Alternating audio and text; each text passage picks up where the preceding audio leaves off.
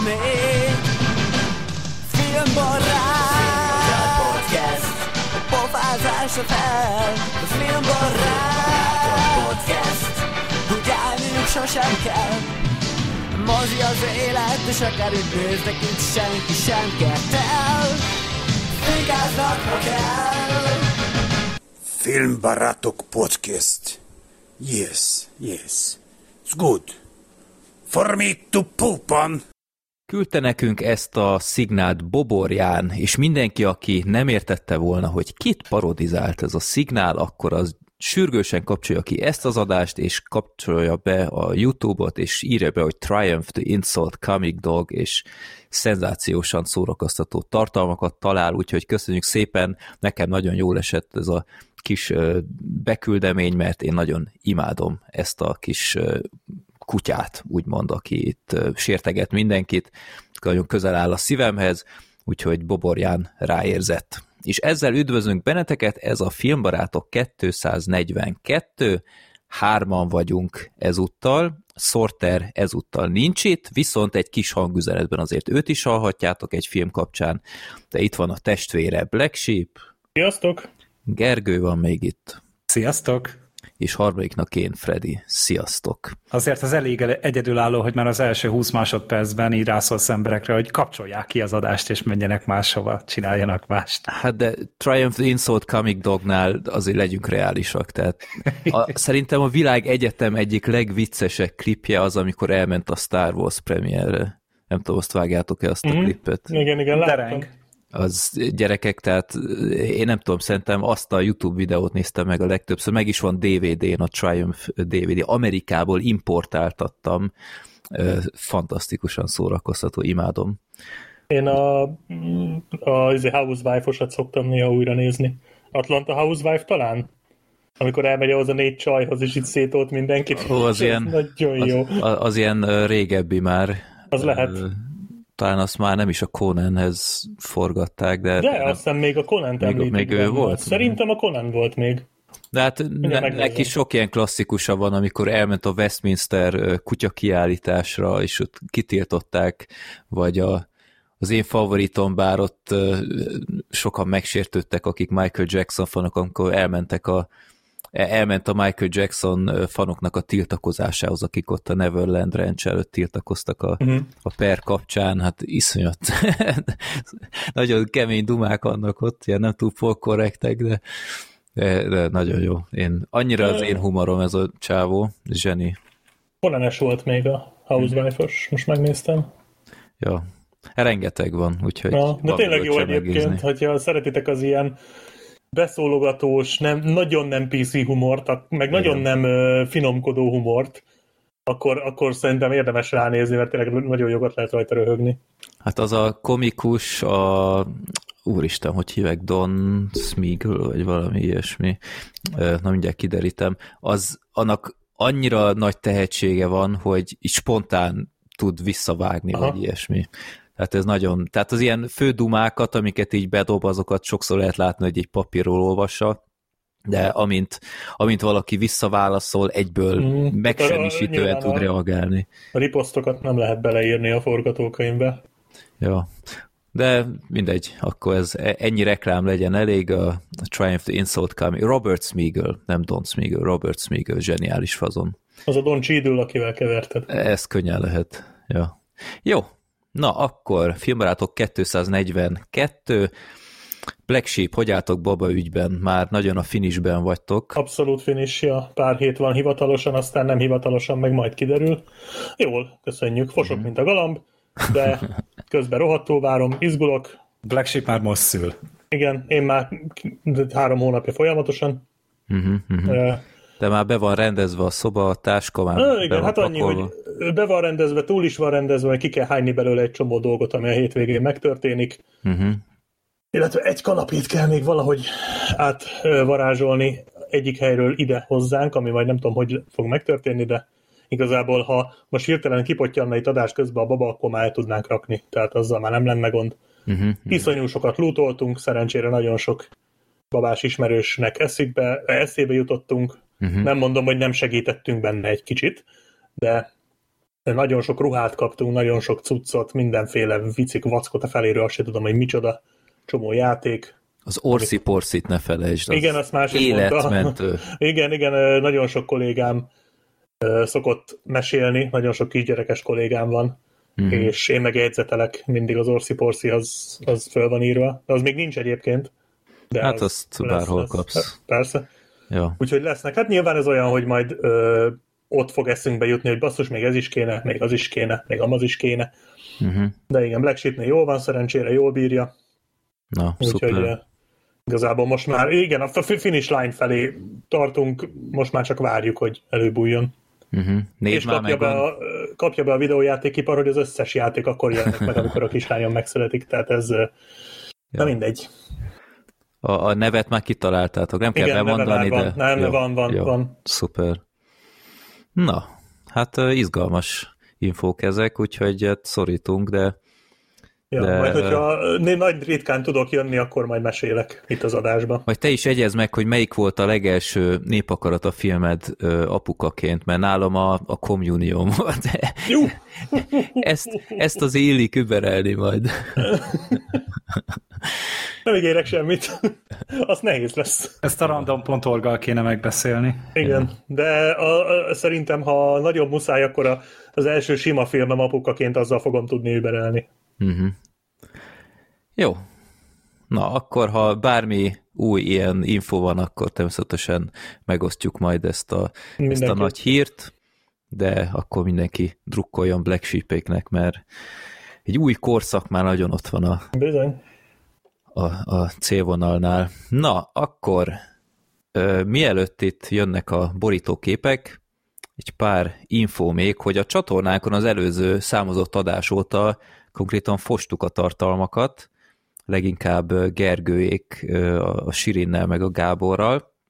Én elkészítettem először egy kis rövid filmbarátok express egy Ghost Army szellemsereg című dokumentumfilmhez, ami hát nem egy nagy kassa sikernév, de rendkívül érdekes témával rukkolt elő, méghozzá egy ilyen sokáig titkolt ilyen osztagról a második világháborúban, akik úgymond olyan feladatot kaptak, hogy felfújható tankokkal óriási seregnek látszódjanak ott konkrétan a frontvonalnál. Egy teljesen abszurd történet, úgyhogy erről készítettem egy filmbarátok express-t, mindenféle érdekes képet is bevágtam a videóba, úgyhogy aki még esetleg nem hallgatta meg, az megnézheti, és akkor Gergőék, ahogy mondtam, nagyon belehúztak, készítettek a hatalomgyűrűiről, kibeszélőt a She-Hulkról és a Sárkányok házáról, úgyhogy ezeket meg tudjátok hallgatni, és még lesz novemberben további jó pár ilyen express adás, úgyhogy igazán el vagytok látva itt hallgatni valóval. Illetve köszönöm szépen a sok szignált, itt a előző felhívás az megtette a hatását, és kaptunk jó párat, úgyhogy egy, egy jó pár adásig el vagyunk látva, de bármikor küldhettek továbbiakat, hogy ne kelljen mindig itt kéregetni az adások elején. A filmbarátok podcast kukac gmail.com címen várjuk ezeket szeretettel. És apropó szeretettel a patronosoknak is ismételten köszönjük a támogatást minden hónapban. Na, de jöjjenek akkor a borítóképek. Martin kettőt küldött, az egyiket én elsőre nem értettem, de aztán szerencsére hozzáírta, hogy ö, valamelyik zárt hely is adásunkban volt egy ilyen poén, hogy Tita Nicolas Cage, és ehhez küldött egyet. És, és emlékeztek az elő- erre a poénra? Nem, pont akartam mondani, hogy az előbeszélgetésben megbeszéltük, hogy egyikünk sem emlékszik erre a poénra.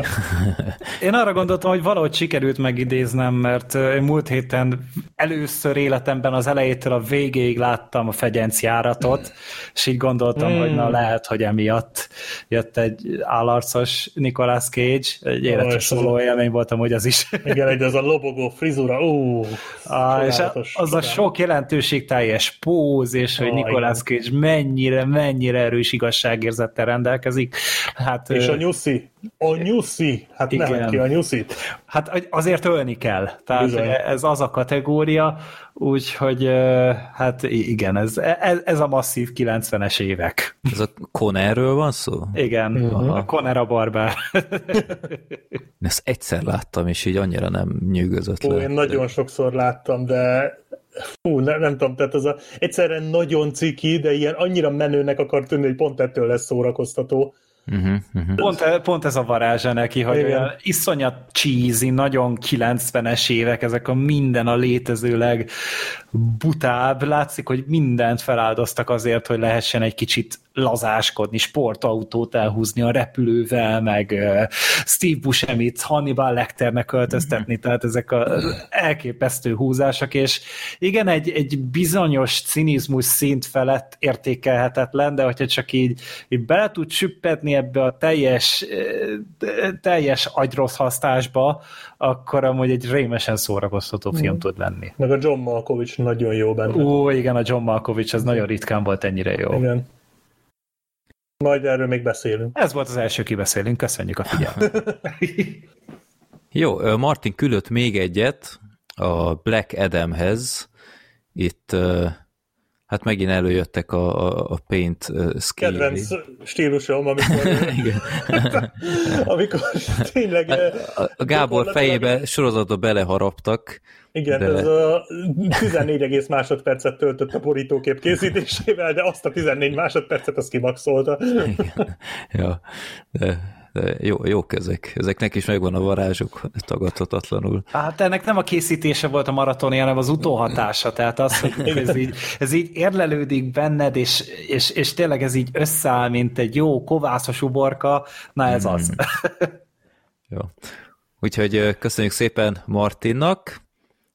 A következő, most itt lesnem kell, akkor legyen a Szücsitől, aki szintén a Black Adamhez készített egy ö, milyen posztert, ö, átírta a filmbarátokra a, a betűtípust. Az jól néz ki. És itt, itt Gergőnél, hát mi történt, Gergő? Kicsit visszavették az izomzatát, de egyébként Igen. teljesen jó. Hát így nézek ki, amikor senki nem lát. Csak tudod, ez annyira ilyen, annyi félelmet tud kelteni az emberekben, hogy inkább mindig olyankor kifújom a levegőt, és akkor úgy nézek ki, ahogy általában a szemetek előtt. Igen, és most ezúttal a Gábor lett a csaj, és ő határozottan progresszívan néz ki. A Sorter meg nem tudom, ő lehet rájött, hogy nagyon sokszor lesz Black Sheep mostanában, vagy a szülés, születés után vendég, és így kiment a szín az arcából szegénynek. De úgy néz ki, mintha valamilyen tárgyalótermi drámából érkezett volna. Na, úgyhogy köszönjük szépen És Szücsinek. ne felejtsük el, bocsánat, én vagyok atomcsapás Ó, személyesen. Erre majd rá, rá akarok térni a kibeszélő alatt nem mintha láttam volna, de itt a kezemben van már a Vox, és te jó Isten. Na, akkor Szöcsinek is köszönjük szépen, nagyon szuper lett ez is. A következő legyen a Brian-től, aki a szomorúság háromszögéhez készített egy, egy elég vad posztert, ahol, ahol elég sokan rajta vagyunk, még a, a tune is. Hát ők a felszolgálók, ahogy illik. Hát az inkább a Dark Souls-nek a, a stábja, Igen, a Dark Balázs ja, tényleg. hátul, tehát az, az, vagy Ákos időközben egy picit megtanulta álcázni magát, nem tudom, de... Hát Octavia Spencer is kicsit kifehéredett, de itt van Anna is, Gábor is, mint felmosó ember, és én vagyok a, a kapitány, és most itt ezúttal a, a Sorter van kigyúrva, mint a fene a Freddy Harrelson, erre azért még vissza akartam térni. Hát én meg, fú, hát én csábítok. Megkívántam magam egy picit. ja. És én vagyok az orosz. Tökéletes. shit, shit. Jó. Na, akkor köszönjük szépen Briannek is, ezúttal is, mint minden alkalommal, akit megtaláltok egyébként Twitteren, B, B mint Brian, és a, a B ö, alulvonás, mint alulvonás Brian. Úgyhogy itt megtaláljátok őt. Az utolsó borítóképünk mára, meg szintén egy gyakran beküldőtől a Muelszától érkezett, a tökéletlen trükkhez készített egyet, ugyanak az eredeti címe The Great, uh, úristen, Buck hogy is így? Great Buck Howard, így igen. van. És ebből lett The Great Duck Hunt. és uh, hát nagyon ötletes, mert itt felül felül van a filmben egy ilyen hipnózis ö, jelenet, ilyen tömeghipnózis, és úgy néz ki, mint hogyha itt sorban lelőtt volna mindenkit, a célkereszt is ott van. Ö, Zseniális Photoshop munka, tehát itt Ez, alul is. Egyébként, és most ha, ha nézed, tehát egy csomó apróság, tehát a 242 a score, Igen, és ott van a, a Zapper a csávó kezébe, a, a Nintendo-s Zapper igen, igen, igen. pisztoly, tehát ez azért itt nagyon meg van csinálva. Hát meg a Gábor, tehát, hogy ő Igen. Russell Crowe lett közben. Ez Jó, az a. Gábor! Az, a, hát, a szeme. Baszki. Én feltételezem, hogy az a Gábor. Igen. Tehát Ja, a ez szája nagyon is. jó. Ja. Úgyhogy nagyon komoly Photoshop volt itt is, úgyhogy fantasztikus. Tehát ő, ő mindig olyan ötleteket hoz ki ezekből, hogy csak így le vagyunk döbbenve. De most így, tehát, hogy ezek szerint ő akkor szintén megnézte ezt a filmet? Mert hogy ez, tehát, hogy Ezt nem írta, de könnyen lehet. Hát akkor me- megint elismerésem, hogyha így, meg minden hallgatónak amúgy, aki, aki mindig megnézi az összes filmet, amiről beszélünk, tehát, Hát hogy főleg, ha olyanok vannak, amit én Bazinek pizza és társai, amiket így mi se akarunk megnézni. Igen, tehát így nyilván még közülünk se néz meg mindenki minden filmet, de hogyha vannak hallgatók, akik így vállalják velünk a sorsközösséget, azoknak mindig jár a nagyon-nagyon mélyről érkező tisztelet. Így van. Úgyhogy köszönjük szépen Mueszának, és akkor menjünk a népakarat a sorsoláshoz. Ugyebár ezt időnként illik elmondani az új hallgatóknak, a népakarata ez egy olyan szerintem egyedülállóan király rovatunk, hogy ti beküldtök filmeket, és ezt egy ilyen gigászi Excel táblázatba berakom, és akkor egy véletlenül kisorsolt számmal kiválasztjuk, hogy mely filmről beszélünk a legközelebb.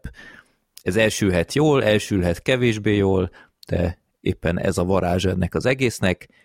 2373 film van most a listában, egy kicsit frissítgettem, mert párat azért kaptunk, és akkor most megnyomom a random.org-on, hogy melyik legyen. 884. Na, ez... Az egyharmadánál. Hát úgy kb. igen. 884.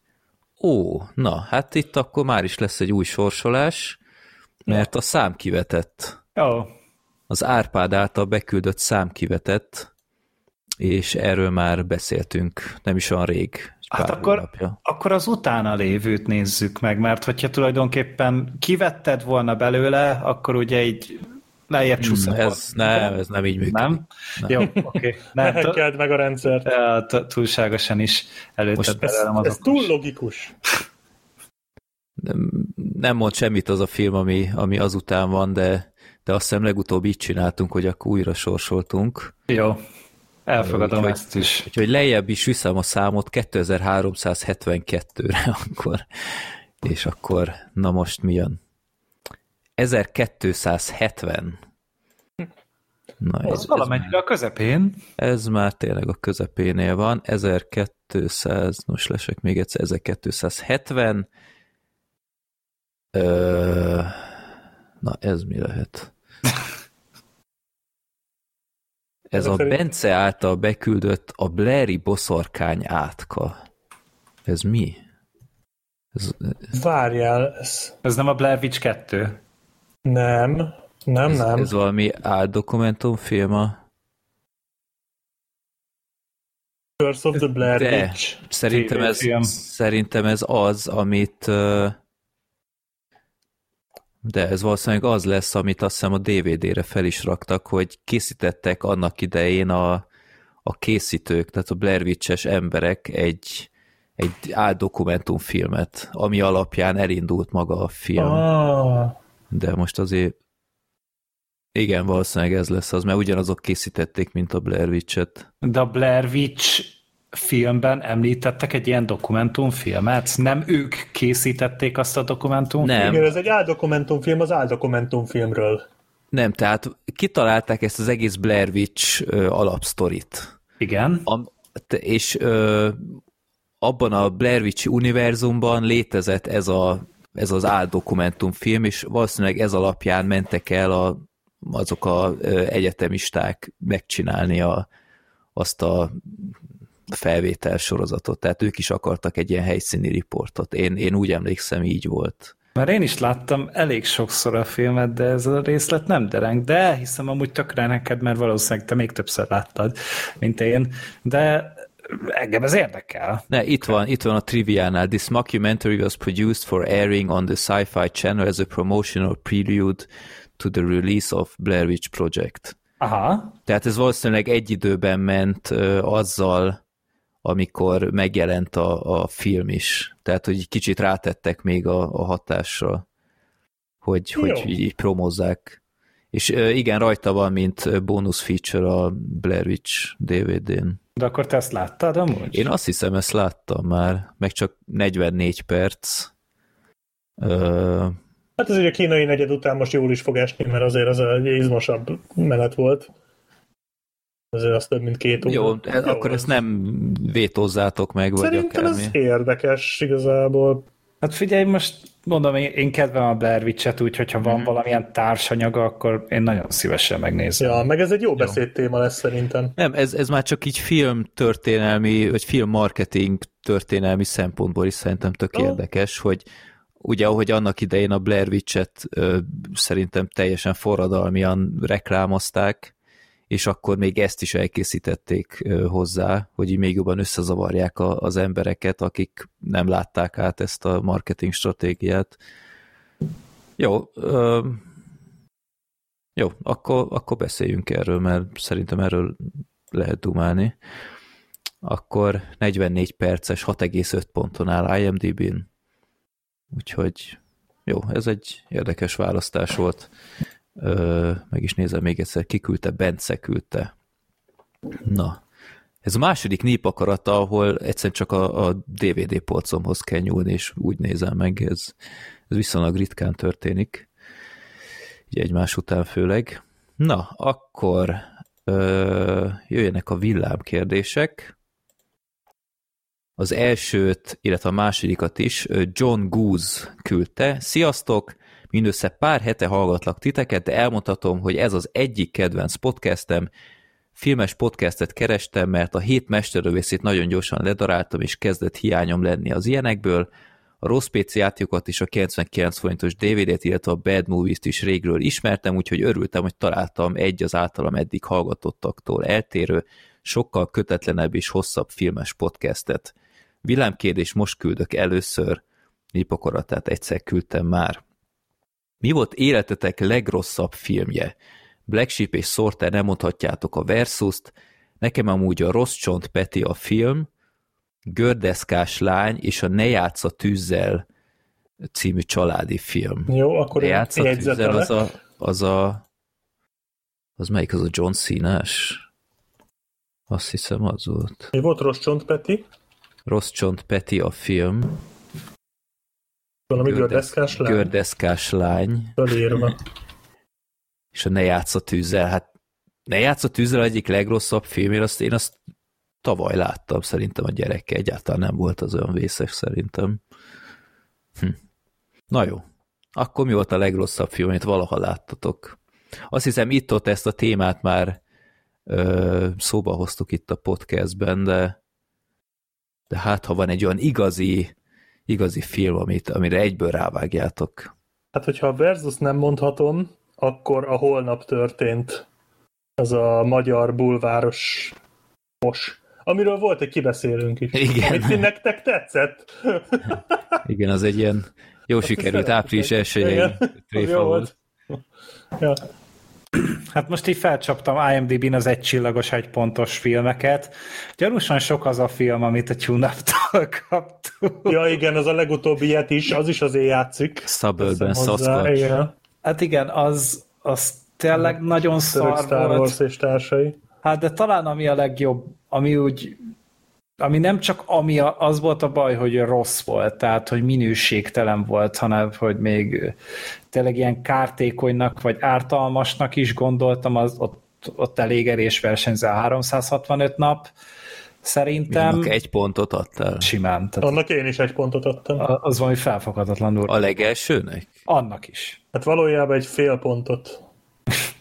hogyha lehet, vagy pedig Vagy még más. esetleg a, a, a, erről is már beszéltünk szerintem, a, a New Kids Turbo, tehát az, az, az, az, az Az- minden indulatot kihozott belőlem. Vagy a Szá- Szállószodom a 120 napja, az meg ugye népakarat a filmünk volt. Uh-huh. Jézusom, nézem ezt a roscsont Petit, mi a lószar ez? Hát Angelica Houston benne van. Meg Ja, Black Sheep. Jó, én, nekem az első, ami ilyenkor mindig eszembe jut, ha ezt kérdezik, a török Star Wars természetesen, én az pusztítóan tényleg atomrossz, Megkerülhetetlen. és, és lehet, hogy az is közel játszik, hogy szerintem a legnagyobb pofátlanságok egyike, hogy ugye össze-vissza lopkodott a, az eredeti Star Wars-ból jeleneteket, és nekünk meg letiltották az audio kommentárunkat, mint copyright okokból, úgyhogy rohadjanak meg az életük végéig.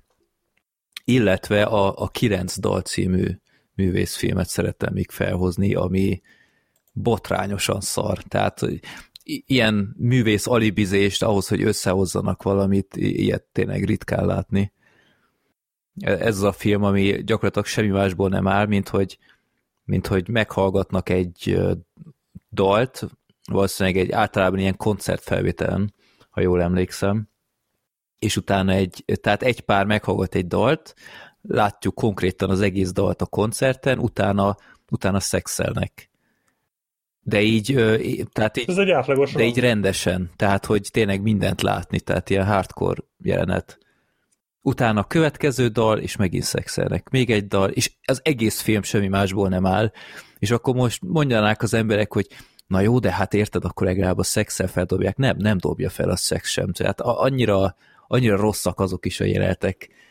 Úgyhogy, ja.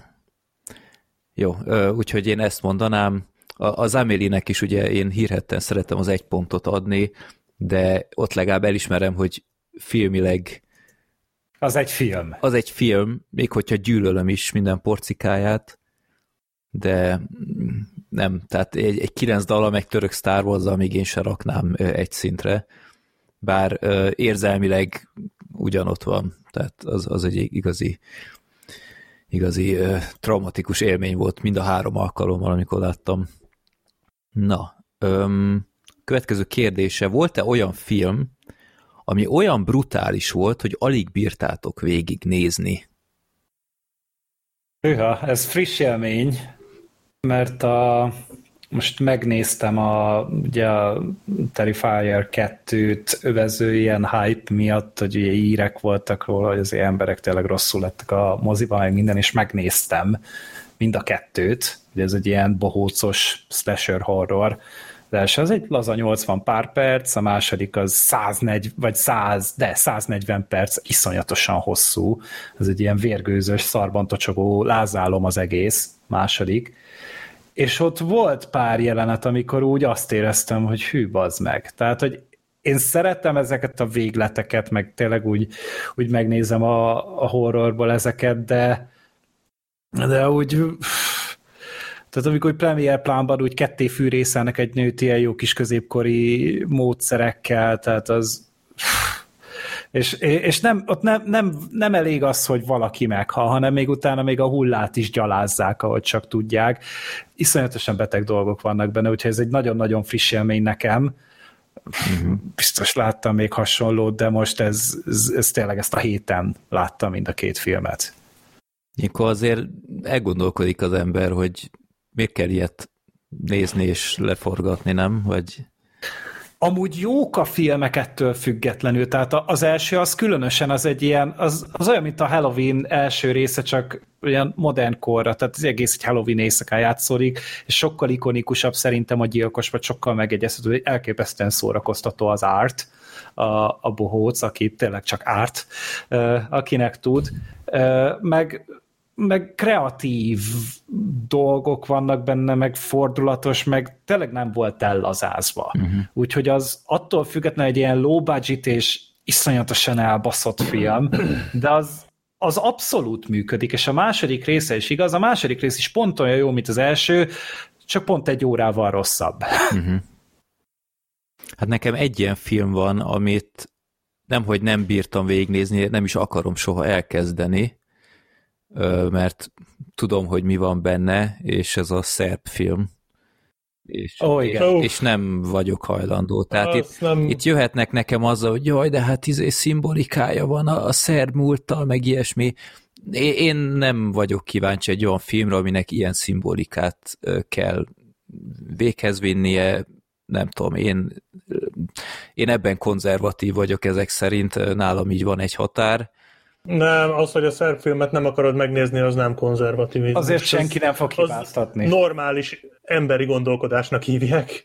Ezt én láttam, és fú. Én is. Az, én sem akarom az, látni még egyszer. Én sem. Hát az, az, az, az, az már szinte céltalan. De egyébként szerintem nem céltalan, és pont ettől nagyon durva. Én nem éreztem céltalannak, de pont ettől vágott be olyan nagyon-nagyon mélyre az az egész. Na mindegy, ne beszéljünk meg a, meg a mártírok ilyen még. Na pont ezt hogy, hogy ott is uh, szerintem már ilyen, ilyen ilyen túllőttek a célon. Tehát értettem, hogy mit akartak, mit akartak kihozni ezzel a fordulattal, meg minden, de annyira, annyira túltoltnak éreztem már, hogy ezt kell néznem, csak azért, hogy, hogy izé, minden néző hullafehérre nézze ezt az egészet a, a célnak megfelelt volna szerintem egy fokkal kevésbé drasztikus látványvilág is, ugyanúgy működött volna szerintem a csavar. De az viszont filmnek nem rossz. Az, hát az szerintem. sok ideig ugye teljesen más, tehát az, ott a film felénél teljesen más műfajba csapált emlékeim szerint. Uh-huh. De az első fel az amúgy rohadt izgalmas. Igen, Igen hát az, az, az ilyen... sima ilyen horrornak tűnt sok ideig. Igen, aztán ilyen kínzó pornó lesz belőle tulajdonképpen. Meg, meg egy film van, amit hát végignéztem, de nagyon sok ideig a lelkemben ott volt, és hát aludni nem nagyon tudtam, az ugye sokszor emlegetett Dear Zachary dokumentumfilm, Aha. ami úristen. Tehát na azt sem hajlandó, vagyok hajlandó soha többé megnézni, mert azt én még mindig nem tudom, hogy micsoda, kicsoda, micsoda. Tudom, hogy van ez a film. most ne nézd meg. So, ne, ne akart szerintem. Azt, a, jó, ezt nem, már lekéstett, hogy szerintem azt a filmet megnéz. jó, talán túl fogom élni. Jó. jó, úgyhogy nekem így ezek jutottak eszembe. Amúgy én, én jól bírom ezeket, de de azt nem szeretem, hogy tényleg kicsit ilyen céltalannak érzek, mm. vagy, vagy tényleg csak azzal a szándéka, hogy hú, ezzel beírom magam a filmtörténelem könyvbe, hogy csak azért, hogy ezt, ezt berakjam, és nem tudom én, babákat belezünk ki, és mi leszünk az a baba belezős film, ha-ha-ha, ez, ezt úgy annyira hát, nem. Szerintem... Hogyha van ilyen, én... van ilyen humor, hogy mondjuk akár egy, egy babán élik ki a, a fekete humort, láttuk már ilyeneket, akár a, azt hiszem a Dök 2-ben volt egy ilyen, ilyen rész. Oké, okay, legyen az jó megcsinálva, de, de nem, nem szeretem, ha én céltalannak érzem. Nekem kettő film jutott eszembe, az egyik a... Bocsánat. Az egyik, azt nem, azt félbehagytam, de mai napig buzerál, hogy végig kéne nézni, de egyszer nem merem végignézni, ez a Jöjj és Lásd, ez a szovjet háborús film, ami ugye hírhetten sokkoló, amikor egy gyerek szemszögéből mutatják be a második világháborúnak a szovjet frontját, és én, én félig láttam, hát ez a régi szép idők, amikor Aviba volt meg két CD-n, uh-huh.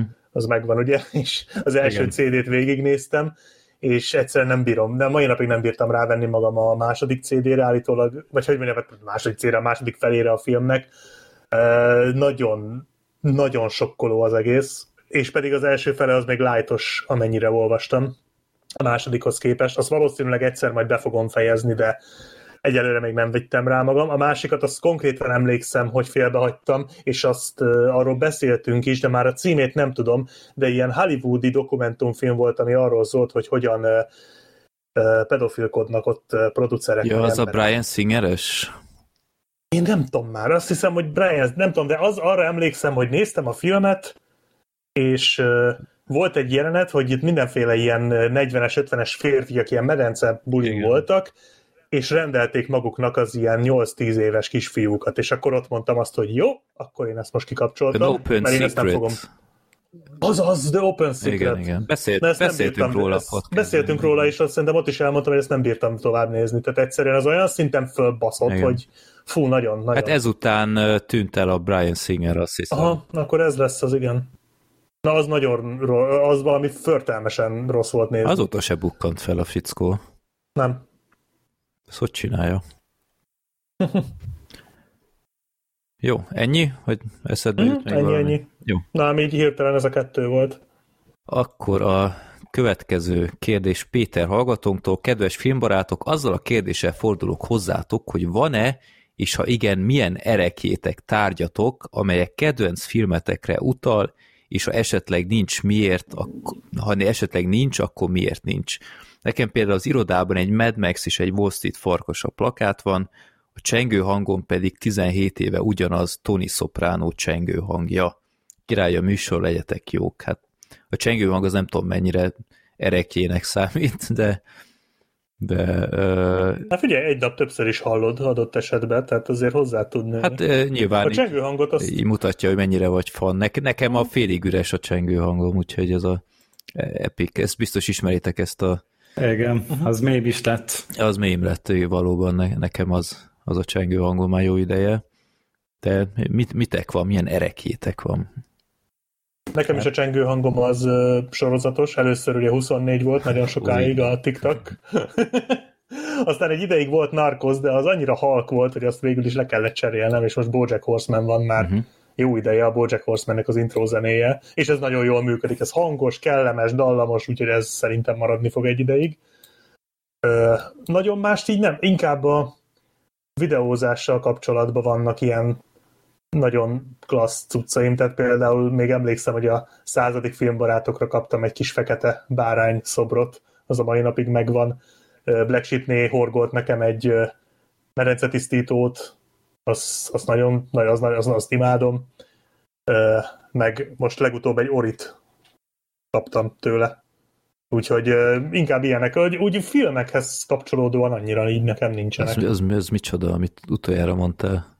Ori az egy játék, egy számítógépes játéknak a Az a teljes címe, hogy Orient the Blind Forest. Orient the Blind Forest, bár játék. nem a teljes címe Orient the Will of the Wisps, de igen. Az a második. Az a második, de én a második miatt kaptam. Ja, Mert az értem. sokkal jobb, mint az első. És aki mást mond, az hazudik. Úgyhogy az, az, de az meg nem film. Meg igazából a medencetisztító se film. Uh-huh. De nagyjából ezek vannak. Hát olyan igazi nekem sincs, ha már csengő hangoknál vagyunk, akkor nekem meg a, a Misfits angol sorozatnak az intrója, az Echoes-tól a Rapture, az ilyen tök jó, ilyen kicsit ilyen pánkos hangzásvilága van, kurva jó csengő hang, szerintem már vagy tíz éve ez van, nem is váltottam le, nem is fogom szerintem, mert ez, ez, ez így nagyon hozzám nőtt. Olyan igazi erekém nekem sincs, hát van pár ilyen Funko Pop figurám, ilyen izé, rázós fejű valamim, tehát ilyen Star Wars-os figurák, Batman figura, van Pennywise, meg van egy nagyfejű Keanu reeves is a Cyberpunkhoz, de az, az meg ugye videójáték. Meg Ja, meghorgoltak nekem is, az meg a Mandalorianhez a maga a Mandalori karakter, meg a, a Baby Yoda is megvan így horgolva, de igazából nem vagyok ugye nagy rajongója a sorozatnak, de, de ajándékba kaptam úgy, hogy igazából azóta is nagy, nagy becsben őrzöm. Uh-huh. Hát meg egy csomó ilyen filmes pólód van még. Igen, pólókban van sok, most is az itt is pólómban ülök, hm. úgyhogy úgy, az, az van, azokat veszem folyamatosan, tehát ezt megveszem akkor is, hogyha amúgy nem szeretem a filmet, van például a ragyogásos pólóm is, pedig nem vagyok egy nagy rajongója Kubricknak a filmjének, de a, a Springfieldben ott vannak tök jó ilyen filmes pólók, ilyen szezononként ilyen két-három-négy film, ezt készítenek, és akkor azt általában azért, hogy leszoktam csekkolni a három havonta, mert jó minőségűek, meg, meg jó kis a minták. Uh-huh. Hát nekem a falon több Drive poszter is van, az egyik a hivatalos, aztán vannak ilyen kézzel rajzoltak, pont itt, ahogy felnézek, hármat is látok, egy, egy Jason maszkom van még, Drive kabátom, ugyebár a hírhet Drive kabát, meg hát Simpson családból fosásig vagyok mindenféle mörcsel, tehát figuráktól kezdve rengeteg képregény, könyv, nagyon sok minden, tehát egy külön ilyen oltárom van gyakorlatilag, meg hát nem tudom, gyereknek vettünk ilyen ilyen szellemírtók Playmobilt, ami rohadt jól néz ki, ilyen Ecto egy, még szirénázik is, meg minden. Freddy jobban szerető, mint a gyerek. Ha nem fog vele, vele játszani, rohadt élet, hogy itt lesz nálam valahol. Tényleg jól néz ki, és, és gyerekként minden álmom volt, hogy lehetett kapni ilyen Ecto egy, hát nem matchboxot, annál nagyobb, de iszonyat jól nézett ki, és soha nem volt elég pénzem, hogy megvegyem és akkor itt van ez, úgymond. És sok ideig szemmeztem is, vagy sőt, hát lehet, hogy be fogok majd ruházni a, a Playmobilos ö, visszajövőbe kocsira, a, a, az időgépre, konkrétan a DeLoreanre, mert az is rohadt jól néz ki. Úgyhogy már vannak is ilyen Playmobil visszajövőbe figuráim, a Doki, meg a Márté, úgyhogy ilyesmik vannak, ilyen kisebb, kisebb dolgok. Jó, akkor szerintem rá is térhetünk a legelső filmünkre. El is mondom, hogy mely filmekről lesz most ezúttal szó. Gergő beszél egy kicsit a Blokád című magyar alkotásról, utána én a Black ship a szomorúság háromszögéről, Gergő, illetve majd felvételről a Sorter beszél a Hellraiserről, ti ketten beszéltek a Black Adamről, mi három beszélünk a tökéletlen trükkről, ez a Tom Hanks filmünk, utána a Népakarata filmünk a kínai negyed, és az adás legvégén a Halloween véget érről lesz egy spoileres kibeszélő. Azzal ér véget az adás. Így van. És ezt ti ketten is láttátok, úgyhogy biztosan alaposan ki fogják tudni tárgyalni itt. De akkor kezdjük a, a blokkáddal, ami így utólag csúszott be a műsorterve, mert a Gergő váratlanul megnézte, és akkor hát kíváncsi vagyok, hogy, hogy mit mondasz erről a, a filmről, mert én filóztam rajta, hogy megnézzem-e, de voltak fenntartásaim a filmmel szemben, és úgy, amit hallottam, az úgy engem igazolt szerintem, de kíváncsi vagyok, hogy te mit szólsz hozzá. Én, én se számítottam rá, hogy megnézem, tehát nem, nem volt tervben egyáltalán, csak egy barátomnak volt kettő ajándékhegye, és akkor ő a párjával valamit el akart menni megnézni, és megkérdezték, hogy megyek-e. Azt mondom, hát jó, hát végül is a mozi mindig jó program, úgyhogy persze menjünk. És igen, megnéztük, hogy ez amiatt is valamennyi érdeklődésre talán számot tarthatott, mert ezzel nevezünk idén az Oscarra, vagyis hát ugye a 2023-ban tartandó Oscar gálára ezzel, ezzel indult a magyar kishazánk, és hát mellette pedig amúgy a sztoria, vagy a témája az egyáltalán nem rossz. Tehát ugye itt a blokkád, ugye címe, hogy ez az 1990-ben lezajlott taxis blokádnak a történetét dolgozza fel.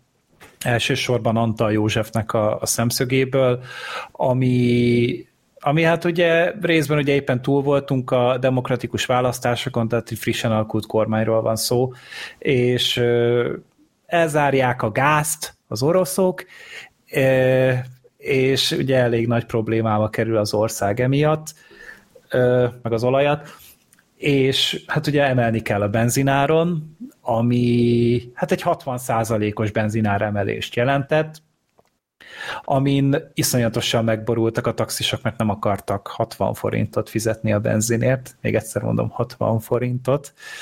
Egy, egy, egy, egy pár perc néma csendet Igen. kérni. Tehát, hogy, hogy ez, ez csak ez annak lehet sokkoló, aki nem néz szomszédokat, mert én, én annyira tisztában vagyok, hogy a 90-es évek elején milyen árak voltak, vagy valami döbbenet.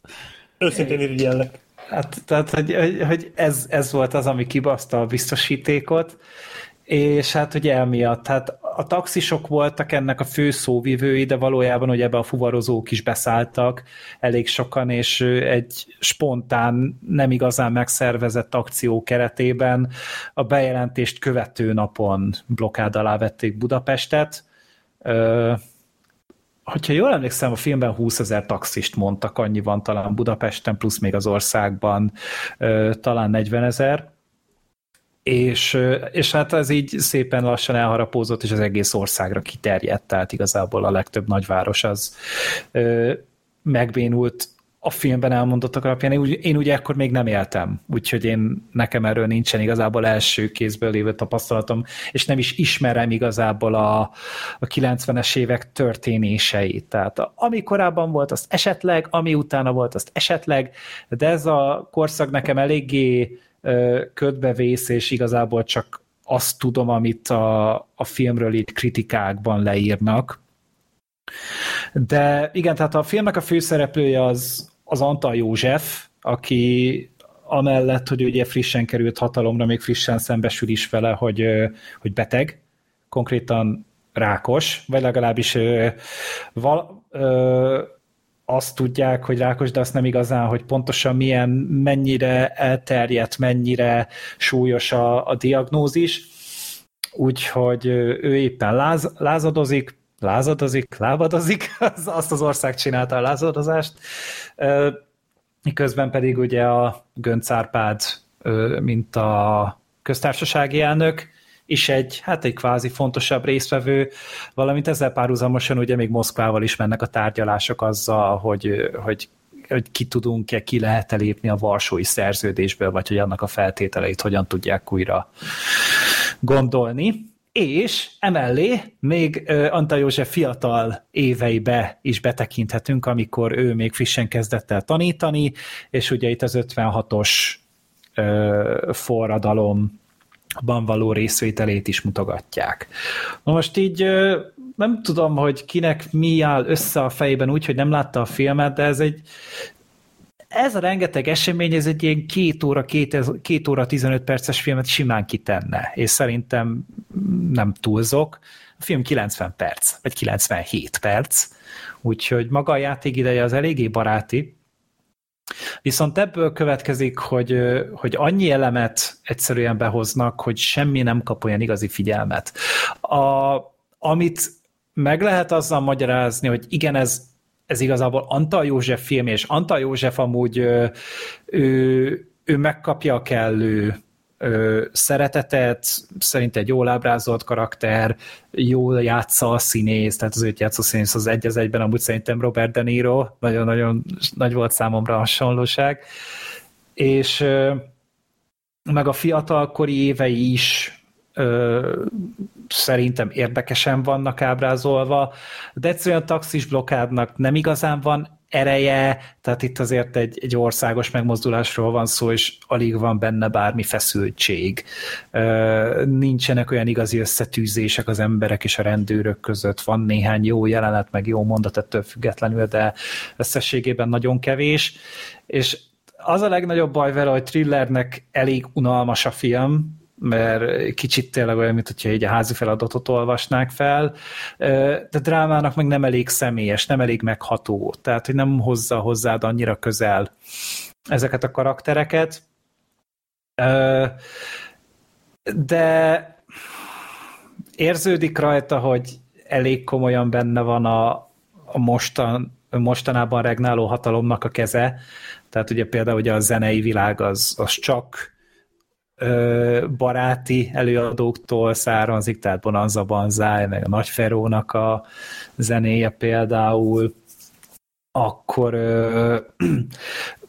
vannak fura, kicsit nehezen magyarázható vagy vicces dolgok benne, például az, hogyha, hogyha hülyeség hangzik el a filmben, akkor azt vagy nők mondják, vagy a Göncárpád. Tehát így ez, így ez, ez az ő, őre szortjuk lett. A Göncárpádnál egy külön furcsa dolog, mert ugye ő egy eléggé komoly köztiszteletnek örvendő ember volt, a maga idejében, mondom, ez is csak beszámolók alapján tudom, de, de egy nagyon elég, elég gerinctelen, eléggé buta, hebehúrgya, és szinte nem is gondolkodó karakternek van ábrázolva, ami hát valószínűleg tényleg amiatt van, mert a, a, a baloldali politikusok azok manapság ö, ellenségnek számítanak ö, az állami szférában, akkor vannak ilyen apró kis ízteregek, amiket ki lehet szúrni, például Margaret thatcher is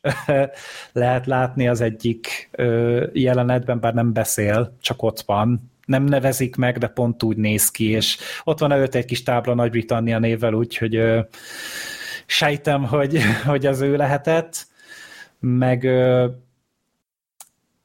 és hogyha már így kicsit konstruktív is akarok lenni, akkor talán azt mondanám, hogy ez a film akkor lehetett volna szerintem sokkal-sokkal érdekesebb, vagy ö, ö, átfogóbb, hogyha a múltbeli a fiatal Antal Józsefre fókuszálnak, és az ő részvételére világítanak rá az 56-os forradalomban, és utána így néha-néha vágtak volna be jelenkori jelenteket azzal, hogy az orvosnál van, azzal, hogy ö, próbálják a válságot kezelni, és szerintem ez egy, ez egy sokkal életképesebb és érdekesebb ö, koncepció lett volna. Aztán lehet, hogy tévedek, de nekem ez valamiért így ö, motoszkált a fejemben. Meg ö, viszont egy, egy mondatot meg muszáj vagyok kiemelni, tehát ezt, ezt így szóról szóra kimondták a filmben, hogy a polgári engedetlenség miatt senki nem veszíthetné el az állását. Tehát, hogy ez egy mostani jobboldali kurzusfilm, és hát tudjuk, hogy, hogy a pedagógus sztrájk, meg a pedagógusok iránti megmozdulásnál milyen dolgok történnek, például bocsájtanak el tanárokat. Úgyhogy, hogyha ezt a filmet ma kezdenék el forgatni, vagy két hete kezdték volna el forgatni, egészen biztos vagyok benne, hogy átszapták volna uh-huh. a, a szövegkönyvet. Meg ez az egész orosz barát ö, dolog, amit ugye mostanában nyomnak, ezzel szemben amúgy vannak kritikus megszólalások a filmben, és ezek is szerintem olyanok, hogy, hogy egyszerűen már mire eljutottunk odáig, hogy, hogy ugye elkezdtek pávatáncot járni a hatalmi figuráink, addigra ez a film már készen volt, és nem igazán tudták ezt így ö, töviről hegyire átírni. Úgyhogy azért vannak keletkritikus gondolatok is, ami néha meglepő, Hát meg a forgatókönyvíró de... a Köbli Norbert volt, aki azért elég nívós dolgokat is írt. Nem mondom, hogy minden tetszett tőle feltétlen, amit láttam, de azért mégiscsak letett egy, egy félvilágot az asztalra, vagy szürke senkiket, vagy a Berni követ. Úgyhogy uh-huh. ezek, ezek tök jó filmek voltak. Hát itt egy, itt egy pici részrehajlás már volt, gondolom ez volt neki a, a lóvé film. Uh-huh, uh-huh. Uh, valószínűleg leakasztott érte valamennyit, hát persze mindannyian pénzből élünk, úgyhogy nem bírom emiatt se teljesen elkapálni, de valójában tényleg ugye ez, ezt én nem küldeném el feltétlenül azért a, az Oscar versenyre, nem hiszem, hogy olyan nagyot lehetne vele szakítani, miközben meg ö, pont néztem, hogy milyen magyar filmek voltak idén, am, amikkel... Most azért nem volt annyira erős évünk szerintem, mint például tavaly, amikor hát, volt külön falka, meg ilyenek. Igen, persze, tehát, hogy az, az például egy tök ö, jó gondolat, de például volt egy unokánk, ami Hát, de szerint- most, ha az unoka volt a kiemelkedő film, akkor ez egy gyenge év volt. Vo- volt az Anox, Az is, de Anox. azt szerintem nem Jó, az Anox. De az nem Oscar kategória, de igen, az Anox az jó volt, azt, azt adom. Tehát azt, azt szerintem nem. Most én meg igazából olyan sok másik magyar filmet meg nem láttam ebben az évben, úgyhogy ja, lehet, hogy nem pont a legerősebb évünk van, de, de azért én láttam ennél jobb magyar filmet idén. Uh-huh. Sokat. Ez, ez a legnagyobb gond vele amúgy, hogy unalmas. Tehát tudod, még hogyha lenne ilyen szórakoztató faktor benne, vagy, vagy valamennyi feszültséget tudtak volna generálni, de ez így, ez így, ez így folyamatosan így átszivárog a, az alkotóknak a, az ujjai között. Uh-huh, uh-huh. Ez a bl- blokkádár korszak vége. Um, jó, ez, ez találó volt.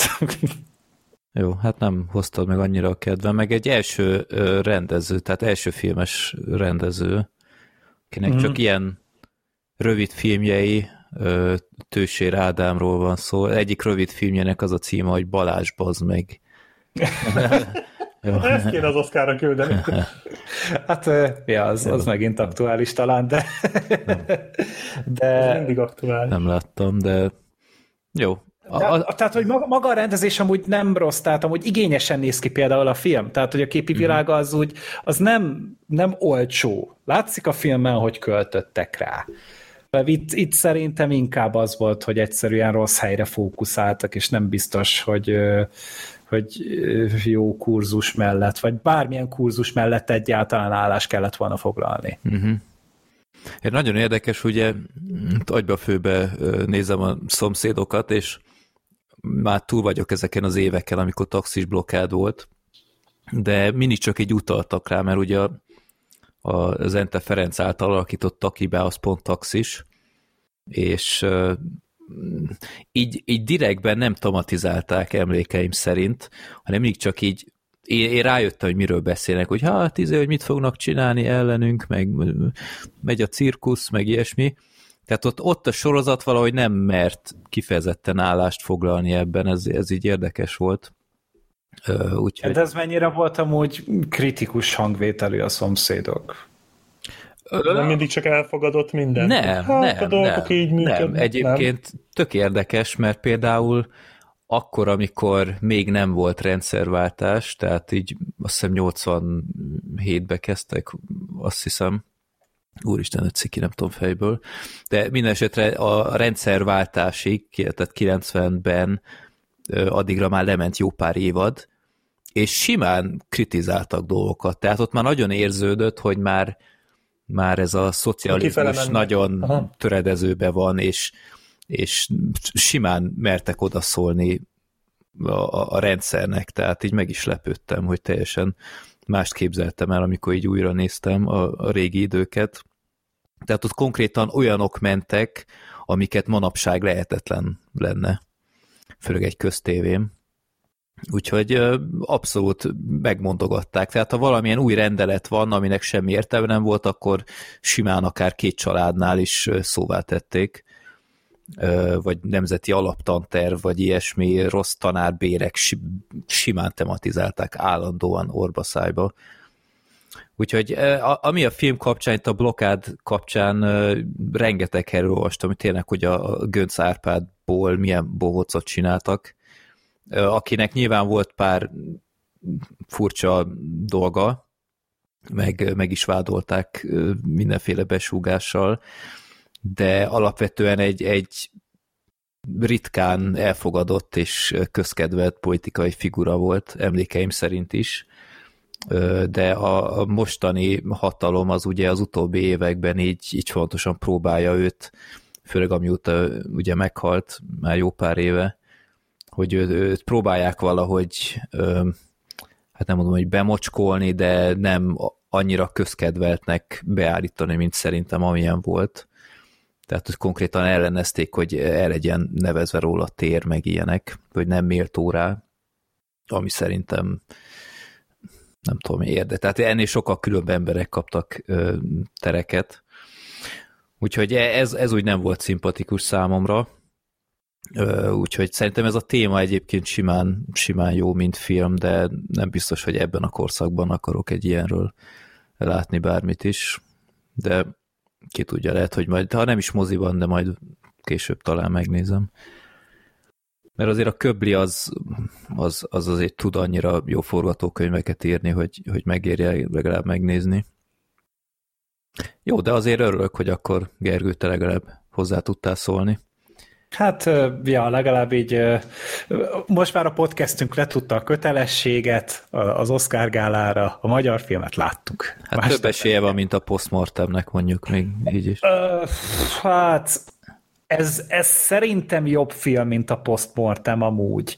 Mert a, a postmortem az, az néha már röhelyes volt. Tehát, mm-hmm. hogy a, ott, ott már, ott már te, tényleg egyszerűen komikusba csapott át sajnos a, a film. Itt, itt egyszerűen ez csak egy kicsit ilyen erőtlen, gyenge, eltévejedett film volt. Mm-hmm. Postmortemnél mindig ez jut eszembe, Black Sheep, biztos olvastad a, a Vox-ban az év összegzőnél, a év legcikibb jeleneteinél.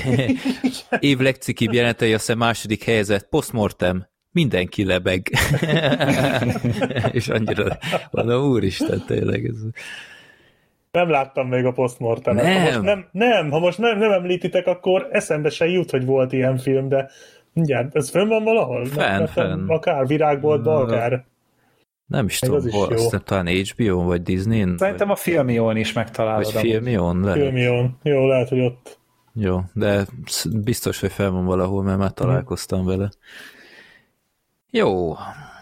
Na, következő filmünk, elvileg a legutóbbi adásban már szóba kellett volna hozni, de aztán HBO, csúszott. bocsánat. HBO. HBO, na, mondtam én. A szomorúság háromszöge. Ezt látta a Black Sheep és én is. Gergő nem jutott el rá, mert ö, időmenedzsmentileg nem jött ki. És hát ez a film nem tiszteli az időmenedzsmentet azért, tegyük hozzá. Igen. Irgalmatlanul kurva hosszú. Ez tartott vissza engem leginkább, mert tényleg nagyon, nagyon fáradt voltam, és hát inkább itthon maradtam Barbarian-t nézni, amiről majd a következő adásban beszélünk. Mm. Ö, hát két óra 27 perc. Én nem éreztem annyira, annyira hosszúnak. Nagyon jól van szakaszolva. Az szerintem. tény. Meg, meg úgy fontosan szórakoztat, legalábbis a Ez film egy- nagy részében. Igen, ez szerintem ez egy baromi szórakoztató film egyébként, de nagyon hosszú, de tényleg pörög. Meg tök jó, tehát nem is az, hogy szakaszolva van, hanem gyakorlatilag ugye a Szomorúság háromszöge cím is utal arra, hogy ez három fejezetből áll, és mindhárom fejezet teljesen más helyszínen játszódik. Az első Uh-huh. az még ugye a, a, egy vacsorán, egy vacsorából való hazatérésen, és egy hotelszobában való beszélgetésen, vagy ezekből áll az első fejezet. Uh-huh. Tehát az egy ilyen teljesen átlagos ilyen skandináv filmként indul, aztán a második, tehát itt igazából egy egy influencer csaj és az ő pasia, pasiának a kapcsolatát ismerhetjük meg, akik a, egy nagyon, szerintem nagyon jó beszélgetést nyomnak le a film első Ó, igen. pár jelenetében. Az nagyon-nagyon jó meg volt írva. Nekem nagyon tetszett, tehát egy ilyen, tehát arról szól az a jelenet, hogy ha van ez a pár, a, a csaj egy ilyen influencer, a férfi meg egy modell, de a, a- nő az jobban keres, és mégis mindig a férfival fizetteti ki a, a drága éttermeket, és legutóbb azt mondta a nő, hogy na majd legközelebb én fizetem, és akkor a srác az úgy várja, és a nő meg úgy tesz, mintha nem vette volna észre a számlát, és akkor ezt beszélik ki, és tiszta olyan, mint egyébként az általam imádott félig üres Curb Your Enthusiasm jelenet, mert ott is imádják ezt, hogy nem bírnak leszakadni egy témáról, és újra meg újra előhozza, és én, én bírom az ilyeneket, tehát ilyen, Igen, ilyen nagyon. nagyon elnyújtott, de valahogy ugyanazokat a köröket teszik meg, de valahogy mégis szórakoztató, mert, mert folyamatosan úgy érzed, hogy halad egy ilyen eszkaláció felé az egész dialógus. Igen, mert fokozatosan, tehát eleinte azon győzködi a csávó a csajt, hogy nem a pénzről van szó. Tehát, hogy ugye ne, tehát az a baj az ilyen beszélgetéseknél, nem mintha lett volna részem ilyenbe, hogy így át kell lökni a másikat azon az apróságon, amin kiindult a dolog. Tehát, hogy kiindul azon, hogy kifizet, de nem arról szól a vita, hogy kifizet, de a csaj például nagyon sokáig vagy azt gondolja, hogy erről szól, vagy direkt azt úgy csinál, mint hogyha nem esne le neki a lényeg, mert ez is benne van a pakliba. és így a csávónak át kell löknie ezen a ponton, hogy itt most tényleg nem a pénzről van szó, hanem itt valamit sokkal fontosabbról akarok beszélni. Aztán persze a csávó ugye fokozatosan belelovalja magát, aztán ezen a csaj kiakad, ettől a csávó még jobban belelovalja magát, tehát egy nagyon jó dinamikája van az egésznek, és nekem ez, ez, nagyon, ez nagyon erős indítás szerintem. És ez mondom, ez három jeleneten keresztül tart. Aztán persze... A De végén várjál, már- volt még egy más indítás azzal a modelles résszel. Azt nem láttam, mert 5 percet késtem a moziból. Oh. És ezt a művészben néztem, ahol nincs reklám. Na, Úgyhogy, ezt- ezt ezt sajnálhatod. Igen. mert az elején látjuk a, a srácot, aki egy ilyen modellválogatáson van, és annyira jó, tehát kicsit olyan, mint a Bruno filmben, hogy ilyen, ö, ilyen tévés fazon ott interjúzza őket, és ott van egy ilyen halom férfi így félmeztelenül, és, és aztán készít velük ilyen iszonyat felszínes, kínos interjúkat, és akkor e- ez az egész film gyakorlatilag egyébként a, a gazdagok dekadenciájáról szól, és, Igen.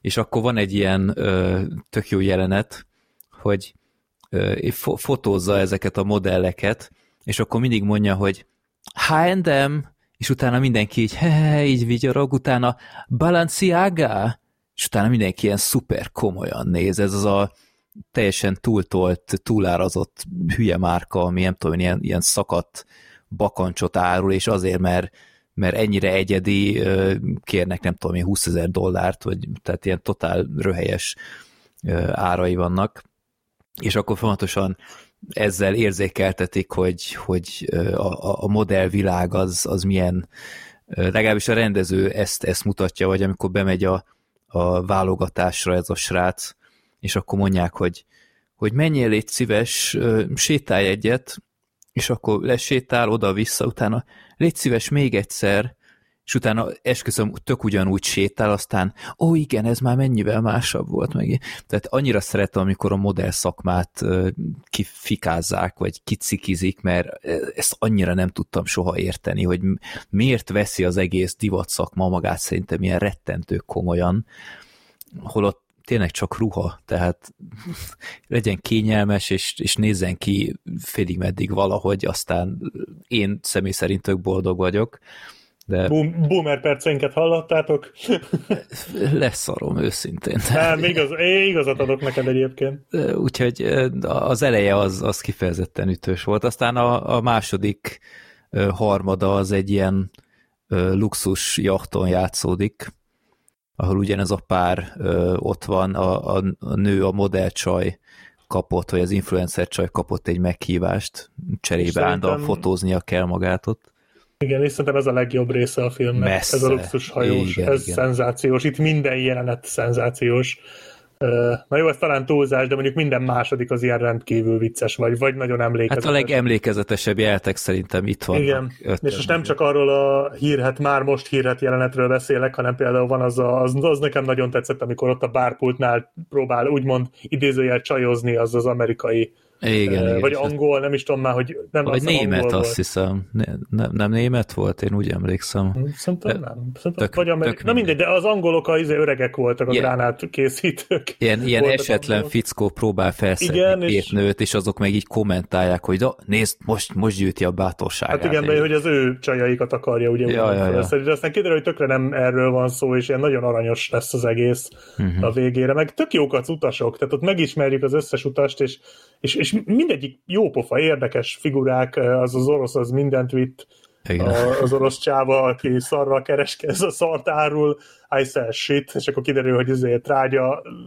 gyára van, meg Műtrágya, igen. azt műtrágya gyára, mikor ott vannak az angolok, akik fegyvert ö, árulnak, ö, ott van a nő, ugye, a, akinek stroke volt, Ö, meg volt még valaki, de ilyen, ilyen tök jó pofa figurák, meg hát a kapitány, meg a személyzet, tehát a személyzetben van az a csaj, tudod, aki mindent kézben tart Igen. folyamatosan, és mindig vigyorog, hát a kapitány az ugye maga Woody Harrelson, aki szintén nagyon elemében van, látszott, hogy nagyon élvezte ezt a, ezt a filmet. És igen, tehát itt igazából ezt látjuk, bele, bepillantást láthatunk a, a abba, hogy hogyan gondolkodnak a, ezek a nagyon-nagyon gazdagok. Tehát itt irgalmatlanul nagyon gazdag embereket kell elképzelni, akik már gyakorlatilag már, nekik már semmi nem számít. Már tesznek mindenre, semmi kockázat nincs már az életükben, ők már csak, ők, nekik már csak egy állandó nyaralás az életük, és hát ugye ők közöttük vegyül ugye a személyzet, akik, akik szintén egy hát, hát nem az, tehát maga a személyzet egy karakter ebben a filmben szerintem. Uh-huh ahogy viszonyulnak egymáshoz. Hát meg a gazdag vendégekhez, meg a... Hát úgy, értem, hogy a két csoport, ahogy viszonyul ja, egymáshoz, hogy, igen, aha. igen. De az, az, az nagyon tetszett ebben a filmben, hogy a, a gazdagok milyen természetesnek veszik, hogy ezek a személyzetek, ezek csak is kizárólag azért vannak ott, hogy, hogy minden kívánságokat teljesítsék, határt nem ismerve. Tehát Gergő, képzelj el, szerintem ezt a jelentet így el, el lehet mesélni. Az uszodásod? Az, igen. Vagy a csúszdásod? A csúszdásod, hát hogy van egy ilyen ö, orosz, hát orosz volt, mindegy, tökön egy ilyen idős, idős nő, aki állandóan ott a jacuzziban Aki van. Anna a pószteren. Igen. Igen. És ö, hát állandóan ott a jacuzziban, és így jófejkedni akar a, a személyzettel, tehát egy ilyen felszolgáló nővel, aki tényleg csak azért van ott, hogy mindig így a kívánsága, hogy teljesítse, és utána, ah, hát ez olyan, ez, ez, ez olyan igazságtalan, hogy mi itt vagyunk a medencébe, és önök meg soha nem, soha nem mehetnek bele a vízbe. Hogy követelem, hogy menjen bele a vízbe, hogy ön is lubickoljon egy kicsit. És utána az meg ilyen tök professzionálisan, hogy hát, hát nem, hát ügyeletben vagyok, meg, meg nem lehet ki fogok kapni, tiltja a szabályzat, vagy akármi.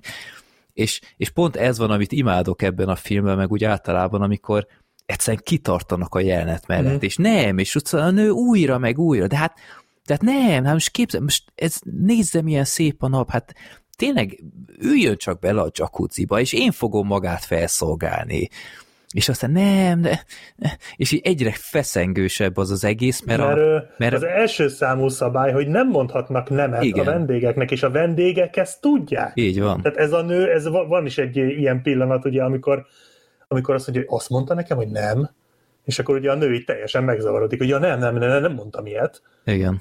Tehát, hogy, hogy ugye a csaj az ilyen teljes, tehát ez az, amit a Family Guy-ba ö, kiparodizáltak, amikor a robotnak két ellentétes ö, egymással ellentétes parancsot adnak, és aznak így felrobban a feje. Tehát konkrétan ez történik a csajjal, hogy ugye nem mondhat nemet, de közben nem mehet be a medencébe se. Igen. És közben folyamatosan az a ragasztott vigyor van a képén. Igen. Tehát egyszerűen zseniális. Tehát vér, vérprofi a felszolgáló, de, de így fontosan látod a pánikot a szemében, hogy most hogy jut ki ebből. Tehát így alig várja, hogy egy, egy nem tudom, felettes ott megjelenjen. A lényeg a lényeg, ö, egyszerűen nem bírja tovább, és akkor beleül ebbe, és ez a, ez a idős nő, ez így konkrétan ö, azt hiszem ő is mondja, hogy á, hamarosan úgyis megvesszük ezt a hajót, és akkor mi leszünk a kapitány, meg ilyesmi.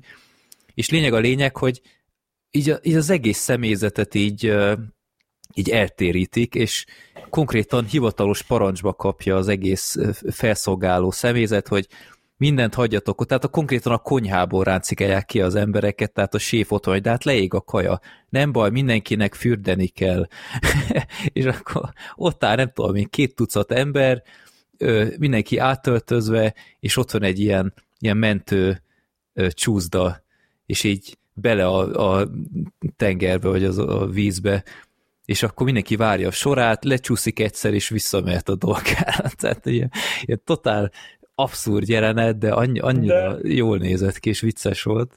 Vicces, és közben nem is, nem is céltalan, mert ugye aztán később emiatt romlik meg a kaja. Így van. Tehát, hogy funkciója is van ennek az egésznek, igen, nem igen. csak a, a mondani valóban, hanem a történetben is, tehát ez nagyon jól. És ilyenekkel van tele az egész film. Vagy valami karaktert ismerünk meg jobban, vagy a főszereplő párost, ott van például a, a mesztelenkedő takarító, tudod. Uh-huh, uh-huh. Tehát az is például ugye ott azért a, a, a, a főszereplő srác, a modell srácnak is ez egy kicsit ott van egy nagyon szemét húzása, és aztán ugye ő is kicsit úgy rádöbben, hogy hubaszki. Igen. Ez talán nem kellett volna. Igen, Meg szóval igen. vannak ilyen nagyon jó pillanatok a filmben.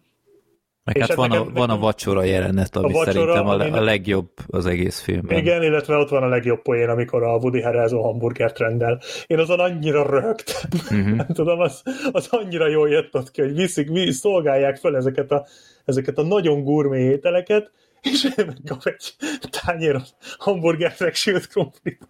Az valahogy annyira jól jött ott ki az a poén. Igen. Meg hát a legnagyobb poén, ott kifejezetten én hangosan röhögtem a moziban, ami nálam ritkán fordul elő, de so, sokan hasonlóan nem bírták magukat tartani, a, amikor az orosz a mikrofonnál így elszabadul. az, az zseniális. Az, az, igen. És ott is az a jó, hogy annyira sokáig húzzák. Nagyon, nagyon, nagyon, az nagyon jó volt. határáig Bár ott a, a szocialista Woody Harrelson szerintem egy kicsit az úgy visszafoghatták volna, De... de, szocialista tajtrészek Woody Harrelson. Igen. hozzá. de, de az de tényleg, meg, meg hát a, a filmnek a marketingjében valahogy mindenki ezt emeli ki, hogy ez egy ilyen hányós film. A filmben van egy ilyen tényleg elég hosszú és hasonlóan abszurd hányós szegmens, de én azt is nagyon élveztem, tehát szerintem marha vicces volt, ahogy, ahogy ezek az emberek, akik a, a totál luxusban élnek, és, és semmi, tehát semmi nem hiányzik nekik, és, és mindenből csak a legjobb, legtisztább, akkor és saját mocskukban hemperegnek, kínjukban, meg ilyenek. Az a jelenet az egyébként annyira bizarr. Én nekem egy kicsit csalódás volt az a jelenet, tehát én ennyit tudtam erről a filmről, azt tudtam, hogy a, a Ruben Östlund rendezte, ugye a, aki a négyzetet csinált, meg a lavinát, tehát én nagyon vártam ezt a filmet, és direkt nem akartam róla sokat uh, tudni, de ezt a hányos jelenetet ezt így tudtam. Hát ez, ez, ezzel volt tele minden. Tehát ugye Kánba nyert, ez a film ez Kánba nyert. Uh-huh. Uh, és hát ugye ott is uh, sok helyen úgy cikkeztek, hogy a hányós film nyert Kámban, meg hogy nagyon sok hányást, ennyi hányás még nem volt filmfesztiválon, meg ilyenek. És én őszintén szólva, én egy kicsit kevésnek éreztem ezt a mennyiségű hányást. Tehát, hogy így én, én nekem, én valahogy azt vártam volna, hogy jobban elszabadul a pokol, de, de közben meg egyébként baromi szórakoztató volt, mert pont emiatt, hogy az volt rohadt bizarr, hogy, mert hogy ugye megromlott a kaja, és ráadásul viharba tartották a vacsorát, mert a kapitánya az egész út alatt részegen fek, feküdt a szobájába, és mo- erre az egyestére volt hajlandó kikászálódni. Egyébként meglepően jól összekapta magát, uh-huh. tehát én azért azt hittem, hogy ott, ott lesznek parák ezzel kapcsolatban, de látszik, hogy rutinos a Woody Harrelson ebben a, ebben a szerepben.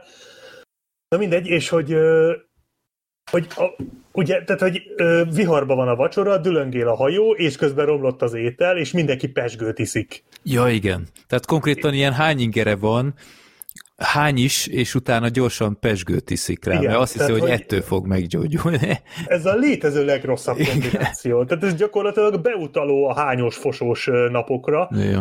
és miközben a, az emberek fele az összehányja az éttermet, közben a felszolgálók hozzák az újabb adag kaját Igen. Azoknak, akik még nem hánynak. És egyen, egyen, mert ettől jobban lesz.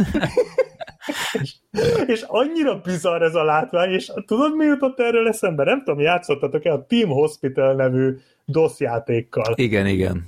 És Nem. abban van az, én most nemrég játszottam ezzel újra, elővettem egy ilyen kis, kis nosztalgia nosztalgia, nosztalgiázás céljából, illetve talán majd egyszer videót is csinálok belőle, de abban volt ilyen, amikor ugye rosszul lesznek a betegek, és elkezdik összehányni a kórház Igen. folyosóit, de közben mindenki dolgozik. Igen, igen. Közben a recepciós veszi fel a betegeket, az orvosok jönnek fel alá, a nővérkék Ja. gyógyítják ott a gyógyszertárba, és közben úszik a hányásba minden, Ja, ja, ja. és ez a film gyakorlatilag ezt csinálta meg.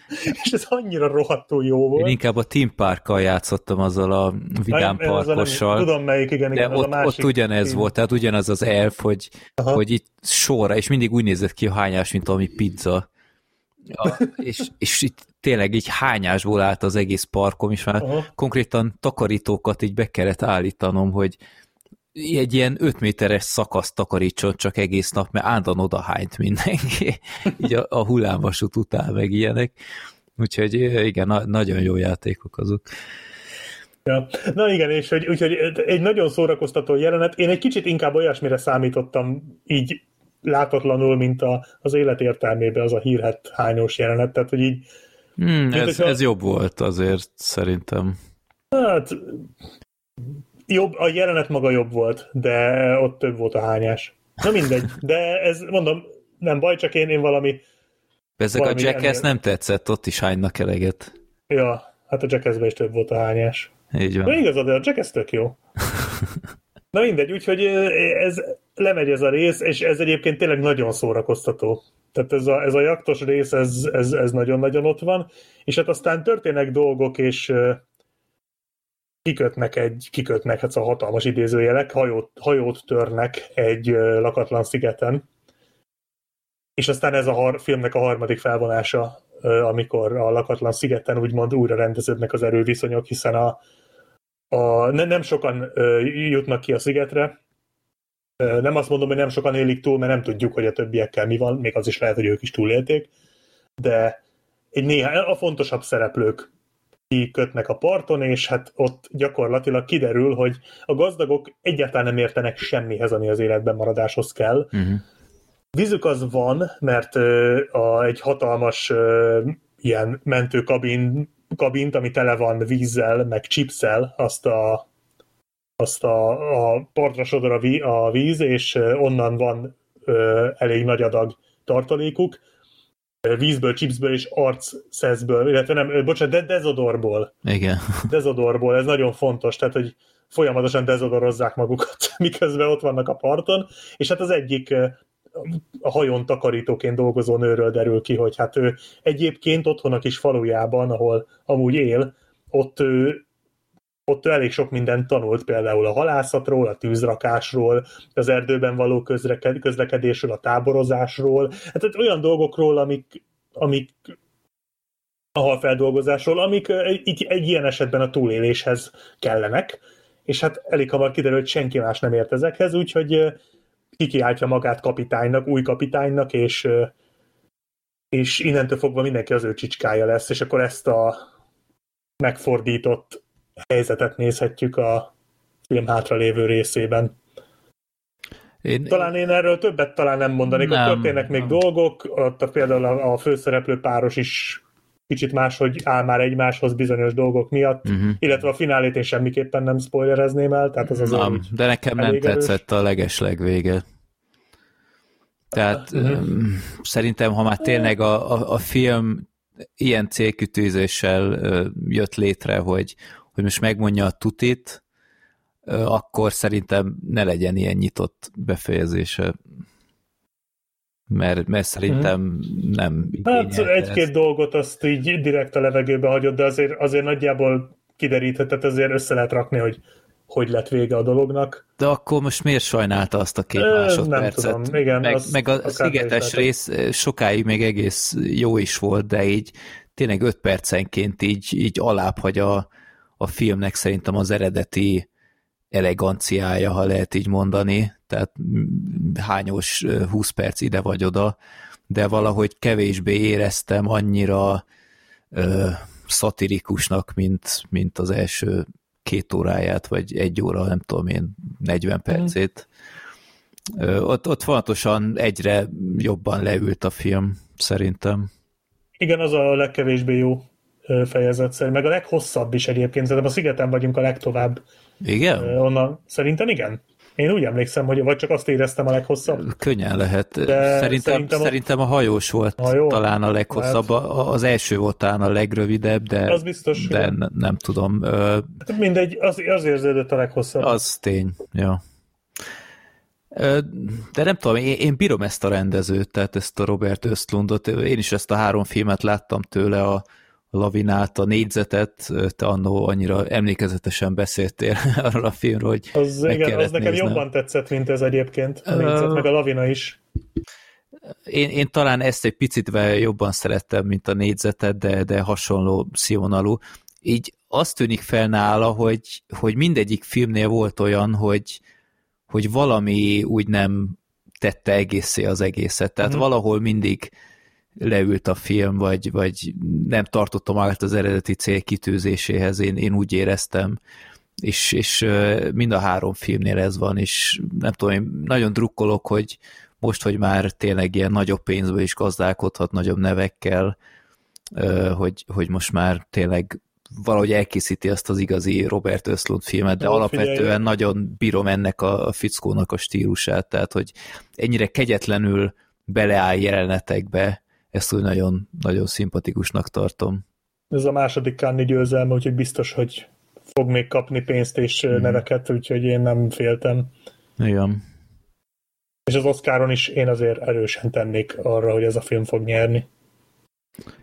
Hát... Az idegen nyelvűben, tehát ez a négyzet is nyert, ha jól emlékszem, úgyhogy mm-hmm. szerintem ez nagyjából borítékolható. Bár a fene tudja, lehet, hogy lesz valami meglepetés, de nem tudom. De Pinocchio. nem tudom, én drukkolok neki, tehát ez a, a szatíra stílus az mindig közel állt hozzám. Meglátjuk, hogy mit hoz ki. Én, én tökre tudom ajánlani ezt a filmet. Ja, nagyon szórakoztató. Tehát ahhoz képest, hogy milyen hossza van, és a történet leírása kicsit kaotikusnak tűnhet, de baromi szórakoztató az egész. Igen, igen. Jó, egy, egy dolgot még felfedeztem a film után. Kíváncsi voltam, hogy a, az influencer csajt játszó színésznőt én, én miben láthattam, mert úgy mm. gyanús volt, hogy mint hogyha láttam volna valamiben, aztán... Kivel... A hírekben.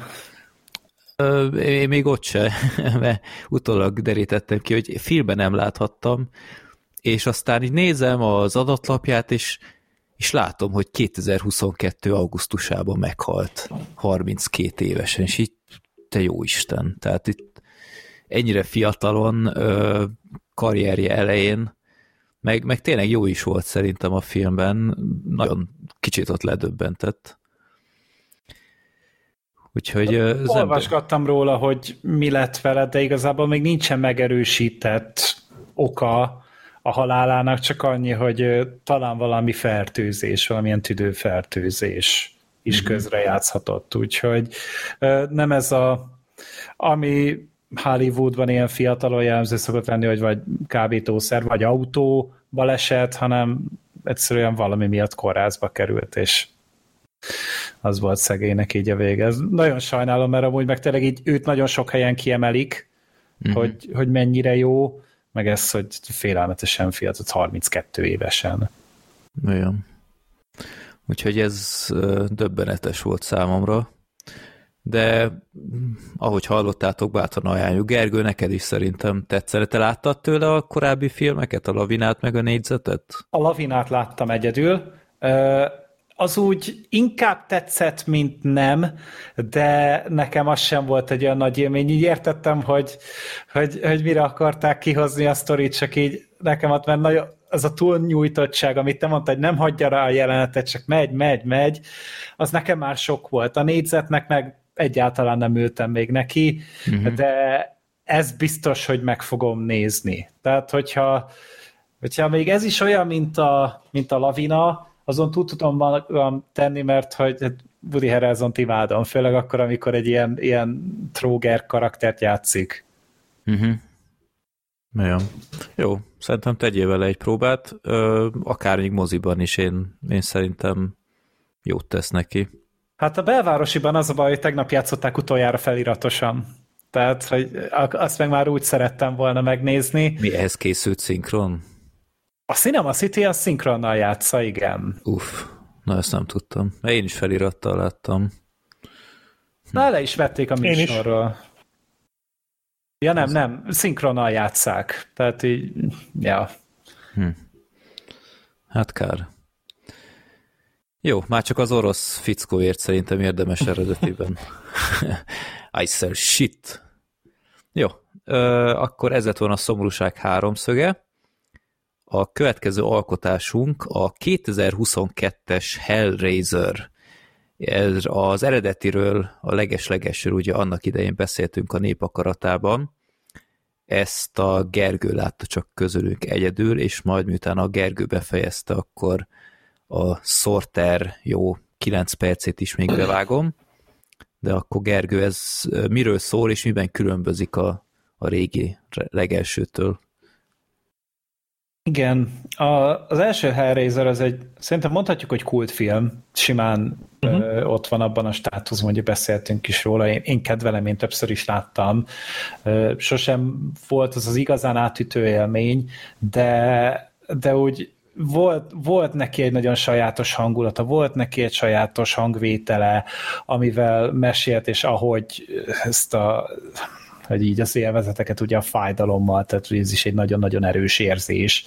A fájdalom, és ezt így összemosta az ezzel a, ezzel a kélyes élvezettel. Hát meg az ikonikus gonosz az itt is megvan a pinhedékkel, az, azt azért nem lehet összetéveszteni. Igen, hát a kenobiták ők eléggé, eléggé ö, komoly pozíciót vívtak ki magukban. Az a, Obi-Wan kenobiták. Igen. És hát ez mi sem mint az olyan, mint egy kurva sok Hellraiser film készült az első után, tehát most tudom, 7 vagy 8, reng, rengeteg. Több. rengeteg. Lehet, Szerintem több. Én, én, én azt hiszem a kilencediket láttam csak. Azt is egy videós projekt miatt néztem meg, és minden percét bánom, amit azzal a filmmel töltöttem. Az egy, az egy katasztrofálisan rossz film volt. Tehát ilyen, ez a, ez a minősíthetetlen hulladék. Ö, igen, tehát hogy ugye nem, nem, nem is feltétlenül a minősége miatt élt meg egy ilyen hosszú életet a Hellraiser, csak egyszerűen azért, mert volt neki egy alapötlete, amit igazából úgy éreztek a készítők, hogy lehet kamatoztatni. Hát amiért a Péntek 13-ból is készült 10 rész, meg a Texasi láncfűrészesből is készült 10 rész, meg mindegyikből. Tehát ezek a... Hát jó, ez, ez mondjuk talán nem annyira a klasszikus slasher, ez azért egy Clive Barker-es cucc, de hogy ugye nem mondtam most hülyeséget, Clive Barker a Ez Hellraiser. Clive, Clive Barker, Jó, konkrétan akkor- az első filmet ő írta és rendezte is. Ó, Tehát, ja, tényleg? A Jó, saját már- regényéből. Hirtelen most megijedtem. Na mindegy, de nem mintha ez lett volna az első eset, hogy valami baromságot mondok, de gyors, gyors mentés. Na mindegy, és hogy, hogy azért ez annál talán egy fokkal, hát nem is tudom, emelkedettebb, talán így lehetne mondani, mint egy ilyen péntek 13, próbál valami mondani valót mögé rakni. Hát valamennyi igen, tehát ennek azért van valamennyi szimbolizmusa, Igen. meg azért, hogy mesélni akar valamit. Közben itt megnéztem, ez, a, ez az idei Hellraiser, az 11. Hellraiser film, tehát itt tényleg egy eléggé vaskos franchise-ról beszélünk, de ugye itt ez amiatt kapott egy kicsit nagyobb figyelmet, mert itt most beállt mögé egy olyan rendező, akinek én személy szerint eléggé szeretem a filmét, hogy ez itt a David Brucknerről van szó, aki csinálta a Rítust is, de az igazán jó filmje az szerintem a, az a Night House volt tavalyról. Szerintem tavaly beszéltünk róla hogyha jól emlékszem, ugye a filmbarátokban ott aha. Chippel beszélgettünk róla, az egy eléggé Az a szellem, hatásos. szellemházas izé? Igen, a Rebecca Hollal. Az jó volt. Ja. Az, az, az egy elég király horror volt, és emiatt is gondoltam azt, hogy jó, akkor ö, engem ez érdekel.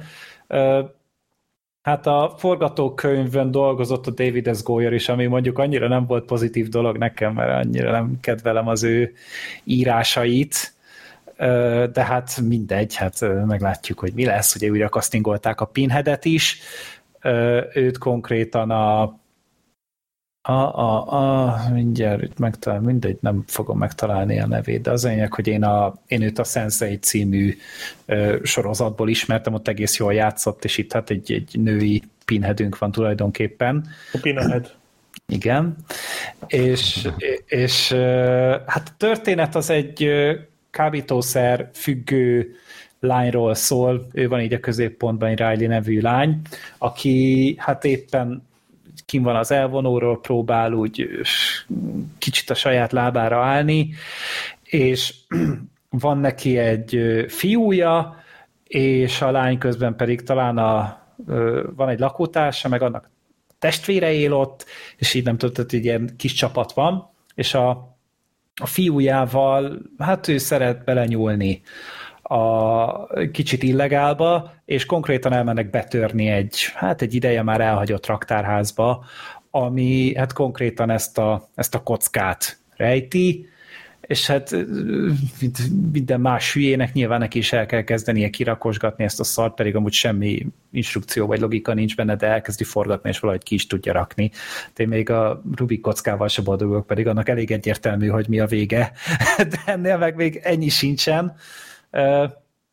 De elkezdője szarakodni a kockával, és ugye kiugrik ebből egy penge, az megvágja, és ugye ez idézi meg tulajdonképpen a, a kenobitákat, akik el is jönnek hozzá, és így mondja, hogy de létszi, ne vigyetek már el, és erre azt mondják, hogy jó, de viszont minden egyes kirakásnál akkor egy lelket adnod kell nekünk, és hát véletlen ö, a, talán a testvére vágja meg magát ezzel a kockával, amikor megtalálja a riley és ő lesz az első, akit elvisznek, ő lesz itt tulajdonképpen, aki helyette megy, de hát ugye itt még nem érti igazán a logikát, úgyhogy ö, tovább rakosgatja, megint megvág valakit, azt is elviszi, és itt szépen lassan összeáll neki ez az egész, hogy, hogy mi is így az egésznek a metódusa.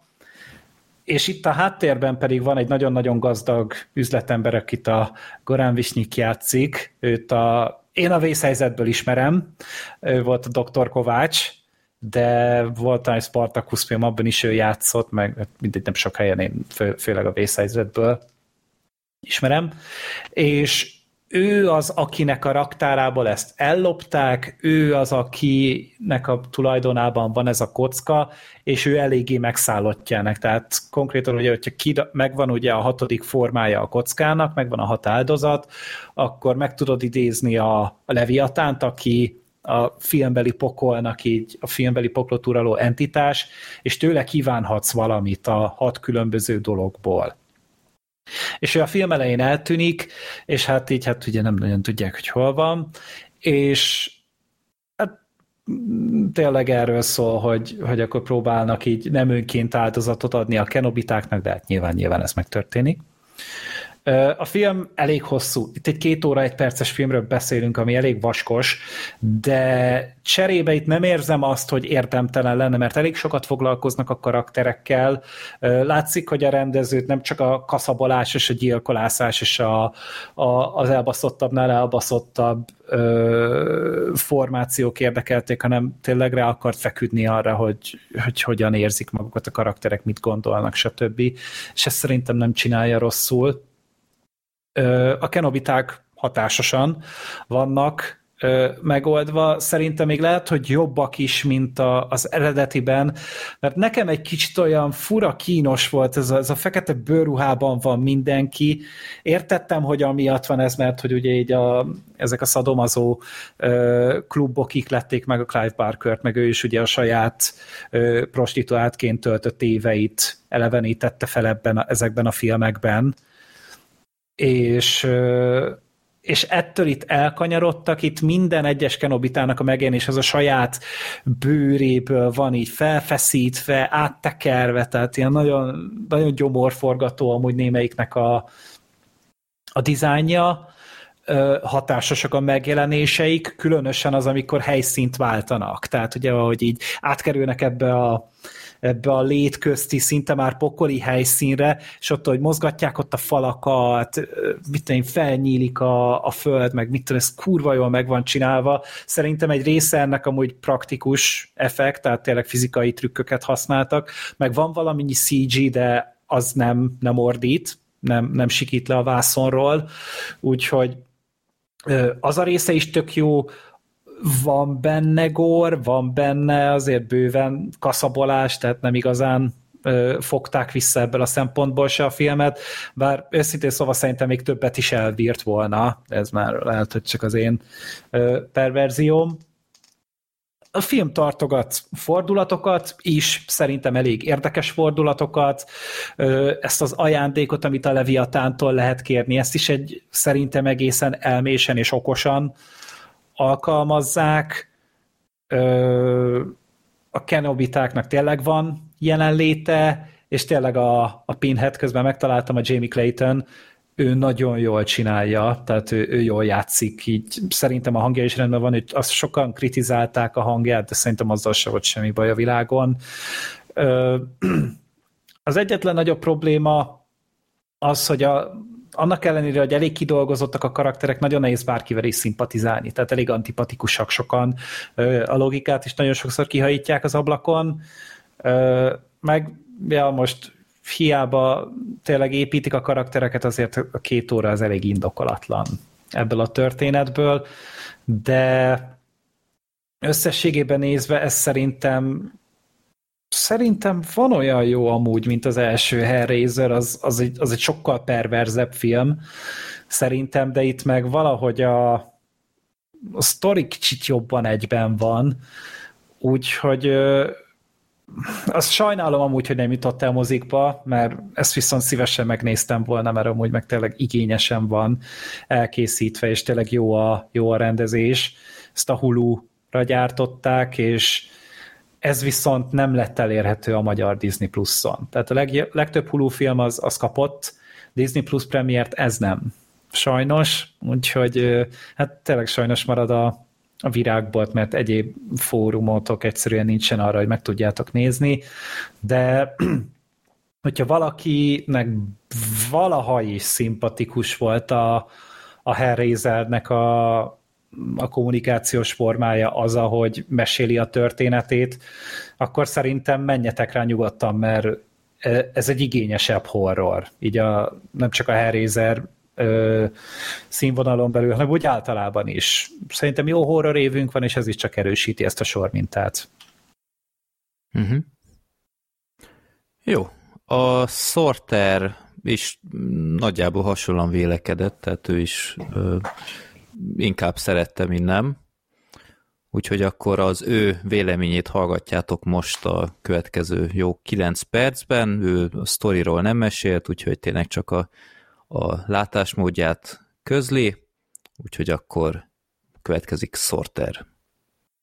Sziasztok, Sorter vagyok, és ugye én most ebben a filmbarátok adásban nem szerepelek, mert hát sajnos bántóan kevés filmet láttam a kezdésig, de köztük volt az új Hellraiser film, így abban maradtunk a srácokkal, hogy akkor egy ilyen üzenetben, hangüzenetben, néhány mondatban tényleg rövidre fogva beszámolok arról, hogy nekem hogy tetszett az új Hellraiser. Azt előjáróban leszögezem, hogy magát ezt a Hellraiser sorozatot én nem nagyon ismerem, tényleg csak az alapokat tudom, vannak a genobiták, van a Pinkhead, a kocka, amit buzergálni kell, és akkor mindenféle gonosz dolog történik. Tehát ezzel úgy képben vagyok, meg tudom, hogy a Barker az alapvető alkotója, a, ugye az első filmet ő is rendezte, ugye ő egyébként író, tehát hogy ezzel itt tisztában vagyok, csak még nem volt alkalmam Hellraiser filmhez, mert annak idején a filmbarátok azt hiszem, hogy ez még valamikor talán a 60 valahanyadik adásban lehetett,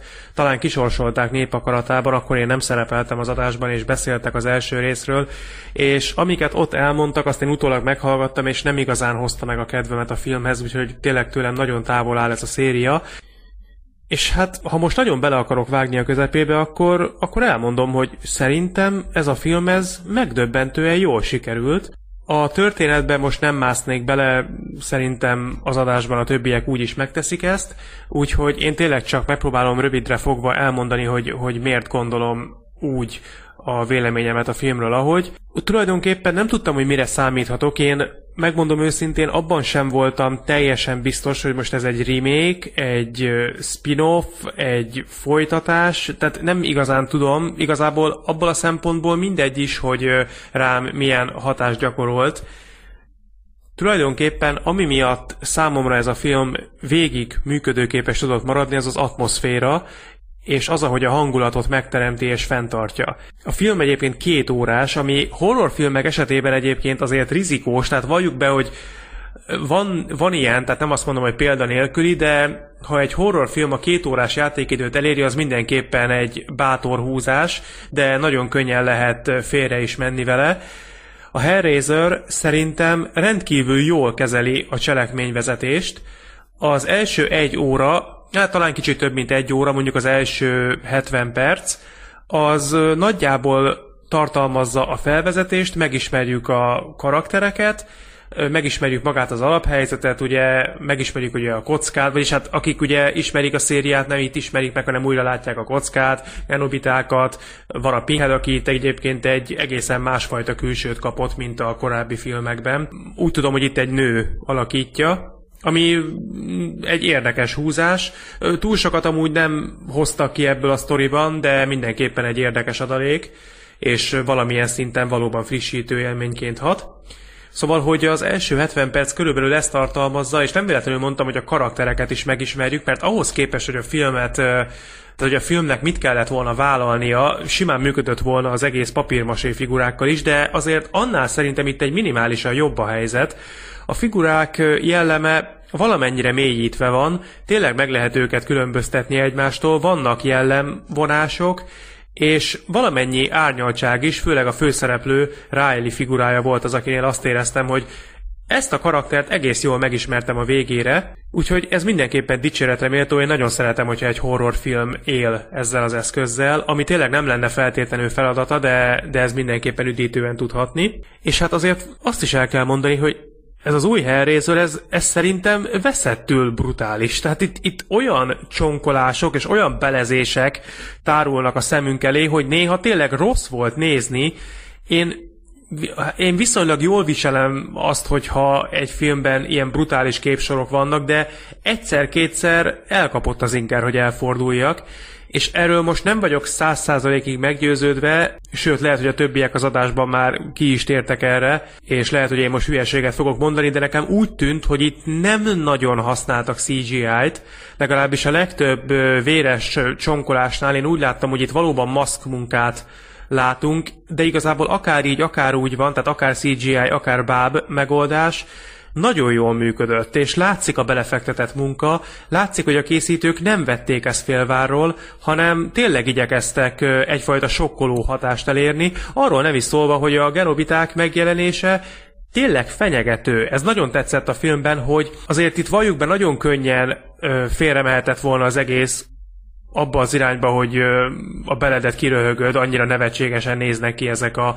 félig mumifikálódott, félig ilyen ázott légypapírra emlékeztető bőrű karakterek, de nem, tehát valahányszor föltűnnek, vagy amikor így mondjuk beszélnek róluk, vagy csak sejtetik, hogy ott vannak a háttérben, és figyelnek, az, az tényleg, tényleg fenyegető, tényleg hoz egy feszültséget a történetbe, és ezt én nagyon tudtam értékelni, szerintem ez, hát sőt, hát nem is szerintem, ez egy horrorfilmnél, ez egy nagyon fontos adalék, főleg egy Hellraiser filmnél, ahol ugye a genobiták lennének a fő fenyegető forrás, és tényleg a, a maszk munkát azt nem győzöm dicsérni. Tehát van egy ilyen ö, jelenet a filmben, van egy csávó, akinek a melkasából egy ilyen, egy ilyen fém szerkezet áll ki, ami körülbelül úgy néz ki, mintha egy ilyen, egy ilyen lekicsinyített ifát kereszteztek volna egy rozsdás hárfával, és az áll ki a csávónak a testéből, és akkor azzal ott mahinálnak mindenfélét, és ezt sokszor így percekig láthatjuk premier plánban. Szóval az, az tényleg nagyon-nagyon igényesen el van készítve. Aztán ott van a film második fele, ami tulajdonképpen egy, talán ezzel még nem árulok el spoilert, egy ilyen egyhelyszínes történetté redukálja a dolgot. Az sem rossz, bár az utolsó 20 percben mondjuk már kicsit azt éreztem, hogy oké, okay, értem, rendben, nagyon jól néz ki, fasza, de haladjunk már, pörgessük már föl. Ott egy kicsikét talán a kelleténél tovább húzták a dolgokat. Egyáltalán nem volt vészes, tehát abszolút nem erről van szó, csak ott egy picikét már fárasztónak hatott. Tulajdonképpen a finálé sem rossz, de azért volt egy-két dolog, amit nem igazán éreztem úgy, hogy kellően megmagyaráztak volna. Itt vannak különféle viselkedések, amiket a szereplők tanúsítanak. Ennek a történetnek a végén van egy kisebb fordulat, és annak tükrében a korábbi cselekedetek némelyike nem teljesen logikus, legalábbis számomra így elsőre nem állt össze. Most ha újra nézném a filmet, akkor lehet, hogy kitisztulna, nem tudom. Tényleg ezek nem nagy problémák, sokkal rosszabb filmre számítottam, amikor leültem megnézni, és utólag néztem rá, hogy a, a rendező személye egyébként abszolút bíztató lett volna, csak én ezt korábban, mielőtt megnéztem volna a filmet, nem tudtam, hogy David Bruckner a rendező, aki hát ugye például a Rítust készítette, illetve a Éjszaka a házban című horrort, amit én nagyon szerettem, az, az a film az, az egészen lenyűgözött. És az új Hellraiser is, tényleg, én azt mondom, hogy nem életem filmje, nem mestermű, tehát itt tényleg ne értsen félre senki, mert vannak benne hibák, de az átlag horror szint felett szerintem jócskán elhelyezhető, a színészi játék teljesen korrekt, nem győzöm dicsérni, hogy, hogy nagyon jól néz ki a film. A történet is jól van adagolva, a tempó is rendben van, a zene is abszolút hangulatos, az operatőri munka is amúgy tök jó, vannak egész izgalmas beállítások is a filmben, amikor ilyen elsőre kicsit talán furcsának tűnő szögekből veszik a jelenetet, de pont ettől válik izgalmassá a dolog. Úgyhogy én abszolút tudom ajánlani, bár gyenge idegzetőek, tényleg gondolják meg, hogy, hogy leülnek elé. Ez a film ezt abszolút nem finomkodik, úgyhogy tényleg csak óvatosan, de szerintem abszolút egy igényes és ajánlható film. Én köszönöm szépen, hogy meghallgattatok, visszaadom a szót a kollégáimnak. Sziasztok! Jó, na, akkor ez lett volna a Hellraiser, következzen a következő Hell, a Black Adam. Ezt is megéltük, The Rock is elérkezett a szuperhős világba.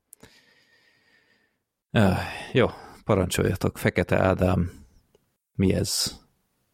Én mi se tudjuk szerintem amúgy nagyon, mi ez a film. Elég nehéz behatárolni. Én, én, én annyit tudok erről a filmről, mert a Voxot felcsapom, akkor itt van egy ilyen, ilyen kis minicikk kép, képportrékkal, hogy milyen új figurák és színészek vannak ebben a filmben, és atya úristen, tehát a sólyom ember, ez még azt mondom, hogy... Az elfér. Jó. Doktor Sors. Mi a fasz? Tehát... A film legnagyobb pozitívuma amúgy Jó, de... Doktor Sors. De Doktor Sors. Igen, Jó. ezen túl kell lendülni. Következő. Atomcsapás. Na jó, ez, tehát ez volt az a pont, hogy, hogy ülök a moziban, és ott, ott azért úgy, úgy lepergett előttem az életem, amikor ezt így meghallottam. Tehát ez már tényleg nagyon fos, hogy atomcsapás. Tehát tényleg, tehát hogy, hogy megy ez még tovább? Tehát itt, itt idők kérdése is lesz olyan, hogy én vagyok rektor, igazságérzet, vagy nem tudom én, tehát ilyen, ilyen, ilyen, ilyen random szavak összedobva. Miért? Tehát... Amúgy angolul az atomcsapás Atom Smasher. Tehát, hogy így inkább atomcsapónak kellett volna lennie. Tehát igen, igen. Ez egy nagyon... megint a cinikus Freddy percek következtek, de akkor, akkor beszéljetek. Én, én nem tudlak ezért hibáztatni, mert amúgy nagyon nehéz komolyan venni ennek a filmnek sok elemét. Ez is szerintem a legnagyobb problémája hmm. amúgy. De ez egy nagyon régóta kilátásban lévő projekt, tehát itt konkrétan már 2014. szeptemberében belett jelentve, hogy Dwayne Johnson fogja játszani ezt a, ezt a Black Adam karaktert. Csak gondolom, Dwayne Johnson egója nem engedte azt, hogy ő, hogy ő a Shazam filmnak így a, a főgonosza legyen egy ilyen egymondatos valami, úgyhogy addig gyúrt meg, nem tudom, szerintem bezárta a producereket egy szekrénybe, és nem engedte ki őket, úgyhogy a tizedik percnél így beleegyeztek, hogy jó kap saját filmet leszarjuk. És és ismertétek a Black Adam-et korábban? Én hát így hallomás szintjén, nem ismertem történeteket, stb. csak így tudtam, hogy van egy ilyen karakter. Hát nekem volt egy Fekete Ádám nevű osztálytársam. nekem is volt ilyen kollégám amúgy, úgyhogy szerintem mindenki ismer egy Black Adam-et ilyen-olyan formában.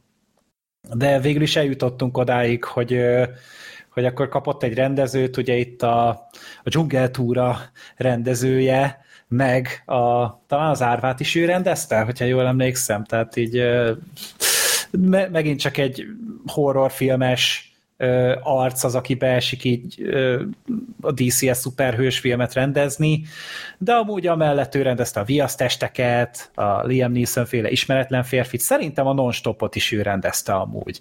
Volt az a repülős film. Uh-huh.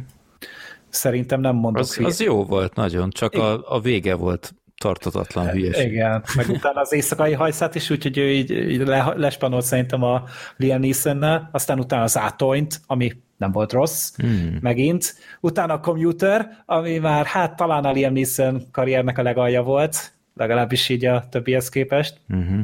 Azért én az elrabolva hármat még így megjegyezném zárójelbe, de igen, a, a Commuter az tényleg szar volt az, egy, az egy elég fos film volt. Úgyhogy igen, utána meg a dzsungeltúra, és akkor ott összespanolt szerint a Dwayne Johnsonnal, és akkor emiatt így megkapta a Black. Tehát ez a karakter, ő arról ismert, hogy ő a Shazamnak így a nemezise. Tehát ő, ő, ő, ő, olyan a Shazamnak, mint a Batmannek a Joker tulajdonképpen. Tehát ilyen, így a szöges ellentét, hát konkrétan ugyanaz is a, az erejüknek a, a forrása, hogyha jól értettem, de mondom, én, csak, én csak a filmből tudom ezt. És ő egy ilyen antihős-szerű valaki, tehát vagy gonosz, vagy antihős, inkább antihősbe esik bele, és hát a történet is úgy kezdődik, hogy 5000 évvel korábban járunk egy szerintem fiktív arab országban, nem hiszem, hogy létezik ez a, Igen, az ország, fiktív. aminek nem, nem tudom most hirtelen a nevét, de mindegy, tehát egy ilyen nagy... Szerintem ez egy, ez egy találó dolog, és és itt rabszolga sorban tengődik egy, egy fiatal srác, akivel egy randomium, most ezt se tudom, valami eternium, vagy mi a szarom a neve annak az anyagnak, amit bányáztatnak velük, tehát tényleg ez a, ez a random drágakő név, aminek valami nagyon nagy ereje van, és így a rabszolga sorból akarnak kitörni, és ő egy ilyen lázadást akar szítani ez a fiú, és, és hát végül is, amikor elviszik kivégezni, akkor ő eltűnik, és megkapja az istenektől, vagy ezektől a mágusoktól azt az erőt, amit a Shazam is még a, a saját filmjébe, és utána visszatér, és megdönti konkrétan ennek a, ezt a rémuralmat, és utána eltűnik. És egy, utána egy a mai mikorunkban térünk vissza, 2020 valamennyi, azt nem nagyon írják ki, csak annyit, hogy napjainkban járunk, ahol hát egymás kezé, egymásnak adják igazából a kilincset ezek az elnyomó rezsimek uh, randomisztánban, és, uh, és hát éppen ezt is valahogy meg akarják dönteni, és így van itt egy gyerekje, amit meg akarnak találni, és az egyik, egy, egy nő akarja ezt konkrétan a testvérével, meg egy másik segítőjével megtalálni, és hát nyilván az ő nyomukban van egy ennek a randomisztán elnyomó hatalmának a katonasága, és amikor megtalálják ezt az erekét, ezt a koronát, egy, ebből a randomiumból, eterniumból készített koronát, akkor rajtuk ütnek, és itt egy, hát pont kint van egy fura figyelmeztető tábla, hogy mi lenne, ha kimondanád azt, hogy Shazam, és megidézik így a Black Adam-et, mert hogy ő így itt ide tűnt el ebben a sírboltban, ezen a nem tudom, ebben a barlangban volt így eltemetve tulajdonképpen, és ezzel, hogy kimondják ezt a, ezt a sázámot, ő így kiszabadul. És ez a Dwayne Johnson, és hát ott jól megöl mindenkit, és, és igazából nem nagyon ismeri ki magát így a világban, mert ugye 5000 év eltelt, és nagyon-nagyon győzködik a, ugye ezek a felkelők, hogy hát de mi lenne, hogyha mellénk állnál, és hát Dwayne Johnson meg ilyen Chuck norris mindig mondja, hogy nem vállalom, nem akarom csinálni. És ez a, ez a sztori tulajdonképpen. Ja, még annyi, hogy ugye itt felbukkan a ugye, ugye a Dwayne Johnson megjelenésével, akiről így a tettei alapján feltételezik, hogy nem feltétlenül egy pozitív figura, és még ugye nem is, nem is Black Adamként hivatkoznak rá, ez a film végén kapja csak meg ezt a nevet, ez azt hiszem Ted Adam talán, vagy valami ilyesmi, ugye a, ak- akkori ö, nyelven jelent ez valamit. És, Insert random ókori name igen. Here, és Ted Adam. Kurva sok dolga volt, hogy a random generátornak ennél a filmnél. És, és mivel ugye értesülnek róla, hogy itt van egy ilyen szupererejű, repkedő, elpusztíthatatlan valaki, Hát kinyílik nyilván a, az Amanda Wallernek a zsebében a bicska, ő ugye a, a Viola Davis, aki a Suicide Squadnál is rángatja a szálakat, és megkéri a, az igazság szövetségét, az Justice Society. Igen, tudom, el kell keserítenem Fredit, nem bumerán kapitány jön Black Adam ellen harcolni, sajnálom. És, és sajnos nem ért rá, ő, ő valahol máshol van, hát konkrétan halott, de még simán meg tudják ne, szerintem. Ne spoilerezd el nekem. Majd meglátod. No. Most nem vagyok benne biztos, hogy látni fogod azt a filmet, amiben ő meghal. Úgyhogy meg kell nézned mindent ahhoz, hogy ezt a rejtélyt megold. De hogy hát itt konkrétan a, a doktor Sors a Pierce Brosnan hez és a bandájához, akihez még tartozik ez a sólyomember, ez a Hawkman, meg a ezt is ciklonnak hívják talán azt Igen, talán? ciklon. Ja, hát itt ezt nem, nem baszták meg magukat a kreativitással itt se. Aki szintén amúgy ilyen viharokat tud, csak ilyen, ilyen Színes csillám, viharokat. csillámvihar tud csinálni, meg ez az atomcsapás, Atom Smasher, Aki úgy néz ki, mint Deadpool, és az a képessége, mint a hangyának. Igen, tehát hogy Mármint, hogy nagyon meg, tud növel, meg tudja növelni magát. De csak megnöveli magát. Lehet, hogy neki derogál az, hogy összemegy, tehát hogy azt lehet, hogy így cikinek érezte. Igen, De- itt jót röhögtünk a, a haverral, akivel néztük, többen, volt, többen is voltunk, és hogy az elhangzik a filmben, hogy az ő szuper képessége az, hogy átrendezi a molekuláit, és megnöveli magát, és így mondtam, hogy ezt bármelyik férfi meg tudja csinálni. Oh. Egyébként. Egy Erekciómen. De Uh, igen. Erektomen.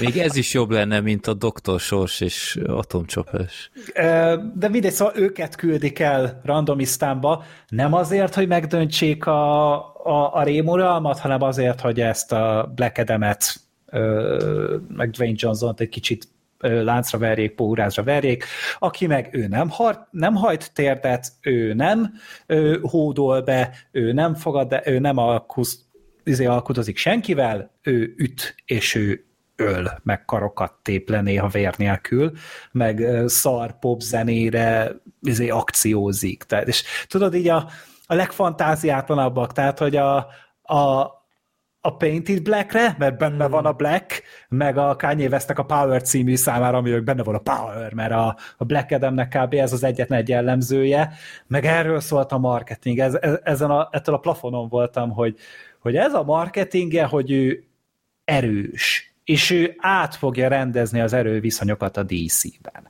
És nem is volt az a dal, hogy I got the power! Dü, Az a második, nem, az szerintem a Shazamban menne inkább, de még a Shazamban sem voltak olyan szégyen teljesek, hogy ezt így bevállalják. Ö, ja, ez így, ez, ez neki, és hát itt tudod azért em- ember elmúlik 14, akkor már úgy nem feltétlen arra izgul, hogy milyen szuper ereje van a szuperhősnek, hanem így, tudod, van valami története, vagy nem tudom, de hát azt, azt a történetet meg úgy mesélik el, hogy így próbálkoznak csak nagyon sok minden múlik azon, hogy ki a, a címszereplő, ki az, aki az egész projektnek az élén áll. És Dwayne Johnson abban a szempontból nagyon jó választás volt, hogy ő egy marketingelhető figura. Igen, ezzel bebiztosították, hogy a film nem fog megbukni. Igen, Gratulálok. Igen, tehát ez, Erre hogy- volt jó. hogy csinálja a social médiára posztokat, meg mit tudom, Instagramra, Twitterre, nagyon népszerű, nagyon szimpatikus, nagyon kedves csávó, csak hát pont az a baj, hogy, hogy, hogy egy ilyen antihős szerepre totál alkalmatlan. Tehát úgy általában tényleg mindig azt a tekintetét veszi elő, amikor úgy nem tudod eldönteni, hogy, hogy el fog rohadni holnapra a virágod, vagy még ma meg fog ez történni. És teljesen alkalmatlan szerintem erre a szerepre, és így olvasta a kritikákat, hogy hát a Dwayne Johnson karizmája az, ami megmenti ezt a filmet, hát akkor az inkább karizom, ami, a, amit esetleg erre rá lehet mondani, de, de nem, abszolút semmi, abszolút nulla. Ő, ő működik azokban a filmekben, amikor ezt a laza Dwayne Johnson-t játsza, de ez a, ez a nagyon szúrós szemű izé, csávó, ez, ez nem. Tehát, hogy még akkor is jobban működne, hogy egy kicsivel több szegecs lett volna ezen amúgy szerintem nagyon röhelyes szuperhős ruháján. Nem, nem, nem találták el a dizájnt különösebben. Viszont ami nekem mentette a filmet, azok igazából inkább a mellékkarakterek. Tehát főleg az élen a doktor Sors, a Pierce Brosnan az egy isten. Tehát, hogy az annyira kurva jó ebben a filmben. És nem csak azért, mert hogy jól áll neki a karakter, hanem szerintem a színész is tök rendben van, a karakter is tök szórakoztató, meg ő az egyetlen, akire úgy rá lehet mondani, hogy ő úgy ő olyan szerethető. Legalább egy kicsit cinikus. Hát Cinikusabb a Amúgy nagyon. Doctor Strange-es szó- sokszor, Igen. csak egy kicsit ilyen nagypapás Doctor Strange-es, de de ő szerintem tökre rendben van, a többi mellékszereplő, ők is szerintem még tolerálhatóbb, mint a, mint a Black Adam. A, ez a Hawkman is így, így ő csak azért volt röhelyes, mert ő így mindenkivel össze akart verekedni, és mindenki elverte. Hát és ponton ez már röhelyes volt. volt. Tehát ez egy, ez egy, ez egy csíra, ez egy noob. De azt se tudtam, hogy ő, ő amúgy ilyen szuperember, vagy neki csak van egy ilyen fancy páncélja, és ennyi. Számít? Nem tudom, úgy érdekelt volna, mert nyilván akkor nem kellene életben lennie. Még ennyire se. a filmben, Hát de igen. erre nem válaszoltak igazából. Várjál, mi, mi, mi volt még? Ja, hát igen, a Zack Snydernek az meg a, a szellem az még kísért, tehát ez az iszonyatos mennyiségű lassítás, már röhögtem egy ponton, hogy, hmm. hogy ez az a pont, amitől már az öreg Zack is amúgy, vagy ami miatt már újra vágná a saját filmjét. Igen, tehát azért ezek, tehát itt ezt nem úgy kell képzelni, mint az Zack Snyder filmekben a lassítás, hogy valami írtózatosan menő poszt így kilassít az akció közepén, hanem ilyen nagyon szuper közelik a, a Black Adamről, ahogy üvölt, és akkor így ezt így belassítja, hogy a döroknak minden ér befeszül a pofáján, hát kösz. Pont erre vágytam. És nagyon, és nagyon sokszor látszik ez, hogy próbál ilyen Zack Snyderesen működni, tehát ezek a, ezek a légi csaták is, mert ugye nagy részt erről szól, hogy emberek verik egymást a levegőben, vagy szuperemberek, bocsánat, és így és ugyanaz a látványvilág pont, amit már a Man of Steel-ben is láttál, csak a Man of Steel az egy fokkal még ennél jobban nézett ki 2013-ban, ami egy elég nagy sértés, meg ami, ami viszont tényleg beverte a, a szöget ebbe a koporsóba, az talán azt, hogy ennek a filmnek semmi ritmusa nincsen. Tehát az, az első perctől kb. az utolsóig az megy, hogy, hogy verik egymást random emberek. És nincsen pihenő, ne- nem nagyon van párbeszéd, nem nagyon van bármi más, ami egy picit hozzátenne az, az egészhez, non-stop akcióban, és ez már a Man of Steel-nél is fárasztó volt, úgyhogy annak csak a, a film fele szól arról, hogy verekednek, Mhm. Itt meg az egész. És így Hát, nagyon a fáradt voltam. Man of Steel-nek inkább csak az utolsó fél órája volt szerintem olyan irgalmatlanul fárasztó. Mert ott addig szerintem az úgy, úgy egész jól tartotta így az akciókat. Tehát ott, ott emlékszem, hogy volt egy-két nagyon látványos jelenet. Hát de igen, tehát hogy a, a Zack Snyder az, az nem egy túl De- jó rendező, de ő legalább azért úgy tud olyan epic dolgokat, olyan, olyat csinálni, ami úgy nagynak hat. Meg őszintén az acélemberben legalább nem volt mindenki minden pillanatban olyan iszonyatosan rohadt vicces. Ja, igen. Komolyan mondom, fölnő az a film a szemembe így pár év alatt, pedig amúgy én nem szerettem a Man of Steel-t, Én se. de, de komolyan mondom, nő a szemembe az a film folyamatosan. Így Mindenki folyamatosan vicces. Tehát hogy így ez, na mindegy. Szóval elmondtam annyiszor. Nem söröztünk a film után, úgyhogy ezért is zabos vagyok. Előtte kellett volna. Igen, úgy nem most. Egészségetekre. Erre vártam már, hogy mikor érünk ide. Én ennyit tudok hozzáfűzni, ez ha nem, nem szólnak a haverok, hogy menjünk el megnézni, és én nem gondolom azt, hogy utána elmegyünk sörözni, ami nem történt meg, akkor jó, másnap söröztünk egyet, de mindegy, az már, az már túl késő. Akkor, akkor nem néztem volna meg ezt a filmet, tehát ez olyan szinten nem érdekelt, és így az a, de igazából tudod, tehát azt gondoltam, hogy egy nyerő, ez egy nyerő pozíció, mert beülök rá, most eltart két óráig, legalább, ha, ha már nem lesz egy büdös nagy semmi, akkor igazából én már pozitívan jövök ki, de hát ez egy büdös nagy semmi volt. Úgyhogy igazából nekem nekem semmi mondani valóm nincs ezzel a filmmel kapcsolatban. A Pierce Brosnan azt szerintem nagyon jó volt benne, szerintem is ő, ő, ő, ő, ő rajta látszott, hogy úgy tényleg egyrészt élvezte is az egészet, másrészt meg volt egy ő rajta azt láttam, hogy ő, ő próbál valamit csinálni. Tehát ő nem csak eljött fölvenni a pénzt. Ö, bocsánat, nem igaz, mert a Dwayne Johnson is próbált valamit csinálni, hiszen ez neki volt a nagy projektje, szívügye, de mondjuk a Pierce az színészkedni is tud, ellentétben a Dwayne Johnsonnal, és így ő rajta tényleg látszott is, hogy próbálkozik, és, és tényleg egy egész jó kis karaktere volt. Meg nekem tetszett a, a fordulata a vége felé. Aha. Szerintem az, szerintem az jó volt. Az, az, az egy meglepő, meglepő fordulat volt. Valószínű, valószínűleg azért lepett meg, mert mire oda eljutottunk, addigra biztos voltam benne, hogy pontosan tudom, hogy mi fog történni, mert annyira a megszokott paneleket követte a film minden tekintetben. Tehát így a, az összes tipikus szuperhősös klisé itt van, és ez az egy dolog volt, amiben egy kicsit elmert térni a klisétől. De igazából ez se annyira, csak, e, sőt ezt is láttuk már párszor, csak ez, ezt mondjuk elég, eléggé elegánsan csinálta ezt a fordulatot, jól vezették elő, de ennyi. Tehát ez, ez, egy, ez, ez egy büdös nagy semmi ez a film. Majd pár hét múlva nézzük a következő büdös nagy semmit. Ja, Amiben a majd ugyanúgy- másik Black című filmet? Tehát a Jó, Black Adam után a Black Panther. Igen, a Black Panther mondjuk lehet, hogy nem lesz halászar. Azt fenntartom. Az, az ab, abban van esély, mert mondjuk az első se volt rossz, tehát meg itt most van lehetőségük, ö, csúnya szóval van lehetőségük most egy valami erőset húzni.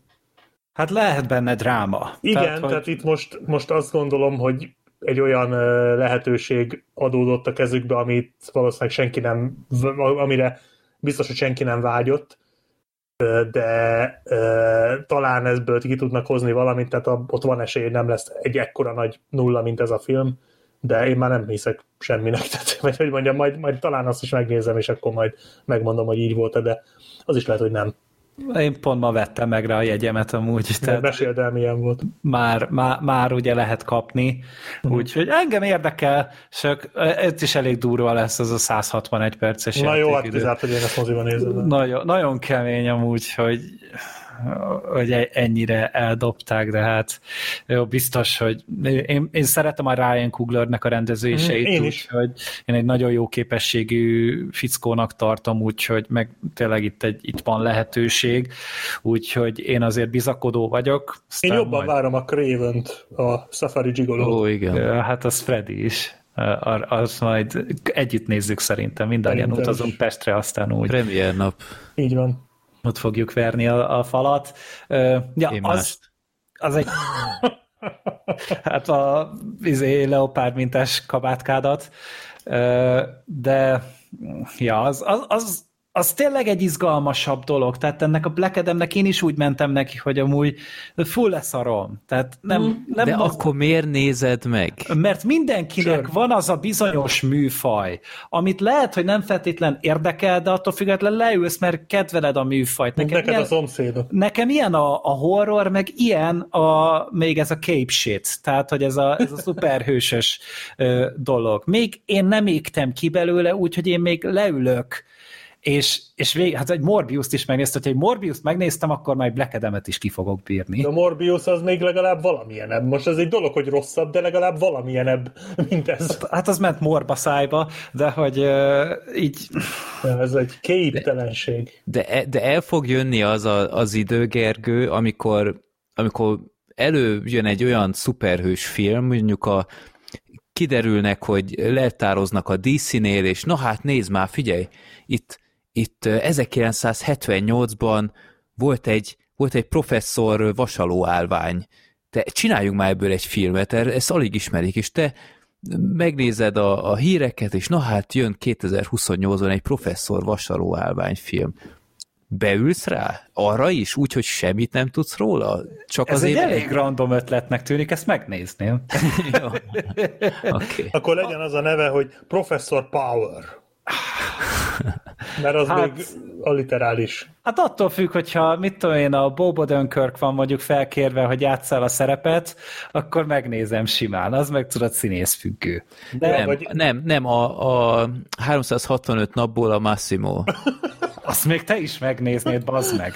Kizárt. Kizárt. Nem nacsó. Ne keverjük.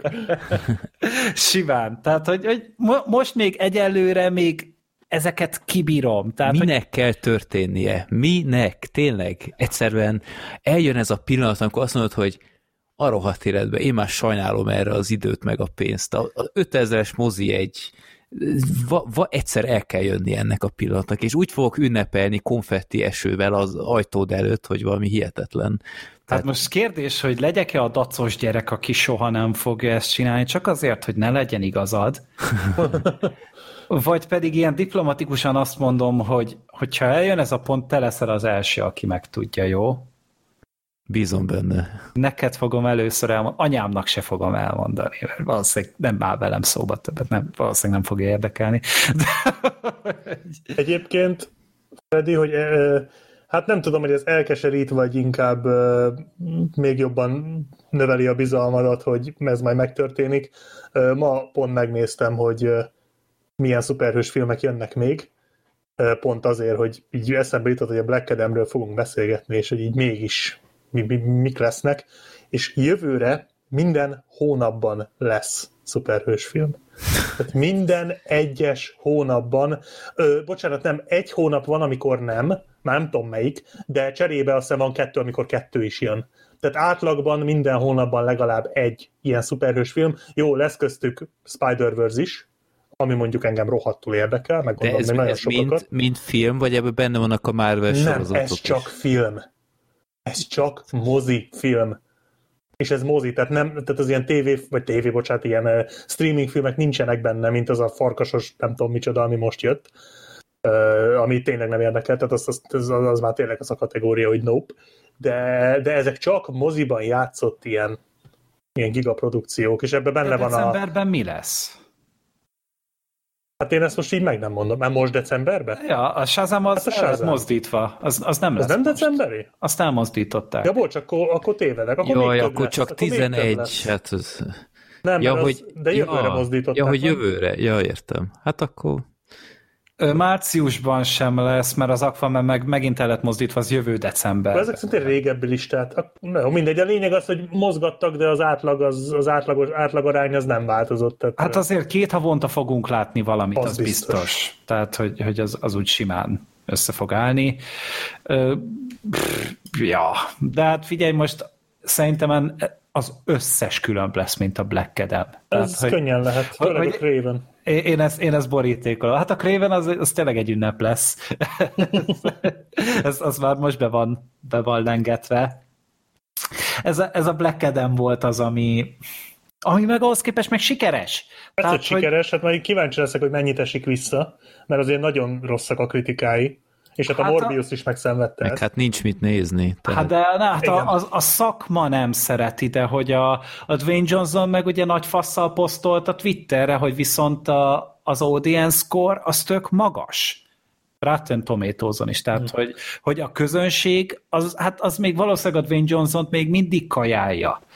És például az is, akivel néztem, ö, egy, egy kollégám nem sokat jár moziba, de hát a szuperhős filmeket szeret, és már két hónapja mondta, hogy ha majd megyek a Black Adamre, majd szóljak már, mert hogy érdekli, hát mondom, jó, akkor persze menjünk együtt, és ő például nagyon élvezte. Ennek örülök. Ja, de én Ez is tök jó, de komolyan, gondoltam, hogy, hogy, hogy ő, így, ő, így, ő ez így tök jól el volt, ő ezeket szereti, hát akkor, akkor persze, és amíg vannak ilyen emberek, addig legyenek ilyen filmek. Tehát most akkor max nem nézed meg, Ja, ja. Most nem hiszem, hogy a Dwayne Johnson ehelyett olyat csinálni, ami mondjuk téged érdekelne. Tehát ez, ezzel csak így a Dwayne Johnson brandet foglalják le igazából. Mert most az összes többi közreműködő sem olyan, hogy, hogy most ki, em, emiatt nem lenne valami film, amit te szeretnél. Mondjuk nálunk a mozi közönség az azért, eh, ahogy így hallottam, eléggé negatív volt egyébként. Aha. Tehát nem nagyon hallottam olyat. A kis társaságunkban is, az a 8-9 fő, aki elmentünk, mi se nagyon voltunk odaérte, pedig voltak köztük hatalmas képregényfilm fanok, akik aztán tényleg mindent, mindent, mindent két pofára, de még nekik se. De mindegy, ez nyilván ebből nem lehet leszűrni egy általános véleményt. Én pont nézem a Metascore-t, hogy az 41, és a user score meg 7,6, tehát hogy igazából akkor ezek szerint az embereknek tetszik. Valószínűleg ez is sikeres lesz, majd jön a Black Adam 2. Biztos. Hát Biztos, vagy, hogy jön, és hát- akkor majd az jó lesz. vagy hogyha nem is Black Adam 2, szerintem elkezdik összemosni ezeket a karaktereket. Igen, Tehát- igen, erre van is utalás a filmben több is. Tehát Azt itt is Furcsálom, hogy kivel akarják összemosni, de mindegy, nem érdekel, mert Hát- ugye nem a Shazámmal, akinek amúgy ez elvileg a nemezisze, Hát majd a Shazam 3-ban szerintem, tehát hogy ott Valószínű. fognak valószínűleg valami nagy össznépi dolgot csinálni, vagy Hát de ugye más is megjelenik ebbe a filmbe, aki Hát azt, azt nem tudom, hogy hogy akarják, de hát mindegy, hát az még jó, majd kitalálják, majd lesz sok robbanás, sok harc, püfölik egymást a levegőbe, és közben mindenki vicces lesz. Én ezt gondolom, hogy szerintem majd- így lesz. James Gunn kreatív kontrollja alatt meglátjuk, hogy ö, hogyan szökik ezt szárba. Novembertől ő lesz a, a De fődi. tényleg. Na jó, az, az még lehet, hogy talán... Hogy gatyába rázzák. talán. Majd, ma, majd meglátjuk tényleg. Most tényleg ez a Black Adam, ez még jó, hogy nem régen láttam a, a filmet, tehát hétfőn néztem, sőt, lehet, hogy sokkal ö, lyukasabb lett volna ez a kibeszélő. Könnyen lehet. Jó, Gergő, majd szólja a Gibbon szuperhős megfilmesítésnél, légy szíves, az, az a nagy kedvencem, ugyebár a Ja, az a Safari majom. Gigolo után, igen. Ja, az, hát jó, persze, persze, azt majd figyelni fogom. Itt közben nézem, Spider-Man Enemies alatt milyenek vannak. Van egy Robot Master, van egy Kenguru, van egy Man Wolf, Hát jó, az, az igazából már a 30-as vagy 20-as évek óta létezik szerintem a filmvilágban is. Mindworm, egy super, superhuman with telepathic powers, Hú, ilyen még nem volt. Black Tarantula, van Tarantula és van Black Tarantula. Hűha. Ezek szerint lesz majd egy Edem is a Black Adamben. Hú, na, ez, na, ez egy szuperhős név. Massacre. hát jó, de Nem, neki úristen, gyerekek ott a van legjobb. Venom és Carnage, meg Massacre, tehát a mészárlás, a vérontás és a méreg, érted? Tehát, uha, na minden, bocsánat. Megnyertem. Na. Pandamania. Az egy, az, egy Panda. fe, az egy fertőző panda, vagy... A giant panda themed supervillain. Pandamania. Hát jó, Fuck nekem, you, Spider-Man, I'm Pandamania. nekem erre csak gyors éttermeket ad ki, úgyhogy Tehát ha nem- én, ha én, ha és amennyiben, mert ez jövőre több, mint valószínű, hogy meg fog történni, én kiégek a képregényfilmekből, ak- és jön a pandaménia, akkor visszaégek bele. Tehát ez az, ez az a, a Gibbon meg a pandaménia, amire jövök. Beírott Pandamania Spider-Man, akkor találsz, ez valami Csaj. csajszű. Ó, ja, na, na, na, végre valami érdekes. Na, akkor, na, a Black Sheep már most visszaégett. Hmm, ez az. Jó. Na, ez dögös, mit akartok? Ebből, ebből mi nem csinálnak filmet? De a kengurút is érdemes rákeresni. Ó, Isten, na jó. Jó lesz ez, Freddy. Jövő év jó lesz. Jó, a, a, a Gibbonnál és a Safari Gigolónál számíthattok rám. Ez a kenguru, ez mi? Hát akkor januárban találkozunk, Freddy, mert akkor jön a, a Safari Gigolo. Mi már? Igen, az már mindjárt itt van. 2023? Igen. Jaj, én is a nagy pofám. E, Felvételünk van róla, úgyhogy ja, nagyon sajnálom. Jaj, Az jó lesz, hát Aaron segget csináltam a Johnson. számból. Ja, nem, bocsánat, ez volt az eredeti dátum, október 60 jelenleg írva. Hú, Azért akkor én tényleg rossz listát néztem. addig még van időm Van, meghalni. Hülyeséget beszéltem. Jö, gondolj rá úgy, hogy jövőre ilyenkor már látni fogod. Ha el nem tolják újra. Remélem, hogy nem. Kell a hely az Avatar 3-nak. Szeretné, szeretnék már abban, a, abban az időben élni, amikor a Freddy mozit vá- vagy jegyet váltott a Craven the Hunterre. Igen, ilyen, ilyen símaszkba fogom szégyenemben. Hogy... De az jó is az október, mert addigra talán én is uh, egyszerűbben tudok mozogni. Mert január necces. nézni. És akkor, akkor én is menjek. Amúgy is mennék, de így akkor könnyebb lesz leszervezni.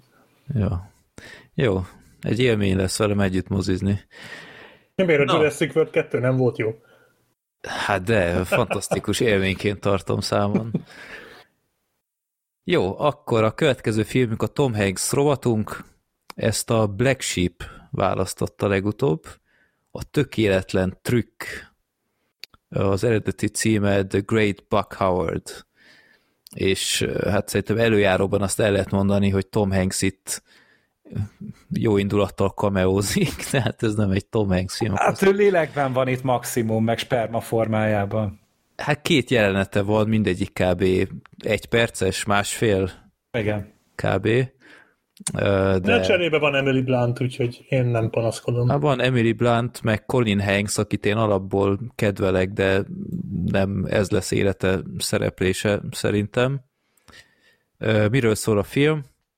Van egy Buck Howard nevű ö, mágus, vagy, vagy bűvész, mental, mentalista, ilyen mindenes, tehát ilyen komplet műsorral lép fel, ahol zongorázik, bűvészkedik, mit csinál még, stand egy picit, és hát nagyon sikeres volt, de többnyire így a, a 70-es, 60-as, 70-es években, és most már csak tényleg ilyen kisebb városok, kisebb színpadait tudja félig megtel, megtölteni, és ezt a, ezt a bűvészt a John Malkovich alakít, és mellé kerül, mint turné menedzser a Colin Hanks által játszott karakter, aki igazából ügyvédként tanult, de rájött, hogy ő nem akarja ezt csinálni, mert hiába nyomatja az apja ezt a karriert, számára egyszerűen nem lesz ettől boldog, és akkor ebben egy ilyen kalandot lát, hogy ezt a hát félig meddig sikeres bűvészt is kísérgeti, de tudni kell erről a bűvészről, hogy ilyen rendkívül maníros, tehát kiszámíthatatlan sok szempontból, elég rigolyás, és hát hogy, hogy boldogul ezzel. És hát erről szól ez az alkotás. Um, ti hallottatok meg korábban erről a filmről? Nem. Én sem.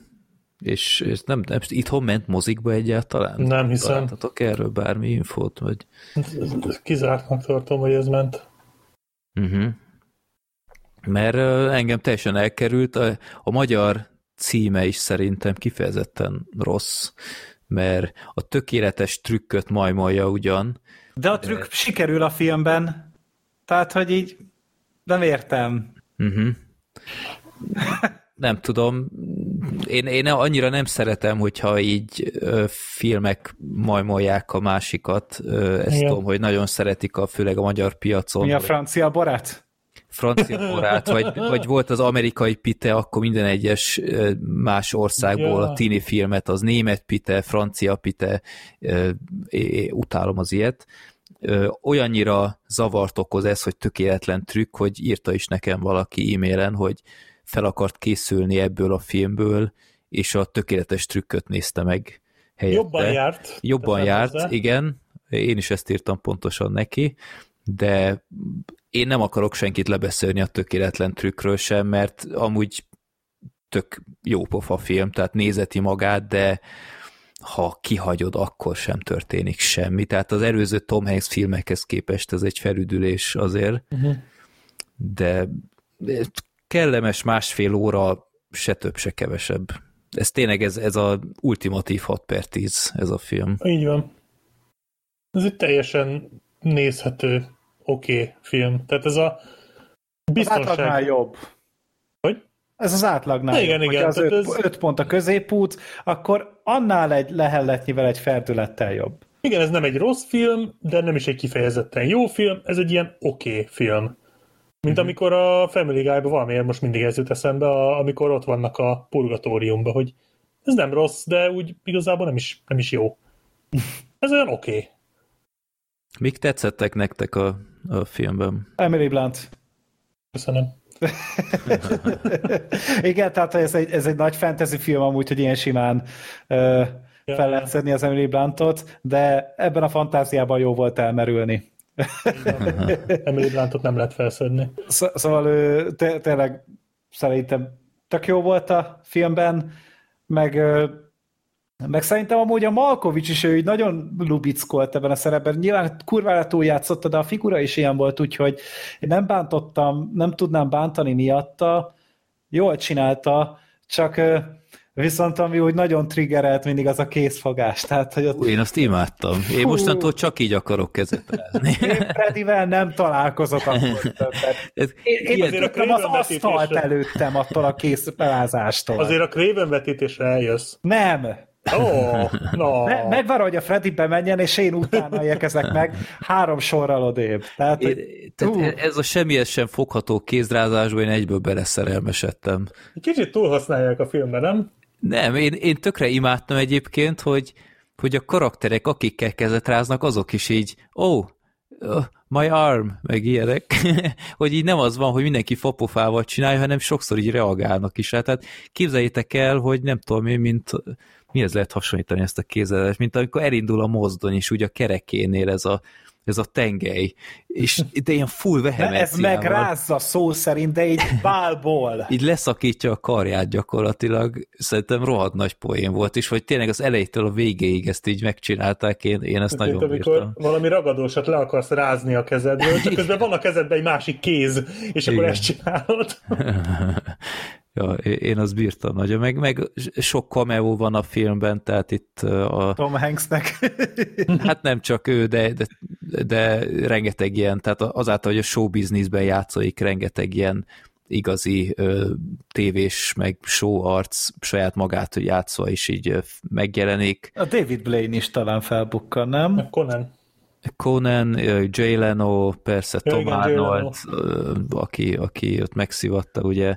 Martha Stewart. Igen, tehát itt tényleg John Stewart is benne volt, úgyhogy sok, sok nagy név van, meg, meg alapvetően tényleg érdekes ez a történet. Tehát én, én mindig szeretem az ilyet, amikor, amikor kicsit betekinthetünk a, a show business ö, olyan részébe, amiben így az átlag ö, ember nem. Egy kicsit a, az jutott eszembe, az mondjuk sokkal jobb film, mint ez a, a majdnem híres azt ismeritek? Nekem is eszembe jutott a majdnem híres, igen.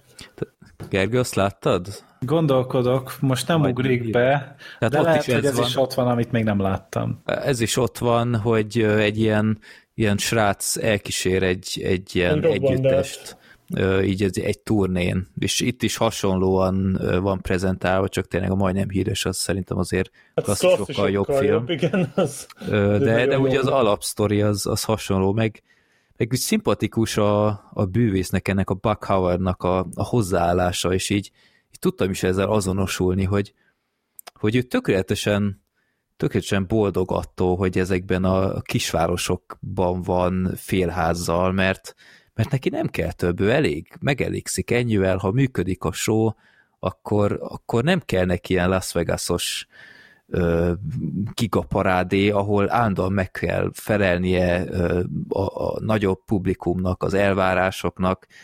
Ö, ez, ez gyakorlatilag tényleg, tényleg kicsit akár szerintem a podcaster is párhuzamon, párhuzamba hozható, hogy, hogy én sokkal jobban szeretem ezt, hogy van nem tudom én tizen akárhány ezer hallgatónk, és, és mondjuk nem két millió hallgatónk van, mert úgy sokkal nagyobb felelősség lenne, sokkal közvetlenebb az egész szerintem. Én, én tökéletesen boldog vagyok ezzel. Persze úgy is, hogy magyar podcast tekintetben szerintem ez a hallgatói szám is elég toplista gyanús, de, de úgy általánosságban, tehát akár a, akár a videózásnál is. Tehát nem tudom én, Black Sheep, te, te boldogabb lennél, ha mondjuk annyi feliratkozód lenne a, a Bad movies mint a Pam kutyának, vagy, vagy, vagy úgy meg vagy elégedve Hát, azzal? A, attól boldogabb lennék, hogyha tudnám ezt életvitelszerűen csinálni. Tehát, Mhm. hogyha úgy tudnék, hogy minden időmet, tehát hogyha ebből meg tudnék élni. Hát ez azzal jár, hogy egy millió feliratkozó, vagy nem tudom a pamkutyáiknak mennyi van, Hát már több, jó Több. hát ijesztő lenne az az igazság. Az a baj, hogy igen, akkor, akkor azért már nem mindegy. Most így sem mindegy, hogy mit mond az ember, és ez fura, hogy én mondom, aki a csecsemő gyilkolással poénkodik itt minden második adásban lassan, de, de, de igen, ott már azért tényleg nem mindegy, hogy tehát akkor már tényleg az van, hogy meg, tehát nem, nem is az feltétlen, hogy amitől félnék, hogy én mit mondanék, hanem hogy ez visszahatna és már engem befolyásolna. Tehát, Igen. hogy én figyelnék, így is azért igyekszem úgy beszélni, hogy azért alapvető normákat ne sértsek meg. Azért nem szeretek nagyon pisziskedni, vagy ilyesmi, meg szoktam ezzel poénkodni, meg szoktam olyan dolgokkal poénkodni, ami sok embernek már szerintem nem férne bele, Uh-huh. de az, hogyha ez visszahatna, hogy nekem folyamatosan ezen kell ilyen agyalnom, az viszont már lehet, hogy nem éri meg, hogy eltorzulna mondjuk a humorom, vagy valami. Most nem azt mondom, hogy jó humorom van, és akkor rosszabb lenne, hanem más humorom lenne, és nem biztos, hogy az úgy hosszú távon működne. Nem tudom. De egyébként igen, igen érdekes gondolat.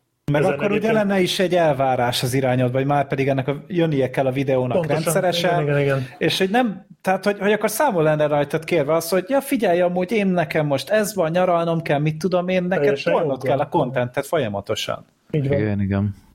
És ö, ráadásul az, hogy Ú, nem tudom, mit akartam, bocsánat. Mindegy, majd eszembe jut. Na, bocsi, belevágtam, biztos a szabadba, Ja, és elfelejtetted. Lehet, hogy csak valami hülyeség. Hát csak amit annó beszéltünk a pamkutyáékkal, amikor itt voltak, hogy például régebben feltűnt, hogy, hogy sokszor akár ilyen, hát nem még káromkodásokat egy becsempészek, tehát például abban a szerintem marha jó Gangnam Style paródiájukban is elhangzik, hogy ki nem szarja le, Mhm. ilyenek, ma már nem raknának bele szerintem ilyet. Emlékszem, hogy annak idején mondták, hogy hogy nem, tehát nincs ilyen öncenzúra, vagy akármi, de, de mégiscsak azt látom, hogy sokkal Ez- jobban odafigyelnek. Igen, tehát az lehet azt mondani, hogy ez nem öncenzúra, hanem odafigyelés, de de a kettő között azért annyira nincs nagy különbség. Még Mhm. akkor is, hogyha alapvetően jó célból csinálják. Persze. Na mindegy, ez egy érdekes téma egyébként, erről nagyon sokat lehetne beszélgetni. Uh-huh. Mondjuk az fura, hogy már a szar sem fér bele, vagy az, hogy leszarom. Hát egy bizonyos közönségnél nem. Egyébként Én sem örültem amúgy, amikor ö, ugye két évvel ezelőtt így a gyerek elkezdte ezt nézni, és mi azért mindig odafigyeltünk, és akkor, tehát például nem szaroztunk előtte, tehát amióta suliba megy, azóta indult el ez Mhm. gyakorlatilag, mert ott már sajnos nincs a kontrollunk alatt, de ö, ott is úgy így, mm, hát ott, amikor hallgatta, a, vagy nézte a pamkutya videókat, akkor ez úgy előjött, de hogy mondjam, tehát mégsem egy bazd meg, vagy akármi, tehát azért nem, nem tekintettem rá világdrámaként, akkor gyerek egyből felnézett, hogy nézze a reakciómat, hogy ú, valami tiltott szó jött ki, vagy akármi. Mo- Mondom ezt én, aki, aki szintén a régi rossz PC-s videókban, pont azért, mert nem gondolkodtam, Ö, ugye Big Rigs videóban is mondtam, hogy ez egy kurva szar játék, meg ilyesmi is később. Később már nem erőltettem ezt, csak ha mondjuk indokolt volt. hát az se jó, igen, azért ismerünk olyat, aki állandóan káromkodik, és azért a káromkodás az... Nem, én nem, én nem vagyok az a fajta egyébként, tehát mm, ismertek, én nem vagyok ilyen tekintetben olyan nagyon kirívó. Néha kijön, néha jól esik, ha kijön, ha az adott jelenet megkívánja, lásd napszállt a film, amit írtam a Gergőnek, és elspoilerezett itt az SMS-emet az adásban annak idején, de ja, tehát én, én azért odafigyelek erre, de hát Igen, és ez Nem érdekes, szólalok meg. ez érdekes, mert én viszont káromkodós vagyok. Én nagyon káromkodós vagyok. Mhm. Hát majd leszoksz erről. Majd most leszokok erről, igen.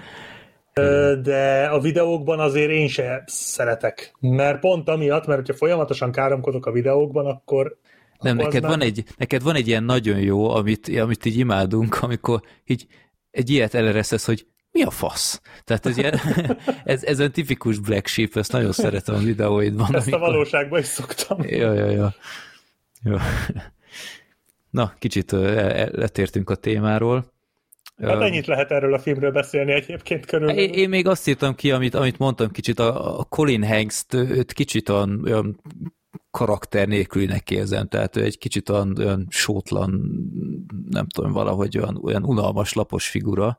Hát szerintem maga a karakter volt ilyen. Tehát ugye Colin Hanks jó, mondjuk én nem gondoltam sosem azt, hogy ő egy színész óriás, ő ez a Ja, ő, ő elevickél. Ja, a kis- megbízható. azzal, hogy az apja segített neki karriert csinálni, valamennyit, ő azzal így el van, és, Jobban- és kész. Őt Jobban- miben lehet látni mostanság?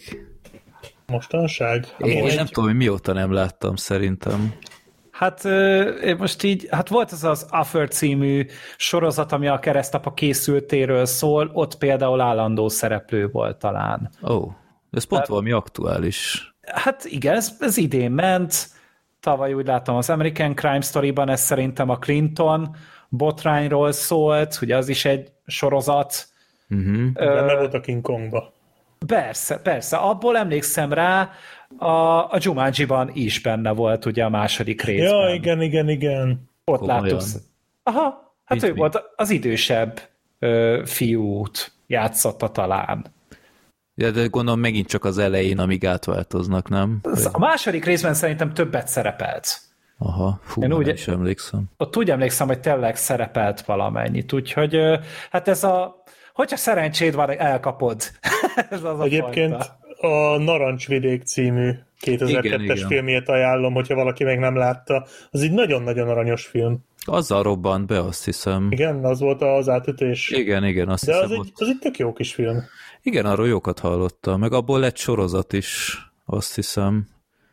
Az a. D- DOC, azt hiszem valami ilyesmi rémlik, hogy...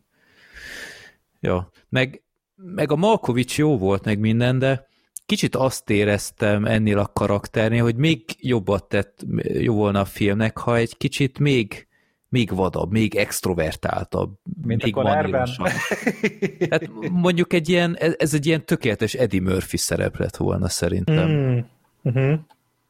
Tehát a, a, a John Malkovichnak túl sok ilyen, ilyen normál jelenete volt szerintem, hogyha tehát ahol itt tényleg normálisan el lehetett vele dumálni, ö, meg ja, az, az a jelenet nagyon tetszett még, amikor, amikor kibillentették őt, amikor abban a kisvárosban, ö, anélkül, hogy meg lett volna beszélve egy ilyen dalt előadtak. Ja, igen. És így látszott, hogy, hogy ez így iszonyatosan felbosszantja őt, mert egy ilyen több évtizedes rutint így megzavartak, és, ö, és e- ez, ez úgy tök érdekes volt nézni, hogy ez mennyire fontos lehet ilyen előadóknak. De ugye a filmben az egy ilyen visszatérő motívum, hogy minden előadás végén van egy ilyen teljesen megmagyarázhatatlan trükk, hogy, hogy megtalál valamit a közönségben, amit valaki elrejt, és akkor hát ez egy ilyen végigívelő motívum, hogy, hogy akkor most mikor az, amikor sikerül, mikor az, amikor nem, és egyébként ezt, ezt általában úgy szokták megcsinálni, tehát ez egy ilyen ismertebb trükk, hogy bár a filmben ez így nem lesz részletezve, de ilyenkor általában mindig van, egy- van egy-két ilyen beépített ember, aki akár csak ilyen ö, bólintással vagy pislogással így tud jelezni, hogy nem tudom én, hatodik sor, negyedik szék, meg ilyesmi. De erre a filmre nem térnek ki, csak, csak ö, van, van erre is megfejtés elvileg. De hát Hát a film végén ugye leírják, hogy ez egy fickóról, egy valós fickóról lett mintázva, igen, igen. és őt sose tudták lebuktatni azzal, hogy csal. Uh-huh. És hát ugye ez, erre is utalnak. Én valami olyasmit képzeltem el, hogy, hogy azért úgy az embereknek mindig valamennyire árulkodik a testbeszéde. És én arra is gondoltam, hogy lehet, hogy ezt olvassa, hogy a közönségből is, meg akár keresi azt az embert, aki úgy fészkelődik. Rá lehet Hát csak nem biztos, hogy embernél van, tehát ezt el is lehetne dugni rögtön a függöny mögé, vagy valami, tehát Hát szerintem embernél volt mindig. hát de A nem, filmben. én nem emlékszem, hogy mindig az volt mondva, hogy embernél kell, hogy legyen, nem? Szerintem de. Igen? Na, szerintem de. Mondjuk az más kérdés, hogy persze, hogy a testem meg hol van, tehát, hogy most mi a melltartóban, a cipőben, Ja, ja, ja. a izé, sem-sem területen, tehát így Uh-huh. Jó. Jó, de nem, nem volt ez rossz. Hát most figyelj, amúgy tényleg a John Malkovich szerintem lehozta most. Ez, ez bármelyik ilyen idősebb férfi színésznek oda lehetett volna adni. Ezt meg tudta volna csinálni szerintem a De Niro, az Al Pacino, a Igen. Christopher Walken. Ez egy nagyon hálás szerep. Igen. Igen. A Tom Hanks karakterét meg csak a Tom Hanks tudta volna eljátszani. Igen. Mint mindig. Ja. Jó, bármi más? Nem, nincs. Mi lesz a következő? Ó, és megint nem sorsoltunk. Na, akkor majd most. De lusták vagyunk. Akkor megint random.org, hiába csuktalak be, jössz vissza. És azt sem random.org, hogy beírom, hogy random.org, és nem vagyok ott egyből, hanem mindig ilyen connection inspection, vagy valami, tehát így nem. Nem bíznak benne, túl sokat használod. Hát biztos azért, hogy nehogy csaljál random Igen. pontorgal. Ezt a hallgatók kérték. Jó, na, amíg előhozom a Tom Hanks listánkat, akkor uh, megint beírom, hogy egy és három között legyen a rangsor, akkor ugyebár a, az egyes a, a Black Sheep, második az én vagyok, Freddy, és harmadik a Gergő. Na nézzük akkor random.org. Kettő! Na, Na. Végre valahára egyszer én is. Már nem marad Na, semmi érdekes. Na várjál, akkor maradt még a Misztikus játék, ez egy ilyen horror tévéfilm, Alma a fájától, ez fogalmam sincs mi, örökké búcsúzunk, whatever, nem tudom mi ez, életem a kabaré, erről sem tudok túl sokat, ö, nyomul a banda, na erről már hallottam annak idején, emlékszem is a, a premieres időszakra, mindörökké Elvis, ebben egy cameo van, úgy, mint itt, a Larry Crown és az Itaka. A híres bicikliborítós Itaka. Így van.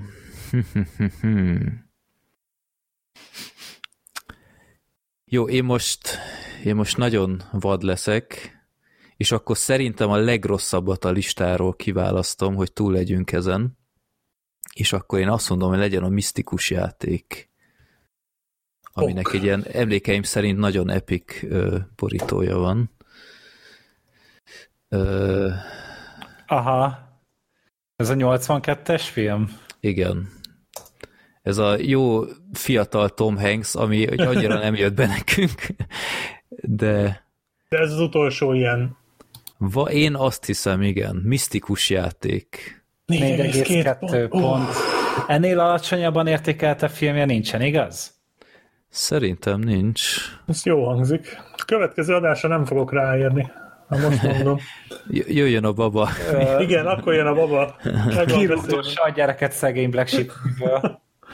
Megnézheted vele megint a homopipőkét, és így Jó, legyen, le- egye fene, le- nézzük a misztikus játékot. A hamupipőkénél, a hamupipőkénél nem lehet rosszabb. Jó, legyünk túl ezen. Oké. Okay. Akkor a filmbarátok 243-ban a misztikus játék Mazes and Monsters iszonyatos borítói vannak, tehát itt felmentek, és az a vicces, hogy itt olyan borítókat is feldob, ahol ilyen 20 évvel idősebb Tom Hanks van, tehát így nem teljesen értem, hogy ez micsoda. Szerintem egyszer leítatták a Tom Hanks-et, és így megcsinálták vele ezeket a képeket valahogy. A, fr- a francia borító is kifejezetten jó, Le Monstre du Labyrinth, és és egy óriási Tom Hanks van szinte az arc a, a plakáton, és így oldalra még valahogy besűrítettek egy ilyen összenyomott sárkányt. Iszonyat. Jó. Vállalom az anyázásokat. Ez... Valamikor túlkeresni rajta, akkor inkább most. Jó. Akkor menjünk tovább a Népakarat a filmünkhöz, ami viszont már egy kifejezetten film noir, film klasszikus, a kínai negyed. Ezt a Black Sheep már látta korábban. Uh-huh. A Gergő meg én, mi mindig csak tologattuk, és ez egy kiváló alkalom volt, hogy akkor most végre egyszer láthassuk. 1974-es film, 2 óra 11 perc, és Roman Polanskinak egy igen nagy filmklasszikusa.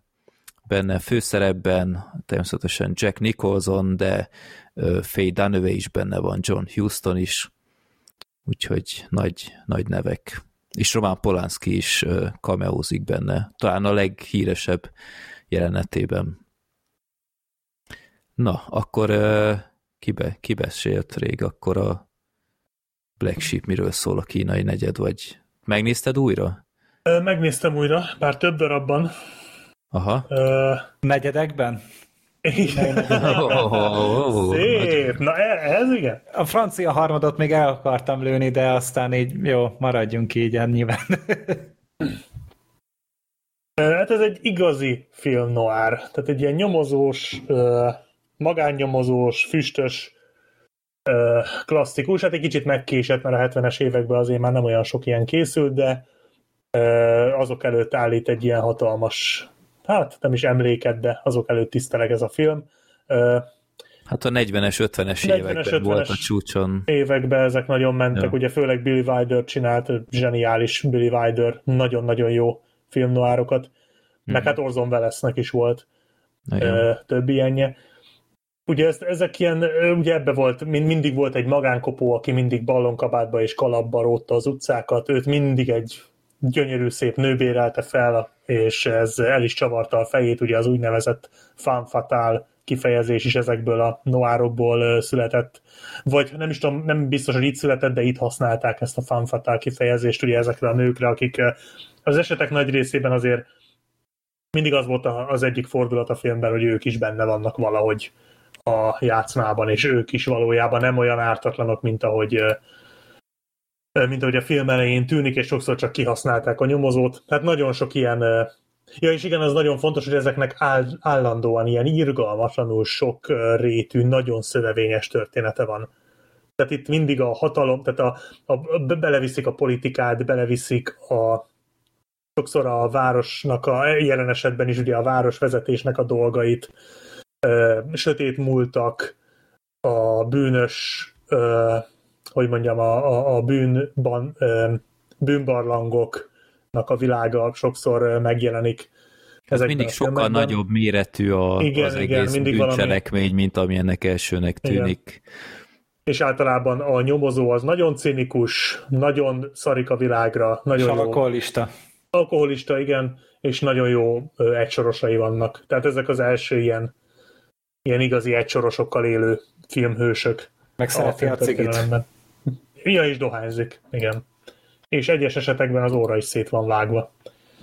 Na, hát egy ilyet játszik Jack Nicholson, történetesen azt az egyet, akinek szét van szabdalva az orra a film nagy részében, aki belekeveredik egy ilyen ügybe. Tehát pontosan ez történik a filmben, fölbérli őt egy nő, hogy nyomozzon ki egy eltűnt ö, ö, nem, bocsánat, egy halálesetet. Vagy hogy várja, hogy volt az elején még egy eltűnt szemét, és aztán Nem, jön ehhez az- egy haláleset. Az elején egy nő megbízza, hogy buktassa le a férjét, aki megcsalja.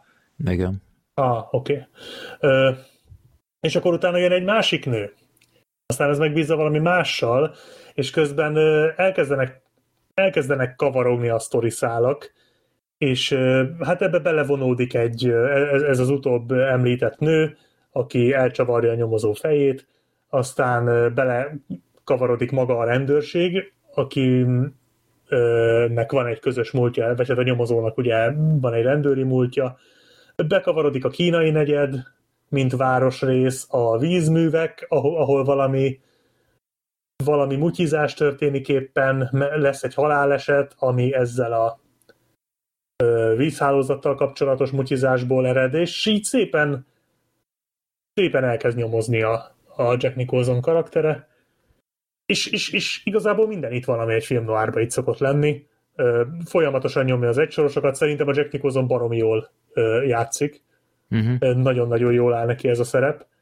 Nagyon És- tetszik, hogy, hogy neki ez egy ilyen becsületbeli ügy lesz, Igen, mert ugye a a filmben őt átverik egyszer, és így rohadt bepöccen emiatt, hogy, hogy már csak azért is utána jár, hogy mi van a háttérben, hogy nem engedi, hogy bemocskolják a, az ő nevét. Ö, Ez nekem nagyon tetszett, és meg, a, meg maga a történet is szerintem nagyon jó volt, hogy egy ilyen földhöz ragadt történet van. Tehát konkrétan az van mindennek a hátterében, hogy Los Angelesnek a, a víz és áram ellátása. hogy hova vezetik a vizet. Igen, tehát nem, nem gigászi kenőpénze, jó, hát végső soron az is ott van. Azért van benne politika is. Van, nyilván, de, de szóval azt, azt tetszik, hogy, hogy egy olyan olyan dolog van a, az egész mögött, ami tényleg így mindenkit érint. Tehát mindenkinek szüksége van vízre és áramra, és valahogy egy, hogy erre húztak fel egy, egy ilyen fajta ilyen bűnügyi történetet, ez szerintem tök, tök eredeti volt. Igen, illetve egy magánéleti, hát magánéleti, hogy mondjam, egy kisebb kisebb volumenű sztori is valamiben van egy egészen elborult, egészen a film addigi részéhez képest szerintem horribilisen sötét fordulat a végén, ami én, én elfelejtettem, tehát én nagyon-nagyon régen láttam ezt a filmet, és jelenetekre emlékeztem csak, és ez a, ez a fordulat, ez így konkrétan kiment már a fejemből, és így hát picikét azért úgy lesokkolt, hogy őszinte legyek. Hát Igen, ott nekem is lezsibadt a lábam. igen, attól. tehát az úgy, az úgy égyomorra jött. Az, az Igen. a csavarott a végén, az nagyon meredek. Azt És hát- én nem is éreztem, hogy, hogy egy ilyen benne van ebben a filmben.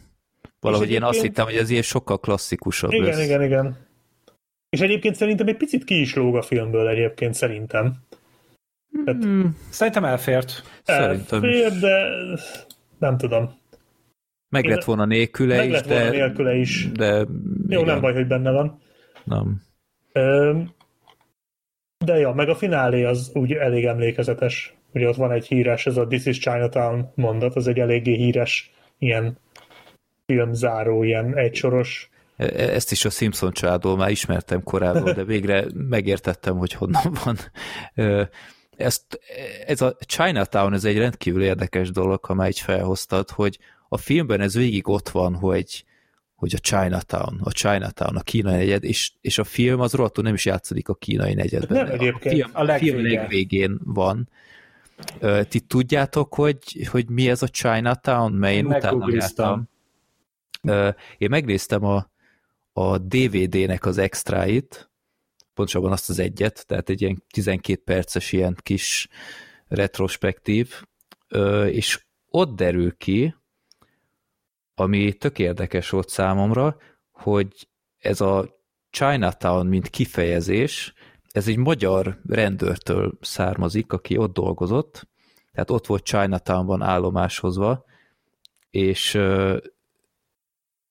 a filmben ez is előjön ez a mondat, hogy, hogy Chinatownban mindig minél kevesebbet akar csinálni rendőrként.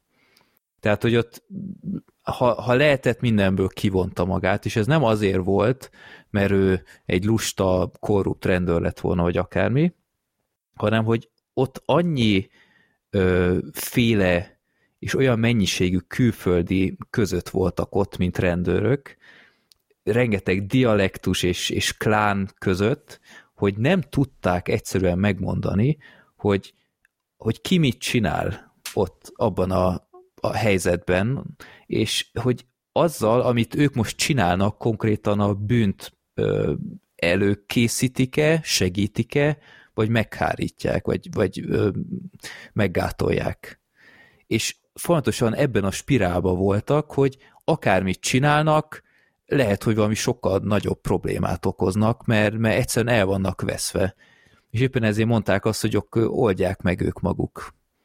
És e- ez erre utalt szerintem a Jack Nicholson egész végig, hogy, hogy ezt egy ilyen nagyon rossz élményként tartotta számon, és emiatt lett magánnyomozó, mert, mert mint rendőr ez azért rohadtul nem lehet kielégítő, hogy konkrétan tényleg töködet vakarászodott, mert, mert, mert nem, nem tudod rendesen végezni a munkádat.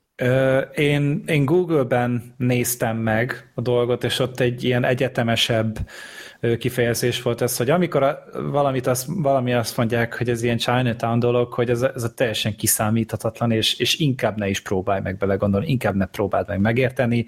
Ez van, ilyen az élet, és kész. Igen. Tehát, hogy ez ennek így egy ilyen kifejezése, én erre jutottam, de nyilván annak is. Az is tök ö, ö, validnak hangzik, amit itt te mondasz, ez sokkal gyakorlatilasabb dolog, amit én találtam, az egy kicsit ilyen elvontabb, konyafilozófiásabb ö, valami, de ezt, a, ezt azért úgy adtam volna, hogyha a filmben valahogy kimondják, mert egy tök, tök hülyén ültem végig, hogy mi ebben a Chinatown. Tehát Igen, hogy, igen. va, valahogy magyarázzák meg, jó, ez tudod olyan, mint a, mint a szárnyas fejvadász, hogy hogy lesz abból szárnyas fejvadász, könyörgöm. Tehát, hogy ki, kinek van szárnya azokban a filmekben, és, és ez, e- ezt úgy igényeltem volna, de hogy most ezt tudod, ez ilyen, ez ilyen nitpicking, ez most szőrszálhasogatás, hogy ö, de miért nem, miért nem, mert úgy meg tényleg jó a filmnek a sztoria. És uh-huh. amit így megint csak így információt gyűjtöttem, azért elég sok helyen tartják a Robertonnak a, a fősze, vagy a forgatókönyvét így az egyik legjobbnak, amit valaha írtak. Uh-huh. Mert, mert igen, vannak sorsok, van egy nagyobb globális ö, történet benne, vannak benne tényleg társadalmi vonatkozások, árulások, fordulatok, kiszámíthatatlan dolgok. Tehát tényleg amúgy ez egy, ez egy nagyon ö, ez egy ilyen tankönyvi forgatókönyv, amire szerintem minden, mindegyik feltörekvő írónak egyszer le kéne csücsenie, megnézni, és úgy megérteni azt, hogy, hogy mitől működik ez annyira jól. És nem azért, hogy pontosan ilyet írjon, csak megérteni azt, hogy azért jók a karakterek, mert azért működik a bűnügy, mert azért mm. érted meg ö, valamennyire azonosulsz is a főszereplővel, mert. És és ezek az elemek mind-mind benne vannak. Úgyhogy tényleg ez egy, ez, ennek a filmnek szerintem tényleg a legemlékezetesebb része az, amilyen skriptje van. Um, ahhoz képest szerintem egy kicsit azért ilyen komótos Igen. sodrású. Nekem is ez volt az, az, az De- érzésem, hogy a, rendkívül jól van megírva, csak Mhm.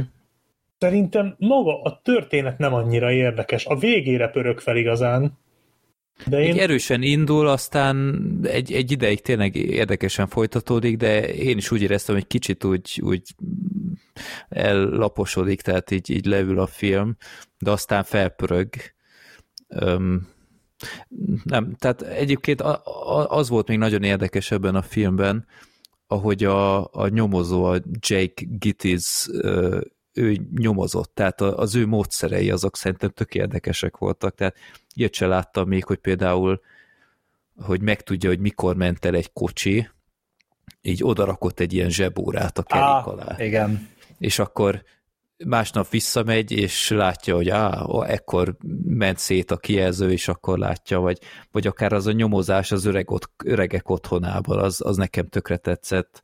Uh-huh. Ö, nem tudom, tényleg olyan, olyan old school volt jó értelemben. Ö, nekem tetszett, de, de azért nem mondanám tényleg, hogy a legjobb film noir, amit láttam, bár én inkább ezeket a, ezeket a neo film noirokat szeretem. Ö, Sokkal kevesebb ilyen igazi 40-es, 50-es évekbeli film noirt láttam, mint szeretném, mert alapvetően én tökre kedvelem ezt a, ezt a stílust. Karácsony! Hajrá, hajrá. Ö, bátran, bármikor. Bármit mond a Freddy, csak szuperhős filmet ne kapja. Nem, nem, a film noir az tényleg olyan, hogy, hogy tudom, hogy hiányosságaim vannak benne, úgyhogy ha ismertek olyat, ami tényleg ilyen kihagyhatatlan a, a régi klasszikus időkből, akkor nyugodtan ajánljatok, mert, mert ö, igényelném. Hát a, a Billy Wilder filmeket, az, tehát a Gyilkos vagyok, meg hát a, az Alkonsugárút, azok azért, azok, azok nagyon jók. Uh-huh. De hát ugye ott vannak a Humphrey Bogart filmek, a Máltai sólyom, és Igen, ezek- azt, azt azok- hiszem láttam. azok is jók. De én, Na. én a Billy Wilderesekkel kezdenék, azok, azok szenzációsak. Gyilkos vagyok. Gyilkos vagyok, és a, a Itt valami Netflixet dob be, hogy Billy Wilder, akkor ezt hozzáírom. Ö, van egy másik címe, 44-es. várjál, van egy másik címe. Nem, most már így megvan, csak Megmondom, az Alkon sugárutat, azt, azt, az, az az egyik, leg, egyik kedvenc filmem, az egy, az egy, az, az egy fantasztikus, fantasztikus film, azt mindenképpen. Az nem az a, nem annyira klasszikus film noir, de az valami zseniális az a film. az, az is rajta van a listám. Azt nemrég adták a mozik itt Budapesten, Igen? vagy legalábbis egy, egy mozi. Ö, jó, ezt el is mentettem a gyilkos vagyokat. Köszönöm a tippet. Ezt nekem is újra kéne néznem egyébként. Már egy ideje tervben van. A gyilkos vagyok ott. Uh-huh. Jó. Ö, még pár érdekes dolgot itt kiírtam a kínai negyed kapcsán, hogy ö, micsoda véletlenek voltak ott a, a film alatt, hogy, hogy egy elég kellemetlen helyzetbe került a Jack Nicholson, hogy az Angelica Houstonnal volt ő együtt, elég sok ideig, és pont a filmforgatás előtt nem sokkal mentek szét, és a, a filmben ugye az Angelica Houston apja, John Houston benne van, és elkísérte egyszer a, az apját a forgatásra, és pont akkor volt ott, amikor John Houstonnal volt az a közös jelenete, és a John Houston azt mondta a Jack Nicholsonnak, mármint a karakterének, hogy maga lefekszik a lányommal? Azért ez, ez nem túl kellemes. Meg a, a, a kis DVD extrába az is kikerült, hogy a Jack Nicholson kereste meg Polanskit a regényel, hogy csináljon már ebből filmet, és aztán a forgatókönyvet, amikor írták, akkor ő is részt vett ott, mert annyira akarta ezt a szerepet, hogy gyakorlatilag meg is kapta már alapból, és akkor úgy írták már konkrétan a forgatókönyvet, hogy az illeszkedjen ahhoz, ahogy a Jack Nicholson beszél. Tehát ő fontosan konzultált a forgatókönyvíróval, hogy ez most hogy állna az én számhoz. Úgyhogy e- ez is szerintem döntő mértékben egy, egy ok, hogy miért illik annyira ez a, ez a karakter, ez a nyomozó a Jack Nicholsonhoz. Um, ja, úgyhogy én, én rendkívül örülök, hogy végre egyszer láthattam. Még egy, egy kis érdekesség, hogy ennek a Mhm. filmnek van egy folytatása. Ja, igen? 1990-ben készült, Cinikus Hekus a magyar címe, angolul The Two Jakes, amúgy ugyanaz a forgatókönyvíró, a Robert Tone, viszont a Jack Nicholsonnak ez a, az utolsó jegyzett rendezése is. Tehát ő, Mhm. ő is rendezte, annyira szerette ezt az egészet. Csak hát nyilván nem nagyon derül ki, hogy ez a kínai negyednek a, a folytatása, mert talán még a, a plakácsra se nagyon írták rá, meg tudod, tehát, hogy ez így biztos, hogy ha manapság készül, hogy ott lenne, hogy egy Chinatown Story, The Two Jakes, vagy valami ilyesmi. Nem, uh-huh. de van folytatása. És a másik Jake a Harvey Keitel. Ja, igen, igen. Ja, ennek milyen megítélése van? Azt nem tudod? Hát, Maga, a- maga idejében eléggé gyűlölték, eléggé nem szerették, Uh-huh. nem tudom, hogy azóta változott ez, hát IMDb-n 6,1 ponton van. Uh-huh. Benne van Eli Valak. Igen, ő Jó. is. Mi a fene? Meg hát természetesen a leghíresebb jelenet az orral, azt marha fájdalmas volt nézni. Igen. Tehát azt, azt marha jól megcsinálták. Még úgy is, hogy láttam nem tudom hányszor videón, meg ugye tényleg így volt a Corridor Crew-nak a csatornáján, olyan a reprodukálták az egészet, és ott is nyilván láttam ezt jó sokszor, és hát így még mindig megviselt. Igen. És így megkérdezték, hogy és, és, és nem fáj, csak ha lélegzek. Uh-huh. Uh-huh. Ja, uh-huh. igen, nekem is mi- mindig így, amikor láttam, hogy levegőt vesz, én is felsziszentem. Meg a Faye Dunaway is benne van, ö, aki szerintem szintén marha jó volt. Tehát uh-huh. én őt elősz, elsősorban a, a Bonnie és Clyde-ból ismertem. Uh-huh. Meg hát az Oscar átadó óta természetesen a legkésőbb volt megismerte még a legfiatalabb is. De az ő játéka is tetszett. Olyan iszonyatosan jó kisugárzás van annak a nőnek. De ő tényleg jó, én nem régen láttam életemben először a, a hálózatot, a, Ó, a network ugye a Sidney a filmjét. újra, határozottan újra kéne nézni film. Fölírom, hogy gyilkos vagyok mellé. Amúgy elég Nagyon király jó. volt, és ott is egy eléggé fontos szereplő volt, és szerintem lehet, hogy ott még jobb is volt, talán, uh-huh. nem, nem tudom, de az egy, az, az egy jó nagy gyomros az a film. Hát ugye az, a, az a Puzsérnak szerintem a number one filmje. Igen, neki az egyik Talán. kedvence. Talán az ő műsora miatt is néztem meg én ezt jó pár évvel ezelőtt, és nagyon-nagyon jó az a film. Uh-huh. Ja. Uh-huh. Jó, bármi más? Nem. Van egy jelenet a filmben, amit szerintem ma már nem nagyon forgatnának így le, amikor így nagyon sokáig pofozza a nőt a Jack Nicholson. Ja, Ja, igen. Emlékeztek a végén? Igen, de, de azt a Faye Dunaway kérte. Azt A- én, én elhiszem, de a, azt a jelenetet ma már így nem hiszem, hogy megcsinálnák egy Ja, a, amerikai a, nő, a nőverő bondokba még beleférne talán. De... Hát oda még bele, igen. Ott Nem ott a- durvábbak is voltak. Nem, erről olvastam is, hogy ott próbáltak trükközni a pofonnal, mert a Jack Nicholson nagyon nem akarta, tehát ilyen Terence szívesen akarta megoldani, hogy csak ilyen Effektel? kameraszöggel játszanak, de nem nézett ki soha jól, és akkor Faye Dunaway ragaszkodott hozzá, hogy keményen pofozza meg. Úgyhogy az azért volt olyan csattanós. Hm. Ja. Hát ott én is kicsit így nyeltem, hogy hoppá. De jó. Úgyhogy szerintem mindenki, aki eddig nem nézte meg, az, az pótolja. Igen, nagyon oda, oda kell figyelni rá.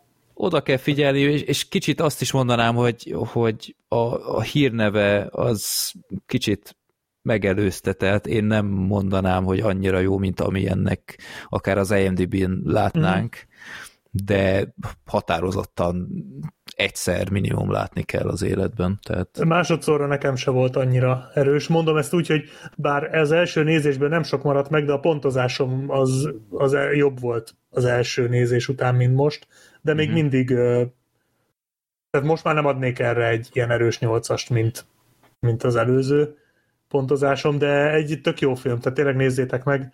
Csak mondom, érdemes, érdemes tényleg úgy, hogy kitisztult fejjel, és oda koncentrálni a sztorira, mert azért nagyon sok név van benne, nagyon sok fordulat, tehát odafigyelős film, de a vége az abszolút meghálálja azt a, azt a két órát, ami, ami itt ebben a koncentrált állapotban tölt az ember. Meg egyébként közben is, mert a Jack Nicholson tök jó, a Dunaway tök jó, nagyon jó dumák vannak benne. Én meg is kérdeztem a Sortert, hogy ő látta-e, és hogy neki hogy tetszett, felolvasom, amit írt. Kicsit lassú volt, de az utolsó kb. 40 perce már nagyon tetszett, az eléggé odaszegezett a képernyő elé, úgyhogy akkor szerintem azért nála is összességében azért egy, egy jó élmény volt. Na, apropó jó élmény volt-e, akkor az utolsó filmünk mára a Halloween véget ér, ez egy spoileres kibeszélő lesz, mert annyi helyről hallottam, hogy na ez egy ilyen, ilyen film, ahol így kell beszélni róla, mert vagy azt hallom többnyire, hogy ez egy mekkora szar, pont azért, mert meglépett egy ilyet, vagy azt, hogy inkább a kisebbség, de az nagyon kiáll mellette, hogy végre valami eredetiséget vittek be az egészbe. Úgyhogy akkor kíváncsi mi a ti álláspontotok. Én, aki egy Halloween filmet látott csak az életében, és valószínűleg a legrosszabbat a Basta Rhymes-al, úgyhogy akkor... Hát jó, hát innen lesz szép nyerni. Igen. Annál jobb ez a film. Hát, hát azt, azt te is képzelem. Gondolom. Annál rosszabb színészi teljesítményét azóta sem láttam, mint amit Basta Rhymes-ot lenyomott. Igen, az eléggé emlékezetes volt.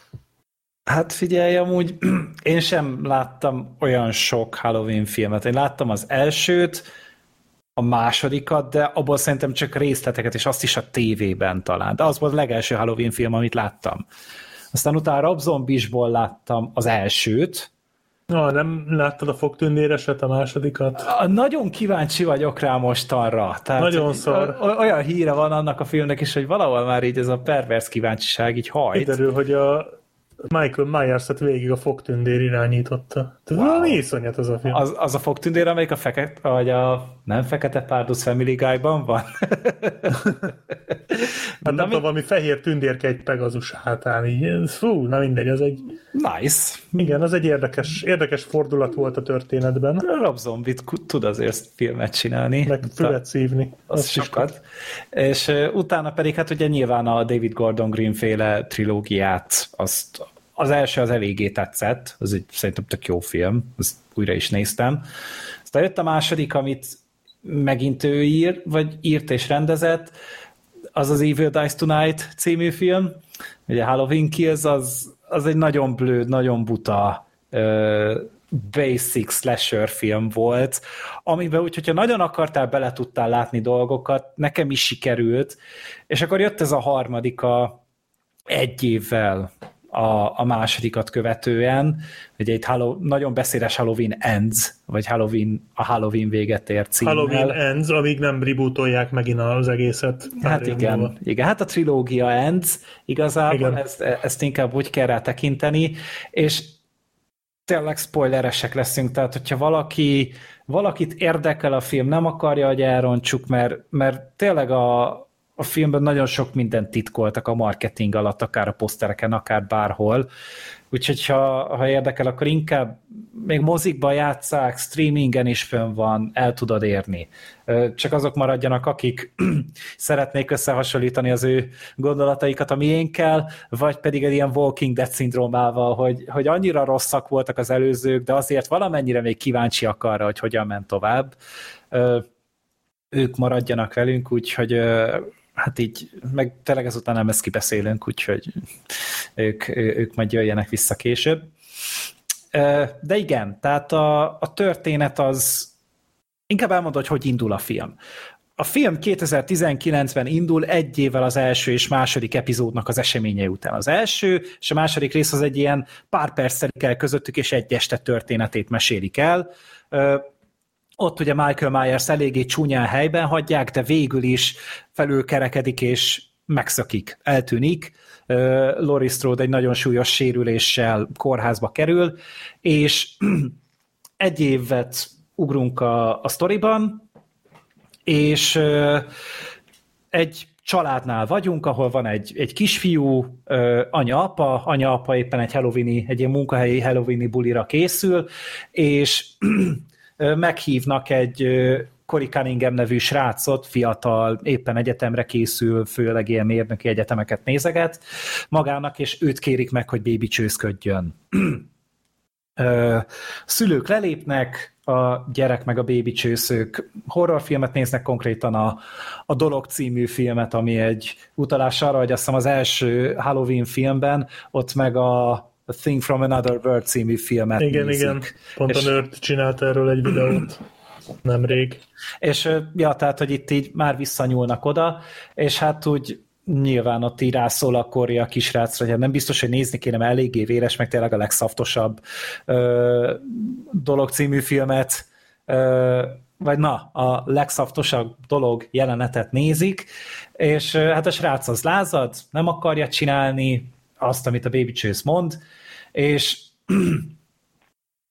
végül is eljátsza azt, hogy eltűnik, hogy nincs a házban, akkor így keresi égre, égre földre, és végül is felmegy a padlásra, ahol rázárja a kisrác az ajtót, hát hogy viccelődött vele, hogy majd eljön a Michael Myers, mert a Michael Myers csak ö, baby csőszöket öl, és ezen eléggé elpattan a cérna a korinál, kirúgja az ajtaját a, a padlásnak, és a kisfiú a harmadik emeleten vannak, leesik a, átesik a korláton, lezuhan és meghal, és pont akkor érnek haza a szülei. És ez a cold open. Itt ugye végig arra, arra számít az, hogy na majd a Michael Myers hol bukkan fel, mert általában azért ez szokott lenni, nem. Ezután három évet ugrunk előre az időbe, 2022-ben járunk, és Cory, ő, hát eléggé ilyen számkivetett ilyen párja lesz a társadalomban, ugye mindenki gyerekgyilkosnak, pedofilnak, stb. tartja, miközben hát valószínűleg azért baleset történt, én legalábbis annak ítéltem meg. Az egyetem elúszott, az apjának, vagy a nevelő apjának, inkább szerintem a nevelő apjának a, a roncs terepén dolgozik, autókat szerel, az anyja az ilyen nagyon furcsán ragaszkodó nő, és és közben, ugye itt a Lori ő valamennyire már föl gyógyult a sebesülésből, kiszabadult ebből a, ebből a börtönből, amiben magát tartotta, hogy folyamatosan retteget michael hogy mikor tér vissza, vett magának egy házat, elkezdi a Halloweeni ö, hagyományokat őrizni, süt, díszíti a házat, és úgy próbál tényleg nem a félelemben élni. A, az unokája Ellison, ő nővérként dolgozik, és a Lori találkozik a, a Korival így a városban, akit éppen eléggé durván vegzálnak. Hát egy sablon, ö, csordányi fiatal, ö, buli, és a Lori mellé áll, elzavarja a srácokat, még egy kis bosszúra is ad neki, lehetőséget odaadja a kését, hogy szúrja ki ezeknek a bunkóknak a, a kerekét, és utána beviszi a kórházba, ahol épp az Ellison is ugye a Lorinak az unokája dolgozik, aki ilyen szerelem első látásra módon nagyon megtetszik neki a, a Kori, és hát így elhívja Randira, elmennek együtt bulizni, meg, megpróbálja jól érezni magát a srác, ugye így ezáltal, hogy eléggé ö, ugye rossz híre van neki, meg ugye tényleg mindenki úgy néz rá, mint a, a véres rongyra, és jön egy pillanat, amikor ugye el tudja magát engedni, és találkozik a, a kisfiúnak az anyjával ott a kocsmában, akinek a, gyereke, akinek a gyereke meghalt a film legelején, és ezzel így az egész ugye így, így, így visszarángatják őt a, a valóságnak a, a szörnyűségébe, és az éjszaka során ő elviharzik, megtámadják, és itt találkozik, ez a 40. 44. percnél történik amúgy, hogy bemegy a vagy berángatják a csatornába, és kiderül, hogy itt bujkál négy éve a Michael Myers, eléggé szarállapotban van, de csak találkoznak, nem történik más, a Kori elsétál, és nem bántja a Michael egyáltalán. És ezen a ponton így jön egy kattanás a Korinál, hogy elkezd erőszakosan viselkedni, elkezd megjelenni a sötétség a, a tekintetében, és elkezd olyanná válni egy kicsit, ami ennek a, a város gondolja őt. ö, tényleg elkezd embereket vadászni, ö, és közben az Ellisonnal, még egyszer a Laurie Strode-nak az unokájával folytatódik ez a szerelem, és az Ellison támogatja őt abban, hogy, hogy kiélje ezeket a sötét vágyait, és kiélje ezeket a, ezeket a hajlamait, és egy kicsit ilyen, ilyen született gyilkosok-szerű történetbe megy át ez az egész. Né, még van egy jelenet, a Michael egy ilyen tech teamben gyilkolnak is, a, a Cory meg a, a Michael Myers, és és tulajdonképpen amúgy a film során a Cory az egy olyan 10-11 embertől meg, Michael Myers az hármat. Úgyhogy így, tehát ahogy meséltem egy történetet, nyilván felmerül a kérdés, hogy ez, ez mitől Halloween film. Tehát alig van benne tényleg a Michael Myers. A végére egy ilyen nagyon-nagyon erőltetett ökölharcra berángatják, hogy a Lorival azért végül is összebírjanak csapni. Sokadjára, és igazából ezt a finálét mutogatták a trélerekben. Az, hogy a, hogy a Cory ennek a filmnek valójában a főszereplője, még a plakátra sem tették rá a srácot, meg igazából alig-alig volt benne az előzetesekben. Ami hát minimum kérdőjeles és véleményes döntés volt a készítőknek a részéről. Én amikor először láttam, ebből következik, hogy én ezt a filmet kétszer megnéztem, röhögtem néha a moziba, hogy ezt nem hiszem el, hogy ezt csinálják. Tehát, hogy, hogy, hogy ez nem igaz hogy, hogy ez a Halloween Ends, ez a Halloween trilógiának az árása, hogy, hogy a Michael Myers kuka, és egy teljesen új főszereplőt kezdenek el felépíteni a nulláról, és az ő ö, ilyen Breaking Bad sztoriát nézzük végig. Tehát ez, ez, ez hallatlan számomra, és felfoghatatlan volt. Egyetértek. Hogy, hogy ezt így megcsinálták. De... De hogyha lenne még egy rész, akkor azt mondom, hogy miért ne. De hogyha tényleg ezt gondolják záró darabnak, akkor ez tényleg elég érdekes hát döntés. Ez minimum érdekes. Én, én, én haragudtam erre, és eléggé mérges voltam miatta, de velem maradt... Úgy haragudtál rá, hogy vettél rögtön még egy egyet. Velem maradt ez Majd a kibaszott film. Nekik. Tehát biztos nektek is volt olyan, hogy néztetek egy filmet, nem tetszett, de hogy járt az agyatok rajta. És pörgettétek, és próbáltatok rájönni, hogy, hogy, hogy mitől volt ez ennyire rossz, vagy hogy lehet, hogy nem is olyan szar ez a film. És én, én másfél héten keresztül pörgettem ezt a filmet az agyamban. És utána egy múlt héten, ö, hétvégén megnéztem újra, megnéztem másodjára, és egy fokkal jobban tetszett, úgy összeállt bennem az a gondolat, aminek a mentén szerintem dolgozhattak a készítők, mert én így rájöttem, hogy ez nem egy, egy Lori Strode ö, trilógia, ez nem egy Michael Myers trilógia, ez egy Haddonfield ö, trilógia. Hogy az első film az tulajdonképpen felel vele az első, vagy hát bocsánat, hát ebből a trilógiából az első, ugye a 2018-as Halloween, az bemutatta tulajdonképpen azt, hogy, hogy hogyan élt tovább a Lori, hogyan vészelt át ez a város Michael Myers nélkül a Michael Myers tetteit. Utána ebben az egészbe behajították a Michael-t, és hát visszatért a terror a városba. És a második rész ugye ezt vitte tovább, hogy ez a, ez a gonoszság, ez a, ez a, ez a démoni, bestiális szörnyűség, amit a Michael Myers hoz a városba, ez megfertőzte a várost is. Tehát ugye itt lett egy ilyen tömegpszichózis az egészből, és tényleg elkezdtek egymás ellen fordulni az emberek, és egy ilyen lincs hangulat alakult ki. És a harmadik részre jutottunk el odáig, hogy ez megfertőzte konkrétan már a Lorinak a családját is. Az Elisont, meg ugye az ő szerelmét, a, a korit. És tulajdonképpen tényleg így a, a leges legmélyére szivárgott be az egész. Ugye a Korinak van is egy elfertőződött sebe. A filmben végig, amit mondják, hogy egyre jobban, egyre betegebb és rosszabb állapotban van a keze, és a filmben is elmondják többször, hogy a, a gonosz az egy, az, az egy fertőzés, az terjed. És így összeállt bennem, hogy igen, ezt akarták így végigvinni, nagyon unortodox módon, tehát ez, ez még mindig nem tudom, hogy jó ötlete, hogy ezt így megcsinálják, de, de most arra jutottam odáig, hogy ez egy, ez egy nagyon érdekes film, és ez egy nagyon különleges valami, aminél megértem, hogy az emberek ö, csapkodják a, a, az asztalt, hogy tehát én nem ezért nézek Halloween-t, én, én neke, nekem az kell, hogy a Michael Myers öldököljön benne, és a fasz sem érdekel, hogy egy ilyen random srác lesz az új Michael Myers, tehát őt szánták az új Michael Myersnek konkrétan, felveszi a maszkját, autószerelő ruhát húz, és még a neve is alliterál, tehát a Michael Myers itt Cory Cunningham. Cunningham. Tehát, hogy, hogy ezek így itt vannak, de, de nagyon nehéz eldönteni, hogy ennek van-e helye, vagy sincs, vagy nincsen. Ennek úgy lett volna helye, hogyha Mike Myers játszotta volna. Mike, Michael, az új Michael Myers. Uh-huh. És akkor én is sokkal jobban szerettem volna ezt a filmet. Mert én, én nekem egyáltalán nem tetszett. Amit mondasz, az egyébként nem hangzik rosszul, tehát én ezt így nem gondoltam végig, de nem is akartam gondolkodni ezen a filmen.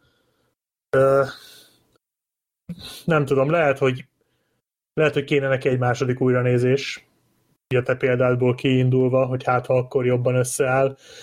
Én igazából, én, én, én ez a verzió vagyok, aki nem ezért néz Halloween-t, tehát én nem bánom, hogy kísérleteznek meg ilyesmi, de egy Halloween azért nem egy olyan rohadt bonyolult dolog szerintem, egy Halloween filmet csinálni, és most nem a, nem a Carpenter filmjét szeretném lefikázni, vagy ilyesmi, de ez egy slasher. Tehát én, én emlékszem, hogy a másodikra is, ami ugye tavaly volt, arra is úgy ültem be a moziba, hogy igazából én annyira vágyom, hogy másfél óráig nézzem, ahogy Michael Myers mindenféle véres módon megöl és kibelez embereket.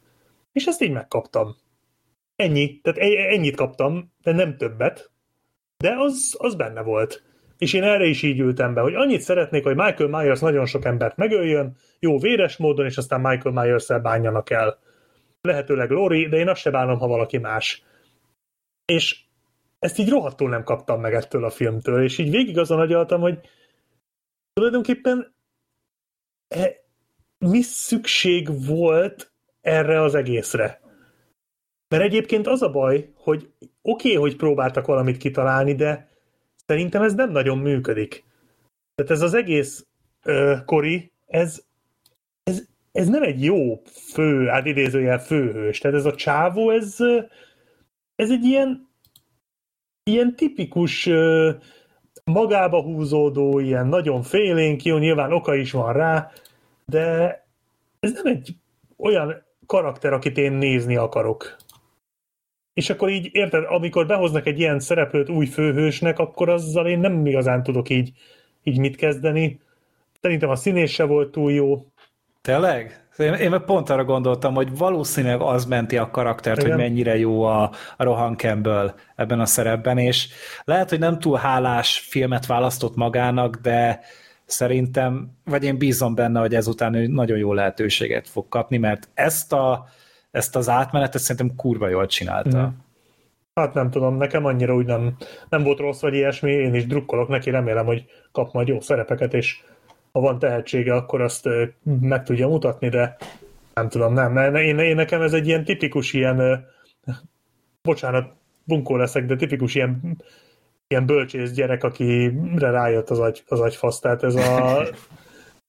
nem. De, de értem, tehát én, nem volt ez rosszul felépítve így az elején a kezdéssel, meg voltak benne érdekes dolgok, ahogy a, a város a Lori-ra reagált például, tehát az azért, ahogy a négernőnek Igen. a huga, az, az eléggé bicskanyitogató jelenet volt, de éreztem, hogy itt ez volt a cél, meg vannak benne érdekes gondolatok, de ez a, ez a kori dolog, ez, ez engem folyamatosan zavart, és az a baj, hogy nagyon sokáig zavart, és mondom ezt úgy, hogy egyébként én nem vagyok egy Halloween fan egyáltalán nem. Ez a 2018-as ez nem volt rossz, tehát ezt adom, ez egy tök jó kis slasher volt, de az is egy tök egyszerű slasher volt. Tehát az, az annyi volt, hogy jött a Michael, mindenkit megölt, és aztán a végén megküzdöttek a Lorival. Ennyi, ennyi volt a, a 2018-as Halloween. Az első rész nyilván ez egy klasszikus, az egyik első uh, slasher. Én annak se vagyok irgalmatlan nagy rajongója, de elismerem az érdemeit. Uh, és még így is azt éreztem, hogy én, én nem kaptam meg azt a nagyon minimális Halloween élményt, amit ettől a filmtől vártam, és helyette, amit kaptam, az egy ilyen nagyon fura ilyen valamit mondani akarás, ami most, hogy így előadtad ezt a sztorit így, hogy magáról a városról szól, elismerem, ez így nem logikátlan, vagy hogy ennek így van értelme. De biztos, hogy kellett ez? Tehát, tehát és biztos, hogy most kellett ezt előrángatni így az utolsó részre? Én nem vagyok ebbe biztos. Szerintem ez, ez, ez, ez akár működhetett volna egy, egy másik egy, egy új slasher sorozat részeként, és egyébként most fura, mert, mert magam ellen beszélek, mert ugyanakkor meg tökre tetszik, hogy van egy ilyen sorozat, ami, ami biztos, hogy sikeres lesz. Tehát ez a film is sikeres, az előző is sikeres volt, az az előtt is sikeres volt, mert ezt nulla pénzből megcsinálják, az emberek meg fogják nézni, mert kíváncsiak, hogy hogy lesz vége a Halloweennak, és biztos, hogy pénzüknél lesznek, és ha már pénzüknél lesznek, akkor miért ne kísérletezhetnének? Ez az, amit egy csomó sorozatból hiányolok, és itt megvan, és ez tök jó, csak nem tudok mit kezdeni az egésszel. És egyébként, ami viszont még jobban kiborított, az a finálé. Tehát még ezzel együtt is azt mondtam volna, hogy ez egy érdekes, közepes slasher, ami próbálkozik valamivel, de az az utolsó 20 perc az már annyira pronyó, hogy ez valami elképesztő. Tehát mi a büdös franc történt ott? amikor a Lóri harcolt a michael ami amúgy baromi szórakoztató volt, mert ott végre kaptam valamit. Uh-huh. Mert az, az szerintem egy bedesz harc volt ott a konyhába. Igen. Azt meg kell hagyni szerintem, az nagyon faszán meg volt csinálva.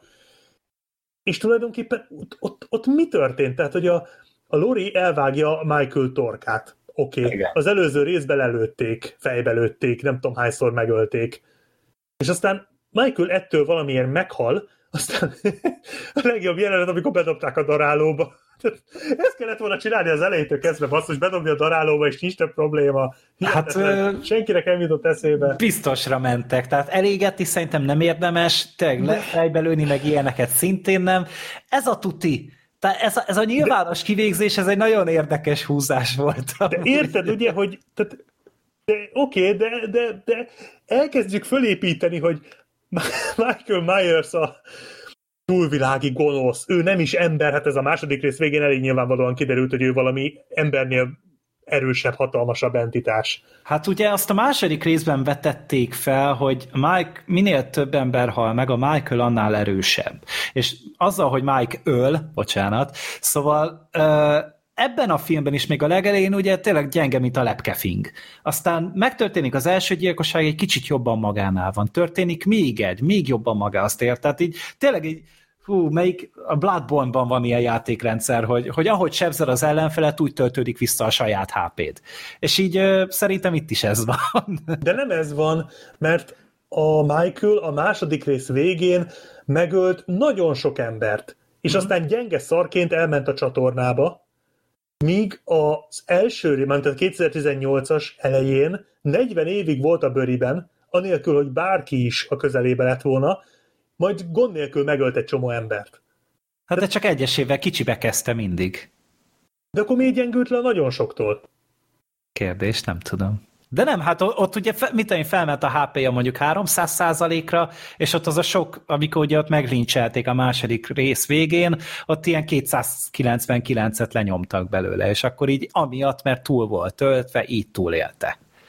Nem tudom. Nincs erre logikus magyarázat. Na jó, de, de, na de ez az, de érted, tehát, hogy ki, kitaláljuk, hogy akkor ő a nagy ö, megadémon, és aztán oké, okay, legyen ez, tehát én nem bánom, legyen ő a megadémon, szálljon meg egy, szállja meg a Korit, és legyen az a film vége, hogy Kori az új Michael Myers. De nem ez van, hanem a Kori meghal, és Michael Myers meg bedobják a darálóba. Bocsánat, az annyira röhelyes az a jelenet, hogy így behajítják a darálóba a picsába, és előtte, tehát ő akkor már elvileg halott.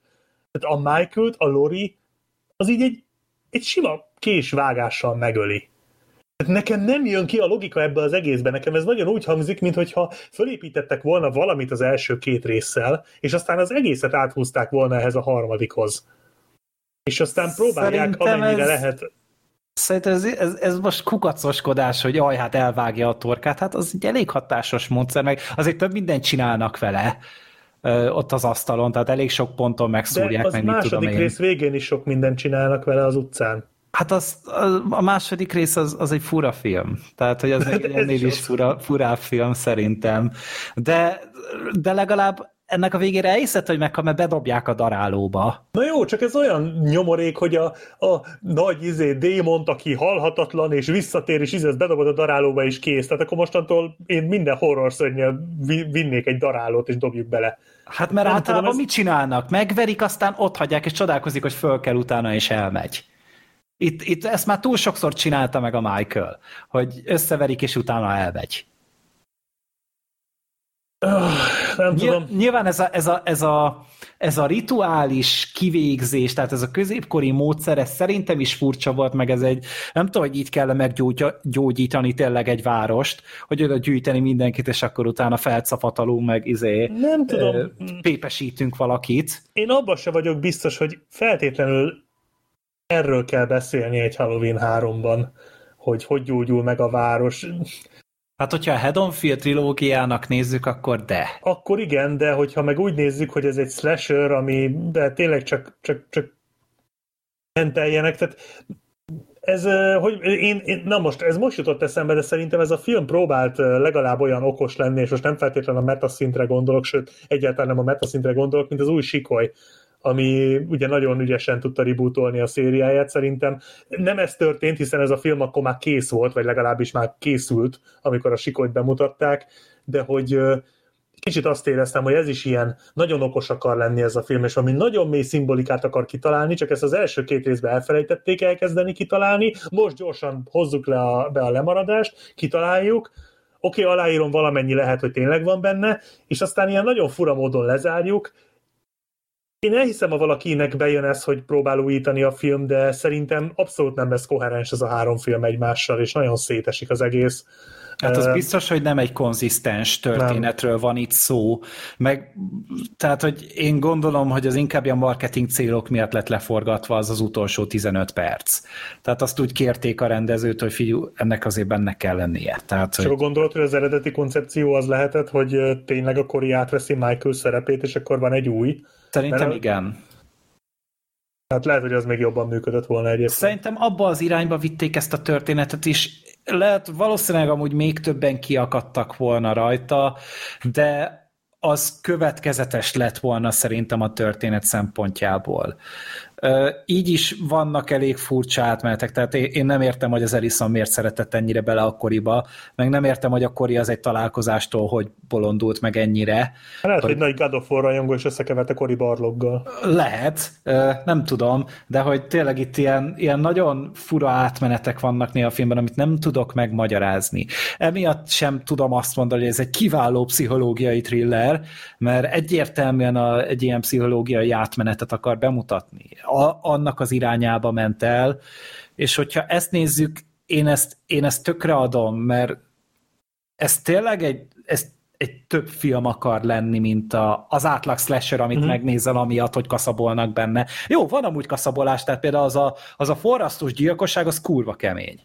A, Ó, igen. az, az, rohadt durva kemény. volt. Az durva volt, igen. Tehát az úgy, az, az, úgy, az úgy eléggé adta, meg, meg ugye amikor a Kori ott a, a házban ott a, talán az öreg orvost izé kaszabolja, hát az is eléggé, eléggé durva lett, úgyhogy, úgyhogy azért nem kell nyilván attól tartani, hogy ebben sincsenek ilyen jelenetek, de de mondom, ez, ez egy nagyon egyéni preferencia kérdése, hogy te ezt tolerálod-e, hogy egy Halloween trilógia zárónál egy ilyen irányba viszik el a történetet, és én senkit nem akarok meggyőzni róla, hogy szeresse, én sem szeretem különösebben, de, de, de megfogott. Valamiért megfogott ez az egész hülyeség, és valószínűleg ez az egyik ilyen, lehet, hogy kicsit ez ilyen Prometheus ö, szindróma, hogy az is nagyon zavart az elején, nagyon sok mindennel, de valahogy úgy elkezdtem kihámozni belőle azt, amire valószínűleg törekedtek a filmesek.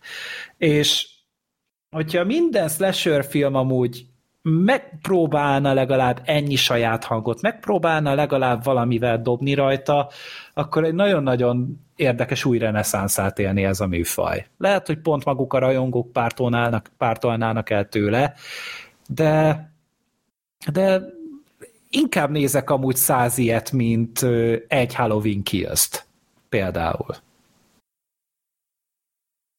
Hát, nem tudom. Én inkább nézném azt. Igen?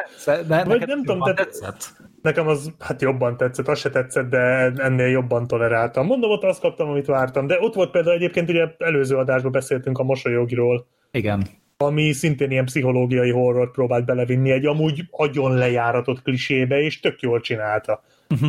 De most itt van a Halloween Ends, ami ugyanezt próbálja, csak nem jól csinálja. Hát igen, mert hogy a, a, a Smile az ugye próbált egy ilyen, egy ilyen, saját, egy ilyen sajátos hangulatot teremteni egy nagyon-nagyon használt és unalmas ö, sztoriban, csak ugye hát ott az, amiért mész egy ilyen filmre, azt tudta. Ijesztő volt. Igen. Most az, hogy, hogy a Halloween is megpróbál egy ilyen, hát akkor, akkor mondjuk azt, hogy bölcsészes irányba elmozdulni, azt is lehet ellensúlyozni azzal, hogy ja, de legalább gyilkolnak benne. Hát itt az első gyilkosság megint csak így. Az első ugye egy baleset, a filmnek a legeslegelején, és utána pedig, nem is tudom, 40 vagy 50 percnél van talán. Tehát így nem sok, elég sokáig tart, amíg beindul a film, és ez is ilyen, hát inkább béna dolog, de de közben mondom, így, így va- valahogy beindította az agyam.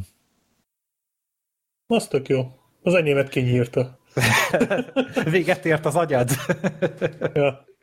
Úgyhogy, úgyhogy ne folytassák ezt a történetet szerintem. Nem, ez, Tehát ez, ebből elég volt. Tehát Tehát, ez, hogyha a kor, kori életben maradt volna, de hát eléggé megölték szerintem, tehát hogy ezt nem valószínű, hogy, hogy, hogy túlélte.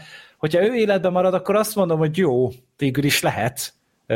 Egy Halloween Ends and Continues, vagy valami ilyesmi című, Halloween End is the beginning.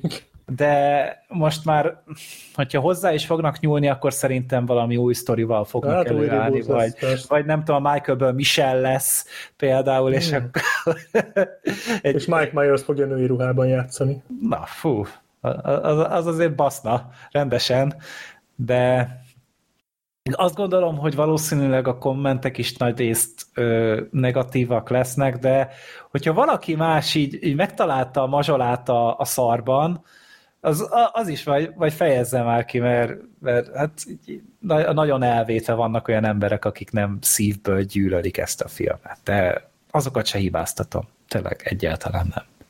Nem tudom, hogy Freddynek meghoztuk-e a kedvét. A trilógiához. Valahogy nem éreztem soha Mike Myers-t egy olyan figurának, amit nekem nézni kéne. Azáltal, hogy ilyen, De pedig az Austin Powers be jó volt. azáltal, hogy ilyen, ilyen legyőzhetetlen, gyakorlatilag így nem, nem látom értelmét. De ebben a Jó. filmben nem az. Ott a daráló. Várti a végét. Biztos, hogy lesz új, tehát ez száz százalék, hogy lesz még Halloween. Hát majd tudod, Ö. ráküldik Dúró Dórát, és elintézi, hogyha még egyszer feltámad. Na jó, ennyi. Jó, ez egy tökéletes zárszó. Akkor ez lett volna a Filmbarátok 242. Itt miközben halloween esztetek észrevettem, hogy kaptunk még egy borítóképet. A Viola küldött a kínai negyedhez, ezt ti most nem látjátok, de akkor ö, berakom majd a kínai negyed kibeszélőhöz. A film plakátja van, és mi négyen vagyunk ott a, a cigi füstben, és Chinatown betű típusban a filmbarátokon, tök jól néz ki. Ö, úgyhogy köszönjük szépen Violának, Ö, kicsit még pont észrevettem, a adás rögzítése alatt küldtük. Így van, Hogy, köszönjük. Ö, Köszi. Meg mindenki másnak is. Küldött már nekünk kérdést is, meg küldött egyszer egy Tom Hanks-es kérdést, de azt majd előre is mondom, hogy majd a Tom Hanks maratonunk legvégén fogom majd beolvasni, mert egy kicsit a Tom Hanks filmek listázásáról szól, úgyhogy azt még korainak érzem. Főként úgy, hogy megint kikerült egy új Tom Hanks filmnek a, a, az előzetese. Azt nem tudom, láttátok-e? Láttam, hogy kikerült. Mi az igen, autós? igen, az a a remake. Igen, Az egy az remake? a Óve, Óvénak hívták, Vagy valami. Jó, az az. Igen, az, Az, ember, az, aki az. Tóvénak Én, én azt láttam is, volt, azt a, azt a filmet, úgyhogy abból készült. Szerintem beszél. Volt is róla itt Igen? a podcastben valami, nem? Szerintem, hát hogyha láttam, Nem, akkor valószínűleg nem. emberként néztem meg, de Nem tudom. Oh. Elkezdtem beírni, hogy Tom Hanks ove, és kiegészíted egy ove Igen. Jó. Akkor köszönjük szépen a figyelmet. Találkozunk majd valamikor november környékén. Black ship vagy Black Ship nélkül, ez majd akkor kiderül. Hát ez Film történelmi lenne, ha adás közben kell elmenned, az mekkora lenne. Hmm. Pró- Próbáljátok már úgy időzíteni. Na, megmondom. Biztos nagyon fog örülni, hogy ilyen ötleteim vannak. Jó. Ez a, látom előre, de hagyjál már a hülyeségeid. Körülbelül így ezt, ezt tudom vizionálni válaszként. Jó. Na, akkor köszönjük még egyszer, legyetek jók, és sziasztok! Sziasztok! Sziasztok! Köszönjük, hogy meghallgattad adásunkat. Te is részese lehetsz podcastünknek. Küldj a népakarat rovatunkban maximum három filmet, hát a pont a te beadványodat sorsoljuk ki egyszer. Minden ehhez kapcsolatos információt megtalálsz a filmbarátok.blog.hu oldal almenüjében. Te küldhetsz nekünk villámkérdéseket, észrevételeket, borítóképeket a filmbarátok podcast kukac gmail.com e-mail címre. Örülünk minden levélnek. Podcastünket megtaláljátok Youtube-on, Soundcloud-on, Spotify-on, Deezeren, Twitteren, Facebookon, szóval mondhatni már csak a Wikipédián nem. Ha támogatnád a most már bőven több mint egy évtizedes projektünket, megteheted a patreon.com per filmbarátok oldalon. Nagyon köszönjük, és leginkább a megtisztelő figyelmedet, reméljük velünk tartasz legközelebb is.